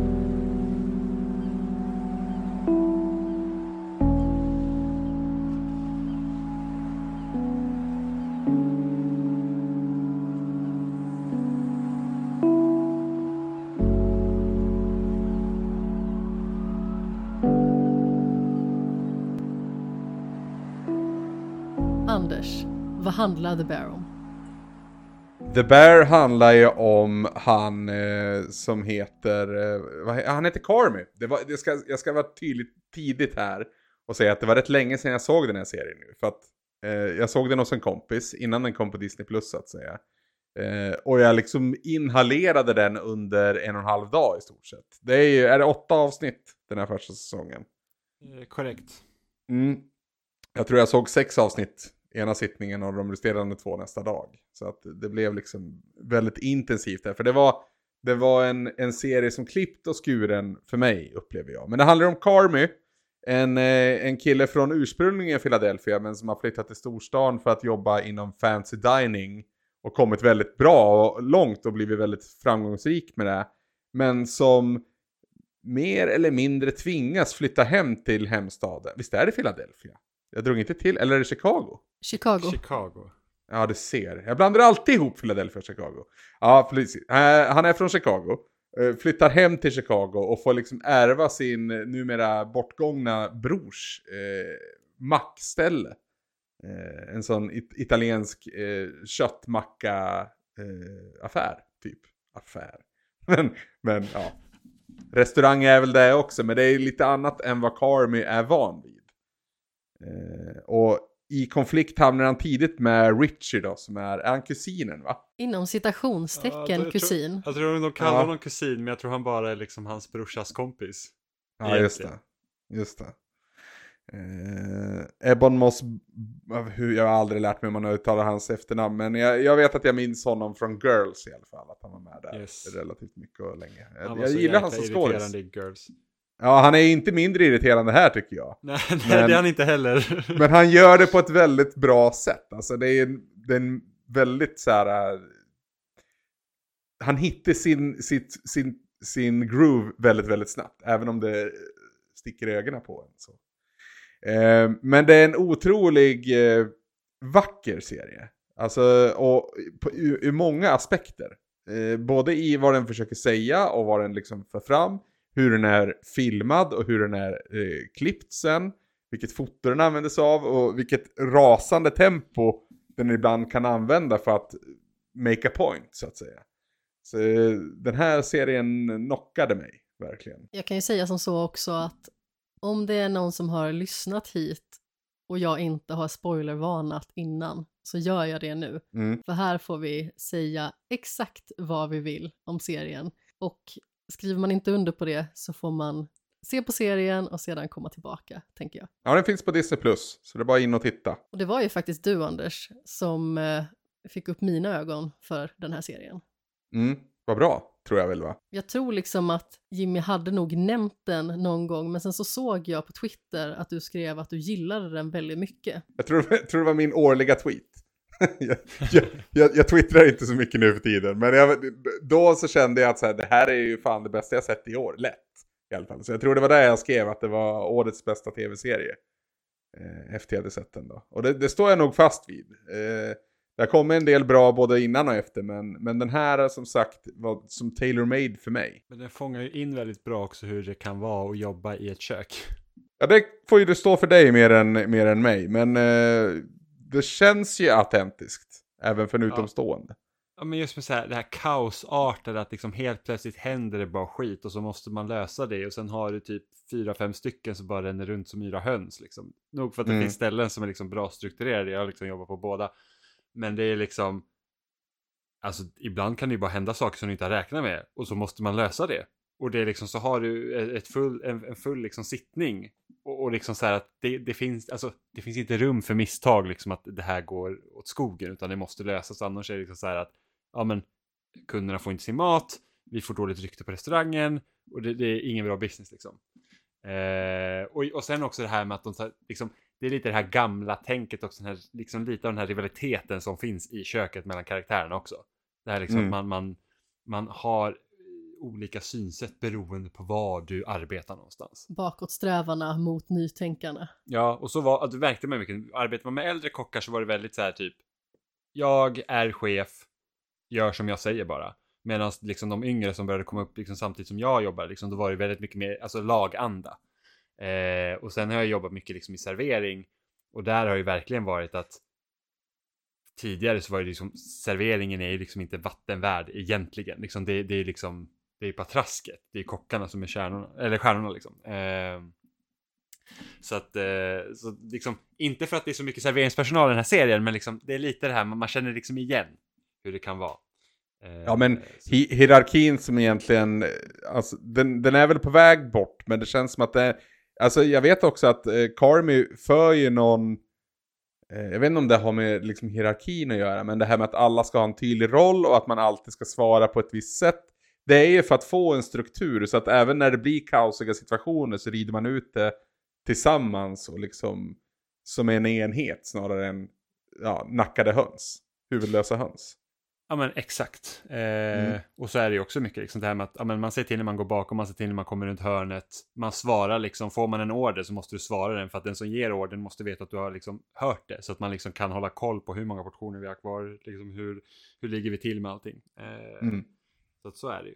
Sen så kommer han ju också från liksom ett, ett ställe där han har liksom i princip alltså blivit typ slutkörd liksom som kock nästan. För han, han har ju nästan liksom typ PTSD-syndrom för att folk liksom bara så här att ja men det är lite här vi pratar om Gordon Ramsay, liksom. han bara skriker på folk och liksom helt Mm. galen liksom, så fort du inte gör rätt. Eh, och de har ju inte kört liksom lite samma stil där, det har liksom varit egentligen lite mer laid back innan. Mm. Men med skiftande kvalitet på slutprodukten också då. Ja men precis. Ett betydligt sunkigare ställe än vad Carmy har ambitionen att ta det till. ja men precis. Vet ni vad det bästa med den här serien är? Nej. Eller en av de bästa grejerna. Alltså, en av de sämsta grejerna är också en av de bästa grejerna. Och det är att en av mina skådisar som jag liksom inte fixar idag är den här jävla John Bernthal. Och lyckligtvis så spelar jag han den här brorsan som har gått bort, så han är inte med så jävla mycket. Så, så det är det bästa, att han, vi slipper honom så mycket som möjligt. Det tråkiga med John Bernthal är ju det att han ofta blir typecastad i samma typ av roll. Nej, Alltså, eh, det blir han inte, men han kan bara spela en roll. Det är det som är alltså, problemet. ha, har du sett King Richard? Visst heter den King Richard? Ja, Ja, precis. Eh, den som handlar om eh, eh, Serena och... Eh, Venus Williams. precis. Ja. tennisfilmen. Ja. Ja. Där spelar han en helt annan roll. Gör den kanon. Nej, det gör han inte. Men ända sedan liksom The Walking Dead så har han fått spela den här liksom muskelknutten som bara springer runt och är sur. Och liksom bara så här, ja. Hade han varit svensk så hade han definitivt haft en jättestor snusprilla uppe hela tiden, känner jag. Ja, ja men precis. Han Eh, har, han har verkligen en snusaura, det har han. Ja, men det, det har jag faktiskt. Men alltså jag, jag har hört så här intervjuer med honom.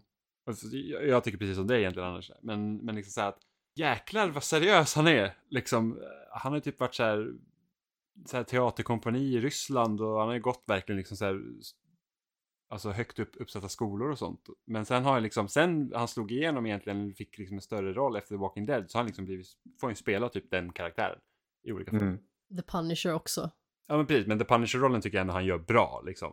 Det är det han kan. Men det var kul att få se honom i King Richard som en annan karaktär och ändå liksom kunna göra det så pass bra som han gjorde.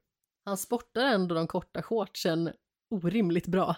Ja men helt plötsligt gick han ju från att vara den här liksom så här, jag är macho deluxe till att vara det här lilla lammet i princip. Och som en helt annan person. För mig är det ju alltså huvudrollen, huvud, eh, Jeremy Allen White. eh, som jag bara har sett i eh, den här serien som jag egentligen inte har tittat på. Men han har väl haft, jag kommer inte ihåg vad den heter, Shameless. Visst är det den? Eh, det kan, ja precis ja. Eh, det är väl hans claim to fame annars. Men jag tycker att jag har sett den i något annat. Men jag, tittar jag på hans IMDB så har jag ingen aning om vad det, ska kunna, vad, vad det skulle kunna vara.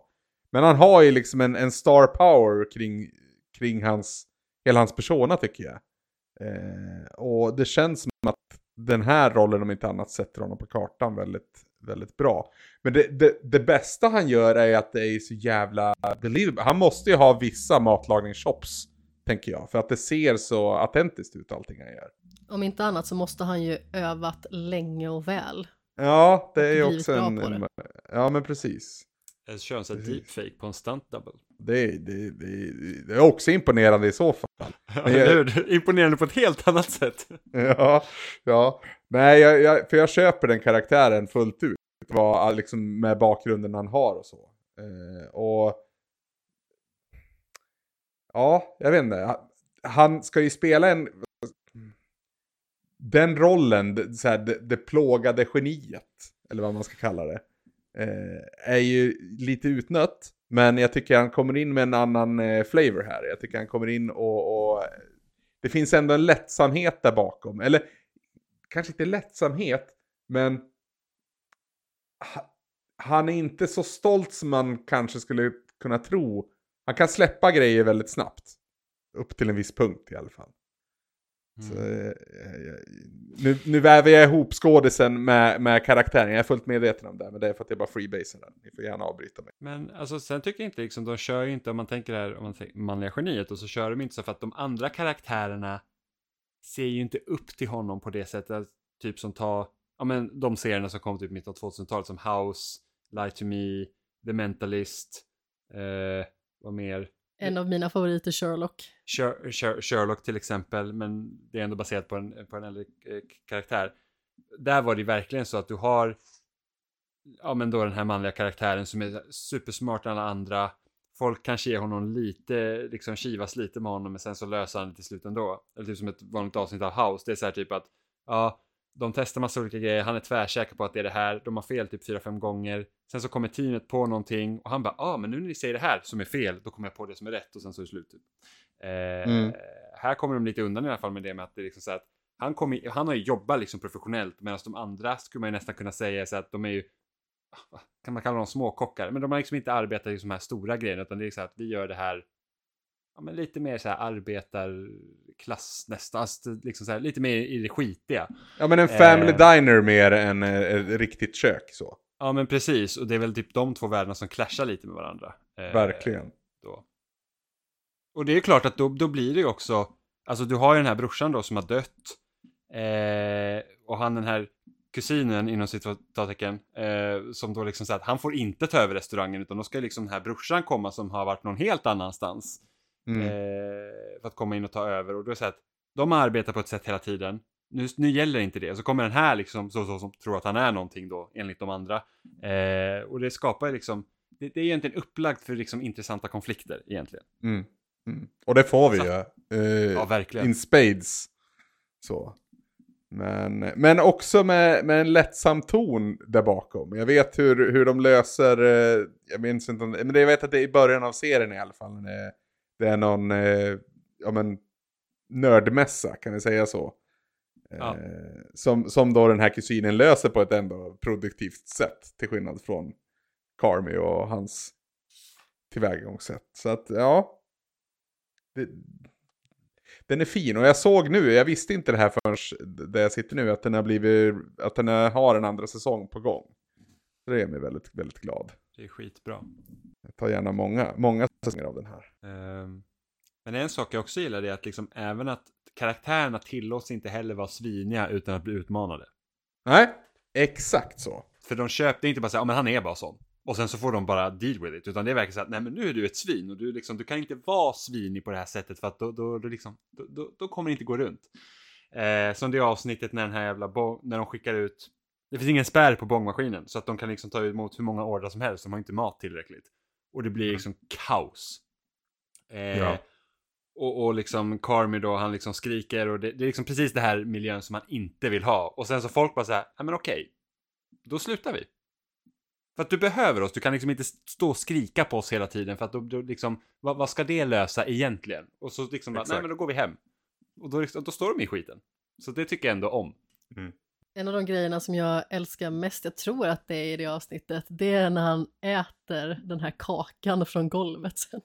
Ja men precis, som han är, fast i och för sig, jag hade också blivit rosenrasande om liksom köket håller på att explodera för att något har gått fel och så är den här som håller på med desserter gör något helt annat. Tjuren Ferdinand i köket. Ja men verkligen bara så att, ge, alltså skit i din jävla munk! Vi behöver fixa mat! Ja, jag hade också blivit tokig. Ja, jag med tror jag. Det, och det är väl där den, den lyckas vara så relaterbar även för de som inte har jobbat i kök. Så. Men, Mm. men eh, samtidigt så förstår man ju hennes vilja. För hon är väl den i så fall som nästan mest ser upp till Carmy. Sydney. Ja, precis. Och ser vad, vad han kan göra med den här restaurangen. Eller ser, ser potentialen i det rättare sagt. Men eh, hon, hon, hon fastnar väl lite väl djupt i hennes spår också. Eh, vilket når sitt, sin, sin peak i just det avsnittet du syftar till. Mm. Men det är för att jag känner att Carmy lämpar liksom av lite så här jobbiga grejer på henne som inte han vill ta tag i. Mm. Så att då blir det liksom att, och hon är ju ny, hon har väl inte, alltså hon har väl inte jobbat så länge liksom. Hon är väl den som är yngst av dem egentligen. Eh, och så kommer hon in liksom och så ska hon helt plötsligt börja basa lite på golvet om man säger så. Bland massa folk som redan har jobbat där skitlänge. Mm. Eh, så att hon får egentligen oförtjänt mycket ansvar helt plötsligt. Mm. Något som han många gånger borde ta. Så är det ju. Så är det definitivt. Men även där blir han ju synad på, som du var inne på. Så att Ja. det, det är väldigt, väldigt, väldigt bra. Och man känner ju igen också den här jargongen som blir när det är två stycken relativt nya personer som försöker komma in med nya idéer och liksom det gamla gardet liksom sätter sig på tvären och tycker att här ska inte de komma och komma och de liksom ställer till med trubbel för dem. Och det är ju både liksom otroligt frustrerande att se men det är också på något sätt relaterbart. Inte för att man liksom nödvändigtvis har varit sabotörerna men kanske liksom för att man har upplevt det eller sett det i andra sammanhang. Alltså även om det är en, liksom en grej man kanske inte skulle vilja göra så tror jag det där är vanligare i mindre skala då. Men att man vill gärna hålla sig till där man känner sig trygg och bekväm med. Och jag kan tänka mig att i ett sånt mikrokosmos som ett kök ändå blir så är det där än, än mer förekommande. Så jag tror det är en, en, en det kan ju Jimmy rätta mig ännu en gång, men det känns som att det är väldigt, väldigt förekommande i, i köksbranschen rent allmänt. Ja, alltså jag skulle säkert kunna tro liksom det att man, man testar gärna nya eh, kollegor Mm. på sätt som man kanske inte gör liksom med det gamla gardet. Jag hade ju, jag praktiserade på en restaurang där det var så här att egentligen så, se, se, se, eh, servispersonalen ska inte gå in liksom i köket. Det är liksom en uttalad regel. Men ibland så är det bråttom och så säger man, frågar man någon i köket, jag behöver det här, så bara, "Ja, men spring in och hämta det i köket. Och sen har man då, och jag var ju ny och hade kanske jobbat där alltså, några veckor och sen så var det så att och servispersonalen gick in i köket hela tiden och sen helt plötsligt fick inte jag gå in i köket längre. Men det var bara jag. Och så står det en kock, han är skitsur på mig att jag gick in i köket medan jag har kollegor, alltså från servispersonalen som går in i köket och han bryr sig liksom inte. Mm. Och det är ju svinigt liksom. Va, va, Mm. Alltså då, då gör man ju liksom skillnad. Att, ja, sånt, sånt är ju störigt. Jag känner också igen den mentaliteten från det året jag vikarierade som chef. Då var det liksom också att de som hade jobbat där ett tag ville ju uppenbarligen testa mig när det liksom gällde olika saker och eh, framförallt så kanske det blev en stor omställning när det kommer in någon som har liksom en annan syn på saker och ting. Så man förstår ju liksom att sådana situationer uppstår. Sen så är det ju aldrig kul liksom när man står på den ena eller andra sidan och eh, inte kanske kan samarbeta. Men det visar ju sig också sedan liksom att när de blir upplyfta, när de får sina roller och när de liksom upptäcker att det är belönande att faktiskt kunna samarbeta, att ha en roll som fungerar, att ha ett system som flyter på. Det märks ju på dem också att de trivs mycket bättre när de kommer in i det. Och då är det ju liksom som en helt ny värld för dem, att de känner att så här hade jag velat ha det hela tiden. Ja, för precis. Och det är väl det att de, inte, de har inte själva trott på det där eh, friktionsfria som kan uppstå när liksom alla drar åt samma håll. Eh, men när de, när de väl känner av det här själv, ja, precis som du säger, då, då det, det känns som att alla vid nå, något skede i serien hajar till. Bara, Jaha, okej. Den enda som egentligen in i det sista vägrar att samarbeta, det är ju Richie som spelas av den här eh, med omöjligt namn. Som jag inte tänker försöka mig på att uttala ens. Det, alltså, det, är roligt, det är roligt att försöka. Uh, han heter ju Ebbon i förnamn, det är rätt. Sen är det ju Moss, streck, sen tror jag det är Bachrach. Eller Bachrach, ba, Bashrash. Backrack. Ja, Backrak kanske också ja, precis. Bakrak. Batchratch. ett underligt namn. Ja, Han ser inte ut att ha ett så komplicerat namn. nej. Han är också tydligen med i The Punisher, det visste jag inte. Det visste inte jag heller. Jag sitter på hans IMDB nu, men som sagt, det är Girls som, där han spelar Desi. Som jag har placerat honom. Han kan ju verkligen driva en till vansinne i den här serien och jag har ju själv som ändå tittare varit nära på att slita mitt hår bara liksom bevittnar hans agerande. Men det var faktiskt väldigt roligt för att i en serie som jag såg själv efteråt, The Dropout, som handlar om Theranos-skandalen, Mm så spelar han journalisten John Carreyrou, som alltså är den person som släppte den här stora artikeln som fick Theranos på fall. All right. Och där spelar han i en väldigt annorlunda karaktär. Så det blir nästan lite kortslutning i mitt huvud. Han har just varit det här stora svinet och sen så blir han den här rättsskiparen istället. Så det var liksom väldigt tvära kast för mig. För mig så var det nästan som att karaktären från Girls klev in i köket här. För att han är inte bra. Men, men visst är det en, någon typ av sångare eller artist va? I, I Girls. Det var väldigt länge sedan jag såg Girls nu. Ja, men han, eh, han är väl själv... Ja, men precis, för han gör ju... Han och Marnie gör ju musik tillsammans. Precis. Och han är ju otroligt självuppblåst. Och det är ju någonting Ja, som... och barnslig. Ja, precis. Eh, verkligen. Och det är någonting som verkligen spiller över in i Richie sen. Att, eh, har väldigt höga tankar om sig själv. Men det, man ser ju tydligt att det grundas i en, i en väldigt osäker människa egentligen. Mm. Eh, som, som blåser upp sig själv för att, ja men pikocka egentligen. Mm. Och vill egentligen väl. Ja, det, det känns så i alla fall. Men Ja. kanske inte världens bästa metod alltid till att nå det. Nej, exakt. Han har ju liksom en tendens att även när man ser de här fina glimtarna komma igenom så lyckas han ändå bajsa på det på något sätt. Ja, han, är, han, är, han, är, han känns väldigt länge i alla fall väldigt hopplös i att han ska liksom på något vis fucka upp allting. Eh, men ja. Det, man, samtidigt så vill man ju se han också med ombord. Och, och hitta sin roll och hitta sitt groove. Så att säga. Eh, samtidigt vet jag inte hur pass underhållande det skulle vara som serie om ett kök som bara fungerar. Liksom det, det, det blir inget drama i det här, det är ju en dramaserie. Jag hoppas ju ändå liksom att man får i andra säsongen se lite mer av den här medmänskligheten från hans sida. Mm. För att jag tror att det kan vara bra att balansera ut det lite så man inte bara får den här skrikande, gormande drygröven egentligen som hela tiden är sarkastisk och motsträvig. Precis. Mm. Det kan vi definitivt hoppas på. Har ni några så favoritscener ifrån serien? Eh, nu när vi pratar om honom så väldigt, väldigt liten scen. Men eh, en, en scen som hade kunnat blivit så annorlunda eh, i händerna på någon annan är när han så att säga backar in i kniven på eh, den här tjejen. Eh, och ja, får sig en ordentlig st- stab wound.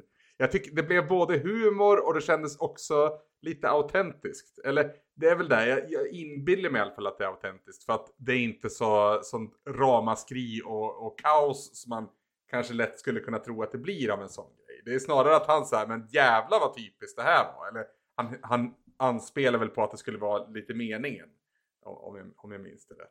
Mm. Ja, ja, precis. Hon bara, "Ah, you fucking stabbed me, typ. Ja, exakt. exakt. Ja. Men, men ändå inte så här... Eh, nej, jag, jag, jag, jag vet inte vad det är med den scenen. Eh, men, men den fastnade för mig eh, på näthinnan. Och sen som, som, jag tror det är det penultimate avsnitt. Det här när bångmaskinen pajar som sagt. Och allting bara, allting krackelerar. när de precis har liksom börjat fått hittat sitt groove så, så kommer det riktigt sån här äh, dödsstöt. Verkligen. Men jag känner lite grann att det här när han råkar backa in i kniven, det är lite hans version av när Jimmy som barn råkade få ett litet sår i fingret och sa till sin pappa att han behövde plåster för att annars kunde han förblöda. Ja, det var verkligen det var det lillaste sticket verkligen. Så en droppe blod på pekfingret. Och jag var så här, jag måste hämta plåster, det är bråttom. Och sen så när vi fick plåster så sa jag till pappa, ja, det var tur att vi fick plåster för annars hade jag kunnat förblöda. Inte alls dramatisk som typ femåring. Det är liksom Törnrosa och spinnrocken. Men lite. Fast i och för sig, det är ju bra mycket värre att få en kniv i benet. Ja, ja, absolut.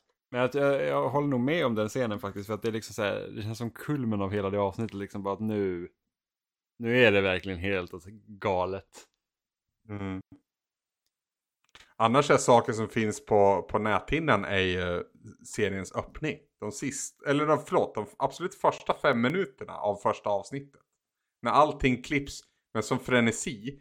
Jag satt ju och tänkte där när jag först såg hur det var klippt att det här kommer jag inte orka med. För det är, det är liksom påfrestande för psyket. Att se en serie som, som klipper så och så, som är så.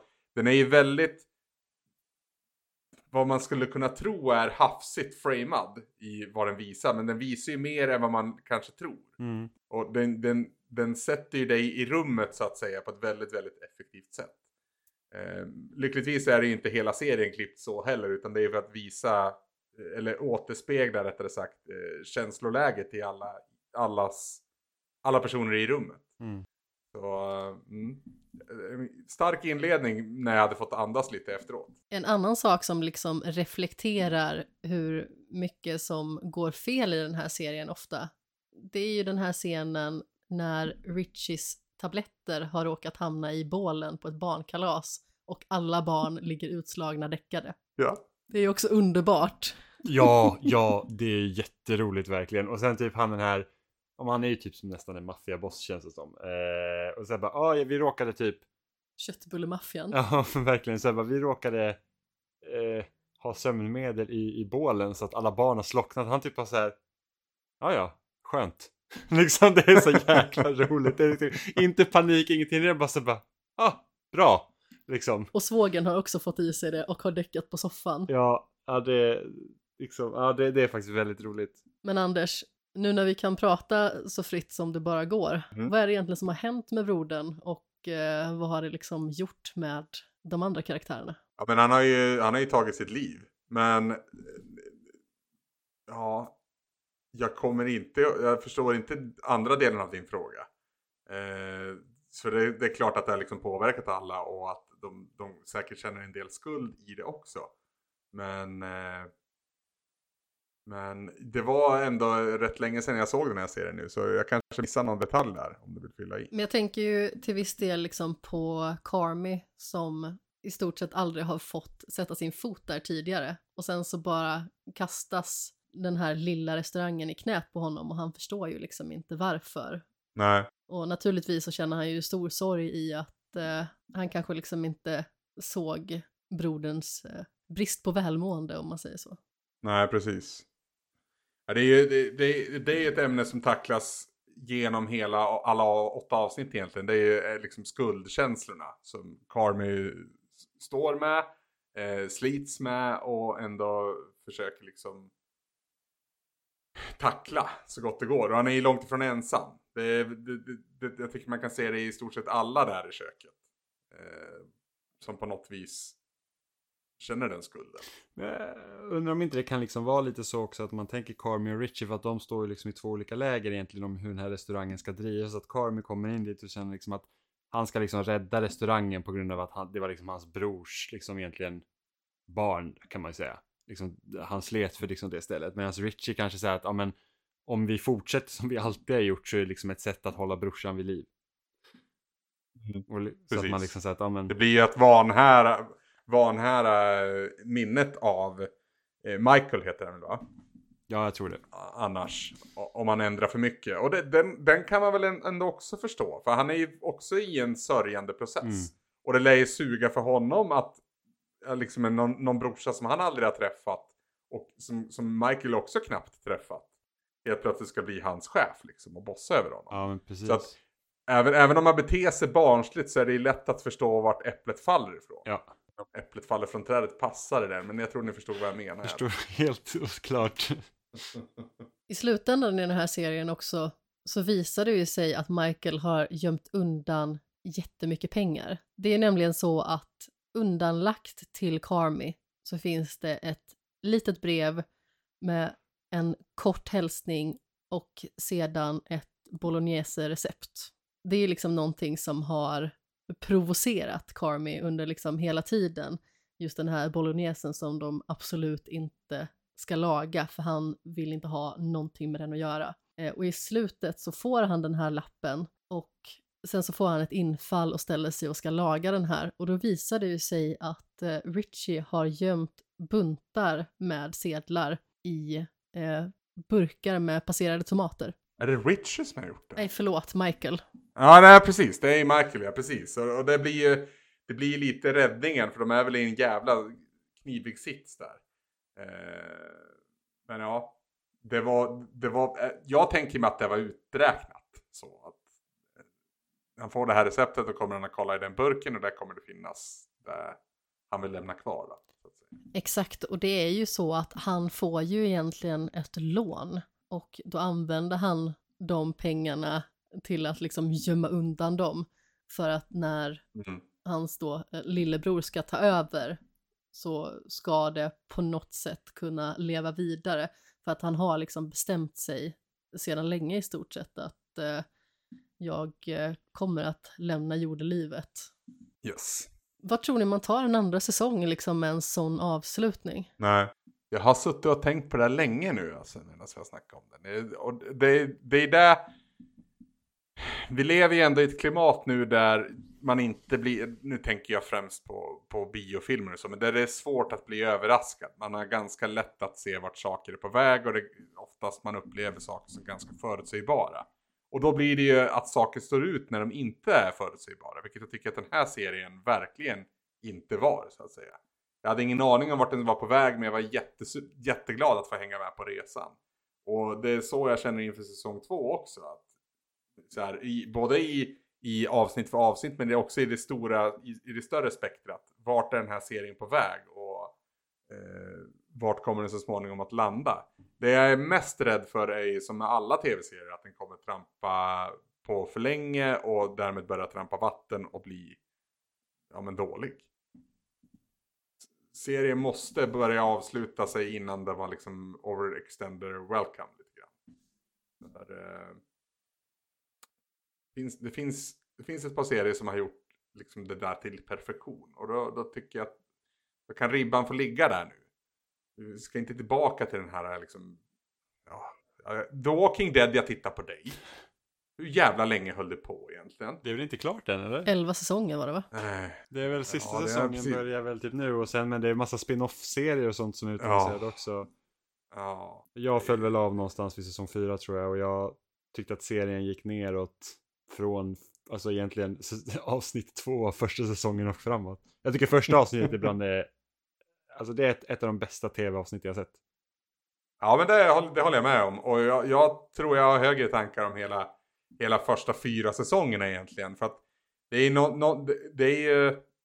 Visst att de, de dippar ibland och, och så, men eh, de, de räddar ju upp det ett par gånger. På ett eh, väldigt effektivt sätt. Men det är någonstans där 5, 6, 7, där börjar det bli lite väl, lite väl. Jag tror inte ens att jag såg klart andra avsnittet. Den hade en seghet som verkligen inte fungerade för mig. Jag brukar vanligtvis inte ha problem med långsamma, varken serier eller filmer. Men just i det här fallet så kände jag att eh, det var verkligen eh, snarkigt. Mm. Ja, ja, vi ska inte fastna i det nu. Jag, jag, jag, jag, jag tror inte och jag hoppas verkligen att den här serien inte går den, den vägen till mötes så att säga. Nej, Alltså man, man ser ju nästan typ att en perfekt run är typ tre säsonger. Ja, exakt vad jag skulle säga. En andra säsong för att liksom lägga ut spelmarkerna helt och hållet och sen en tredje för att ringa in och, och avrunda allting. Mm. Det, det, det vore perfekt. Ska vi ringa någon? Nu, nu gör ni inte mer än tre säsonger, okej? Ja, precis. Låt det vara. Nu är det skärpning som gäller. Det här är den nya mallen. Ja. Det är ju många serier som har gjort sig skyldiga till att gå på tok för länge. Mm. Ja, och nu egentligen nu med streamingtjänster och så, så är det liksom, alltså när, när, när det gick med på så här de större nätverken, då var det så att du måste ha en säsong och det måste vara 22 avsnitt. Vilket gör att det blir en jäkla massa filler liksom mitt i. Och för att liksom, de får inte gå för fort fram för att då har man kanske 12 avsnitt kvar. Eh, Mm. Och det är ju fördelen liksom med, ja men ta The Bear liksom, det var åtta avsnitt, halvtimmes långa.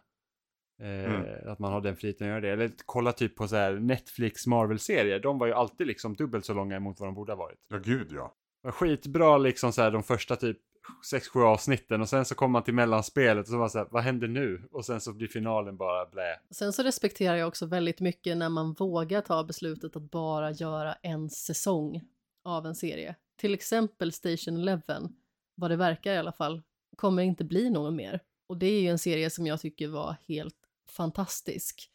Och lite granna eh, när det gäller Severance till exempel, som jag också tyckte var briljant, så blev jag en gnutta besviken när jag fick reda på att det kommer en ny säsong. Jag blir naturligtvis glad också, för att det är klart att man vill ha mer av det och den slutar liksom på ett sånt sätt som man känner att jag måste få veta vad det är som händer. Samtidigt så hade jag respekterat väldigt mycket om den hade tagit slut där. Jag hade den, den känslan vid två tillfällen nu under våren. Och den ena var med Stranger Things. Som jag var, upp till att jag såg liksom det jag trodde var finalavsnittet så var jag övertygad om att det här är slutet. Men sen inträffade det där som jag vet att Jerry Seinfeld har gjort en skit om i ett inledningen av ett Seinfeld-avsnitt. Alltså, jag, jag typ tittade på någon hypotetisk klocka bara, they're not gonna make it. De kommer inte hinna röra ihop det här, för jag ser hur avsnittet är på väg att ta slut och de är, de är inte klar. Och så var det ju. Det visade sig att de, de under liksom sista etappen bara, nej men vi, vi, vi kommer göra en till säsong. Och jag hatar det. Och ännu mer påtagligt blev det i eh, Obi-Wan. Eh, ja, den heter väl bara Obi-Wan. Ja. Disney Plus-serien. Där man verkligen känner när de liksom, nej, vi ska göra en andra säsong. För det var från början tänkt till en, som en miniserie som skulle ha tydligt start, mellanpunkt och slut. Men nej då. Det ska, det ska prenumereras och det ska mjölkas och det ska bländ, blandas ut. Mm. Svagt blandad jävla tråksaft. Jag håller till 100% med dig när det gäller Stranger Things. Varken jag eller Jimmy har sett Obi-Wan än så länge, men just Stranger Things var ju en sån serie som jag tyckte var kanon när den kom. Den verkligen satte fingret på just den här retroestetiken som var så populär just då. Eh, Mm. Och sedan så tyckte jag i andra och tredje säsongen att den hämtade sig aldrig riktigt och kom inte tillbaka nästan någon gång till den standarden som första säsongen hade. Men just i fjärde säsongen så tyckte jag att den lyfte igen och jag tänkte att vad fantastiskt det hade varit om den fick sluta på den här positiva noten för jag kände verkligen liksom hur pulsen var på topp stor del av fjärde säsongen. Men sen så kom ju besvikelsen att det kom en femte. Och de hade väl sagt att den, fjär, alltså den här säsongen skulle vara den sista väldigt länge. Ja, ja. Och allting pekar på det upp till sista avsnittet. Egentligen. Tyckte jag i alla fall. Och när de också avslutar med mastodontavsnitt som i stort sett är typ två filmer så tänker man ju att det här är det definitiva slutet. Mm. Här är finalen liksom. Ja. Netflix gjorde ju samma sak med House of Cards. Den skulle ha varit typ tre eller fyra säsonger bara. De sa liksom Ja. att ja, men nästa säsong är den sista. Man bara bort. yes. Och sen så bara, alltså. Andra halvan av den serien, det är två gubbar som bara bråkar med varandra. Totalt ointressant. Ja, förutom sista säsongen då som är, ja den är inte ens sevärd. Eh, Nej, det tycker verkligen inte jag heller. nej, jag förstår vad de försökte göra men det blev inte bra. Nej, det, de missade skulle jag vilja påstå. Ja, så det var ju också jättetråkigt. Eller typ, ta, ta en gammal klassiker som Prison Break. Oj, oj, oj. Det hade, varit- hade, varit, hade varit perfekt på två säsonger. Det är så här. Vi ska bryta oss ut från fängelset, säsong ett. Säsong två, nu har vi brutit oss ut ur fängelset, nu måste vi komma undan polisen. Och sen när de var liksom klara med säsong två så hade de egentligen löst allting. Alltså allt var löst. Det var så här att här kan man avsluta och sen så bara, men nu kör vi det här. Ja, det var ju tråkigt. Precis. Och sen säsong, vad blir det, tre och fyra är verkligen kassa. Och jag har inte sett den här jävla revival-säsongen de släppte för något år sedan. Tror inte jag missar någonting faktiskt. Nej, jag tror inte heller. Jag tycker att det känns som en serie som bara skulle hålla i en säsong, om ens det. Men, jag tycker... Ja, jag är, jag är också lite inne på det här spåret. Det var ju också de här långa säsongerna då. Det var 22, 22 avsnitt. Ja, precis. Det, det, den arket de vill berätta där, det, det borde räcka. Men jag har för mig att det finns något så här äh, halvt dokumenterat om att det från början skulle vara en film. Eh, Det skulle, det skulle, det vet jag inte, men det skulle i alla fall vara en miniserie. Så att du, du, de skulle bara vara de här 13 avsnitten. Ja, just det. Och sen så blev det så poppis så de skrev om det. För att när du kommer till slutet på första halvan av första säsongen, då är den på väg att bryta sig ut. Just det. Och så händer någonting som de inte kan, och då har du andra delen. Men jag tycker ändå, jag tycker ändå det är rimligt att ha liksom en, vi bryter oss ut ur fängelset och vi ska hålla oss undan från att bli liksom tagna. Det tycker jag ändå är helt okej.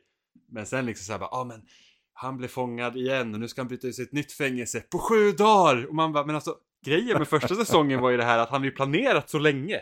Det var ju det som var så Ja. spännande. Inte det här med att nu måste han bara lösa det, för han är ett jävla underbarn helt plötsligt. Ja, nej. Precis. Nu tänker jag trampa på en öm tå, men hade man kunnat göra Lost lite kortare tror du Jimmy?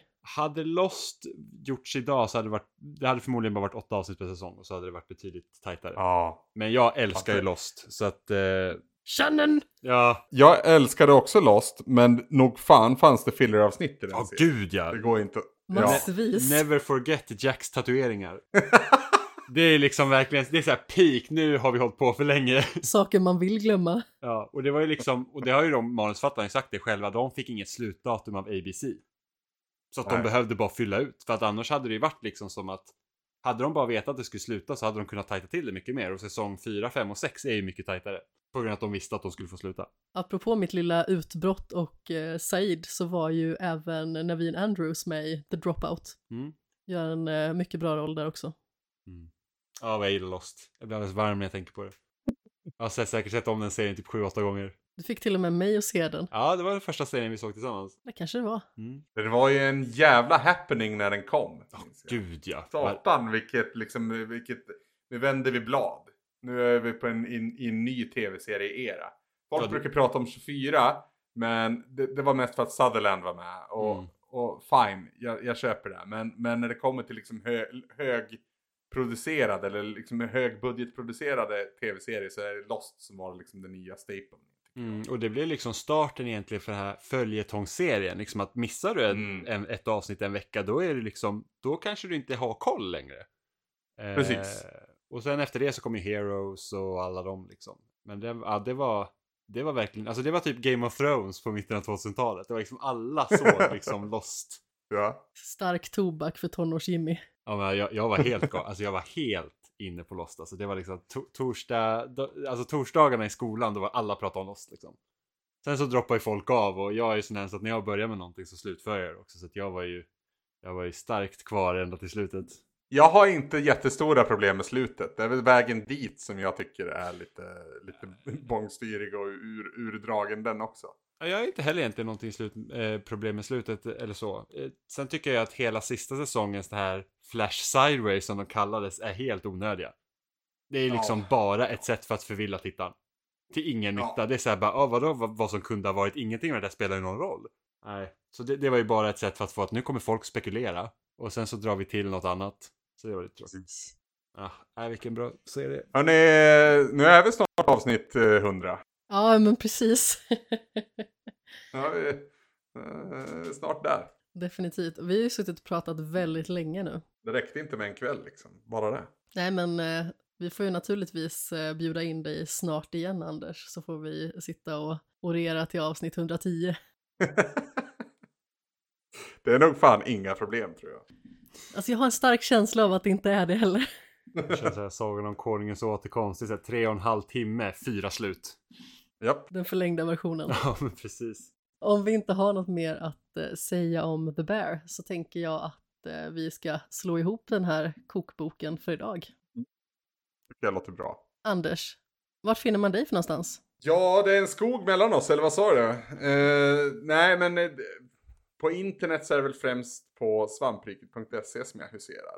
Eh, något blygsamt numera. Annars så gör jag inte så mycket annat. Mer än att gästadera. Eh, så det, det är väl där. Ni kan hitta mig på Twitter, men som sagt, jag twittrar en gång per år ungefär. Eh, men då är det atbrunlof. Eh, alltså mitt efternamn fast med O. Det är väl det. Runda slängar. Och Jimmy? Jag skriver om spel på lördagen.se och jag pratar om spel i spelsnack.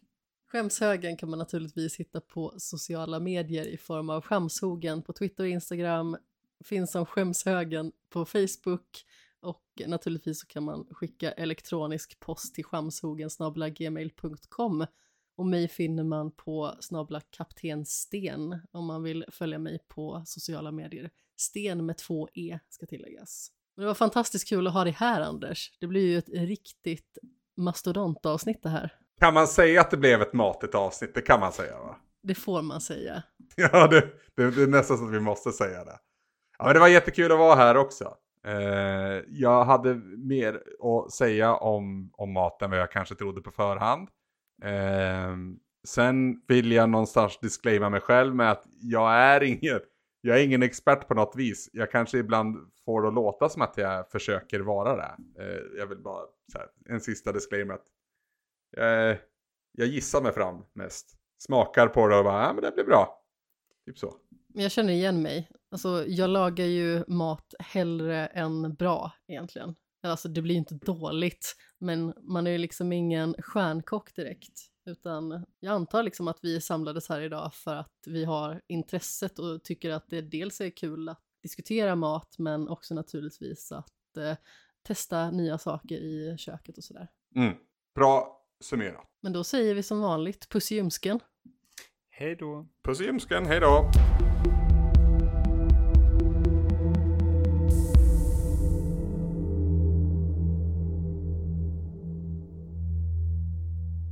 Anders Yes! bjöd på riktig En fest. puss i En ljumsken. puss i ljumsken och ett hej då!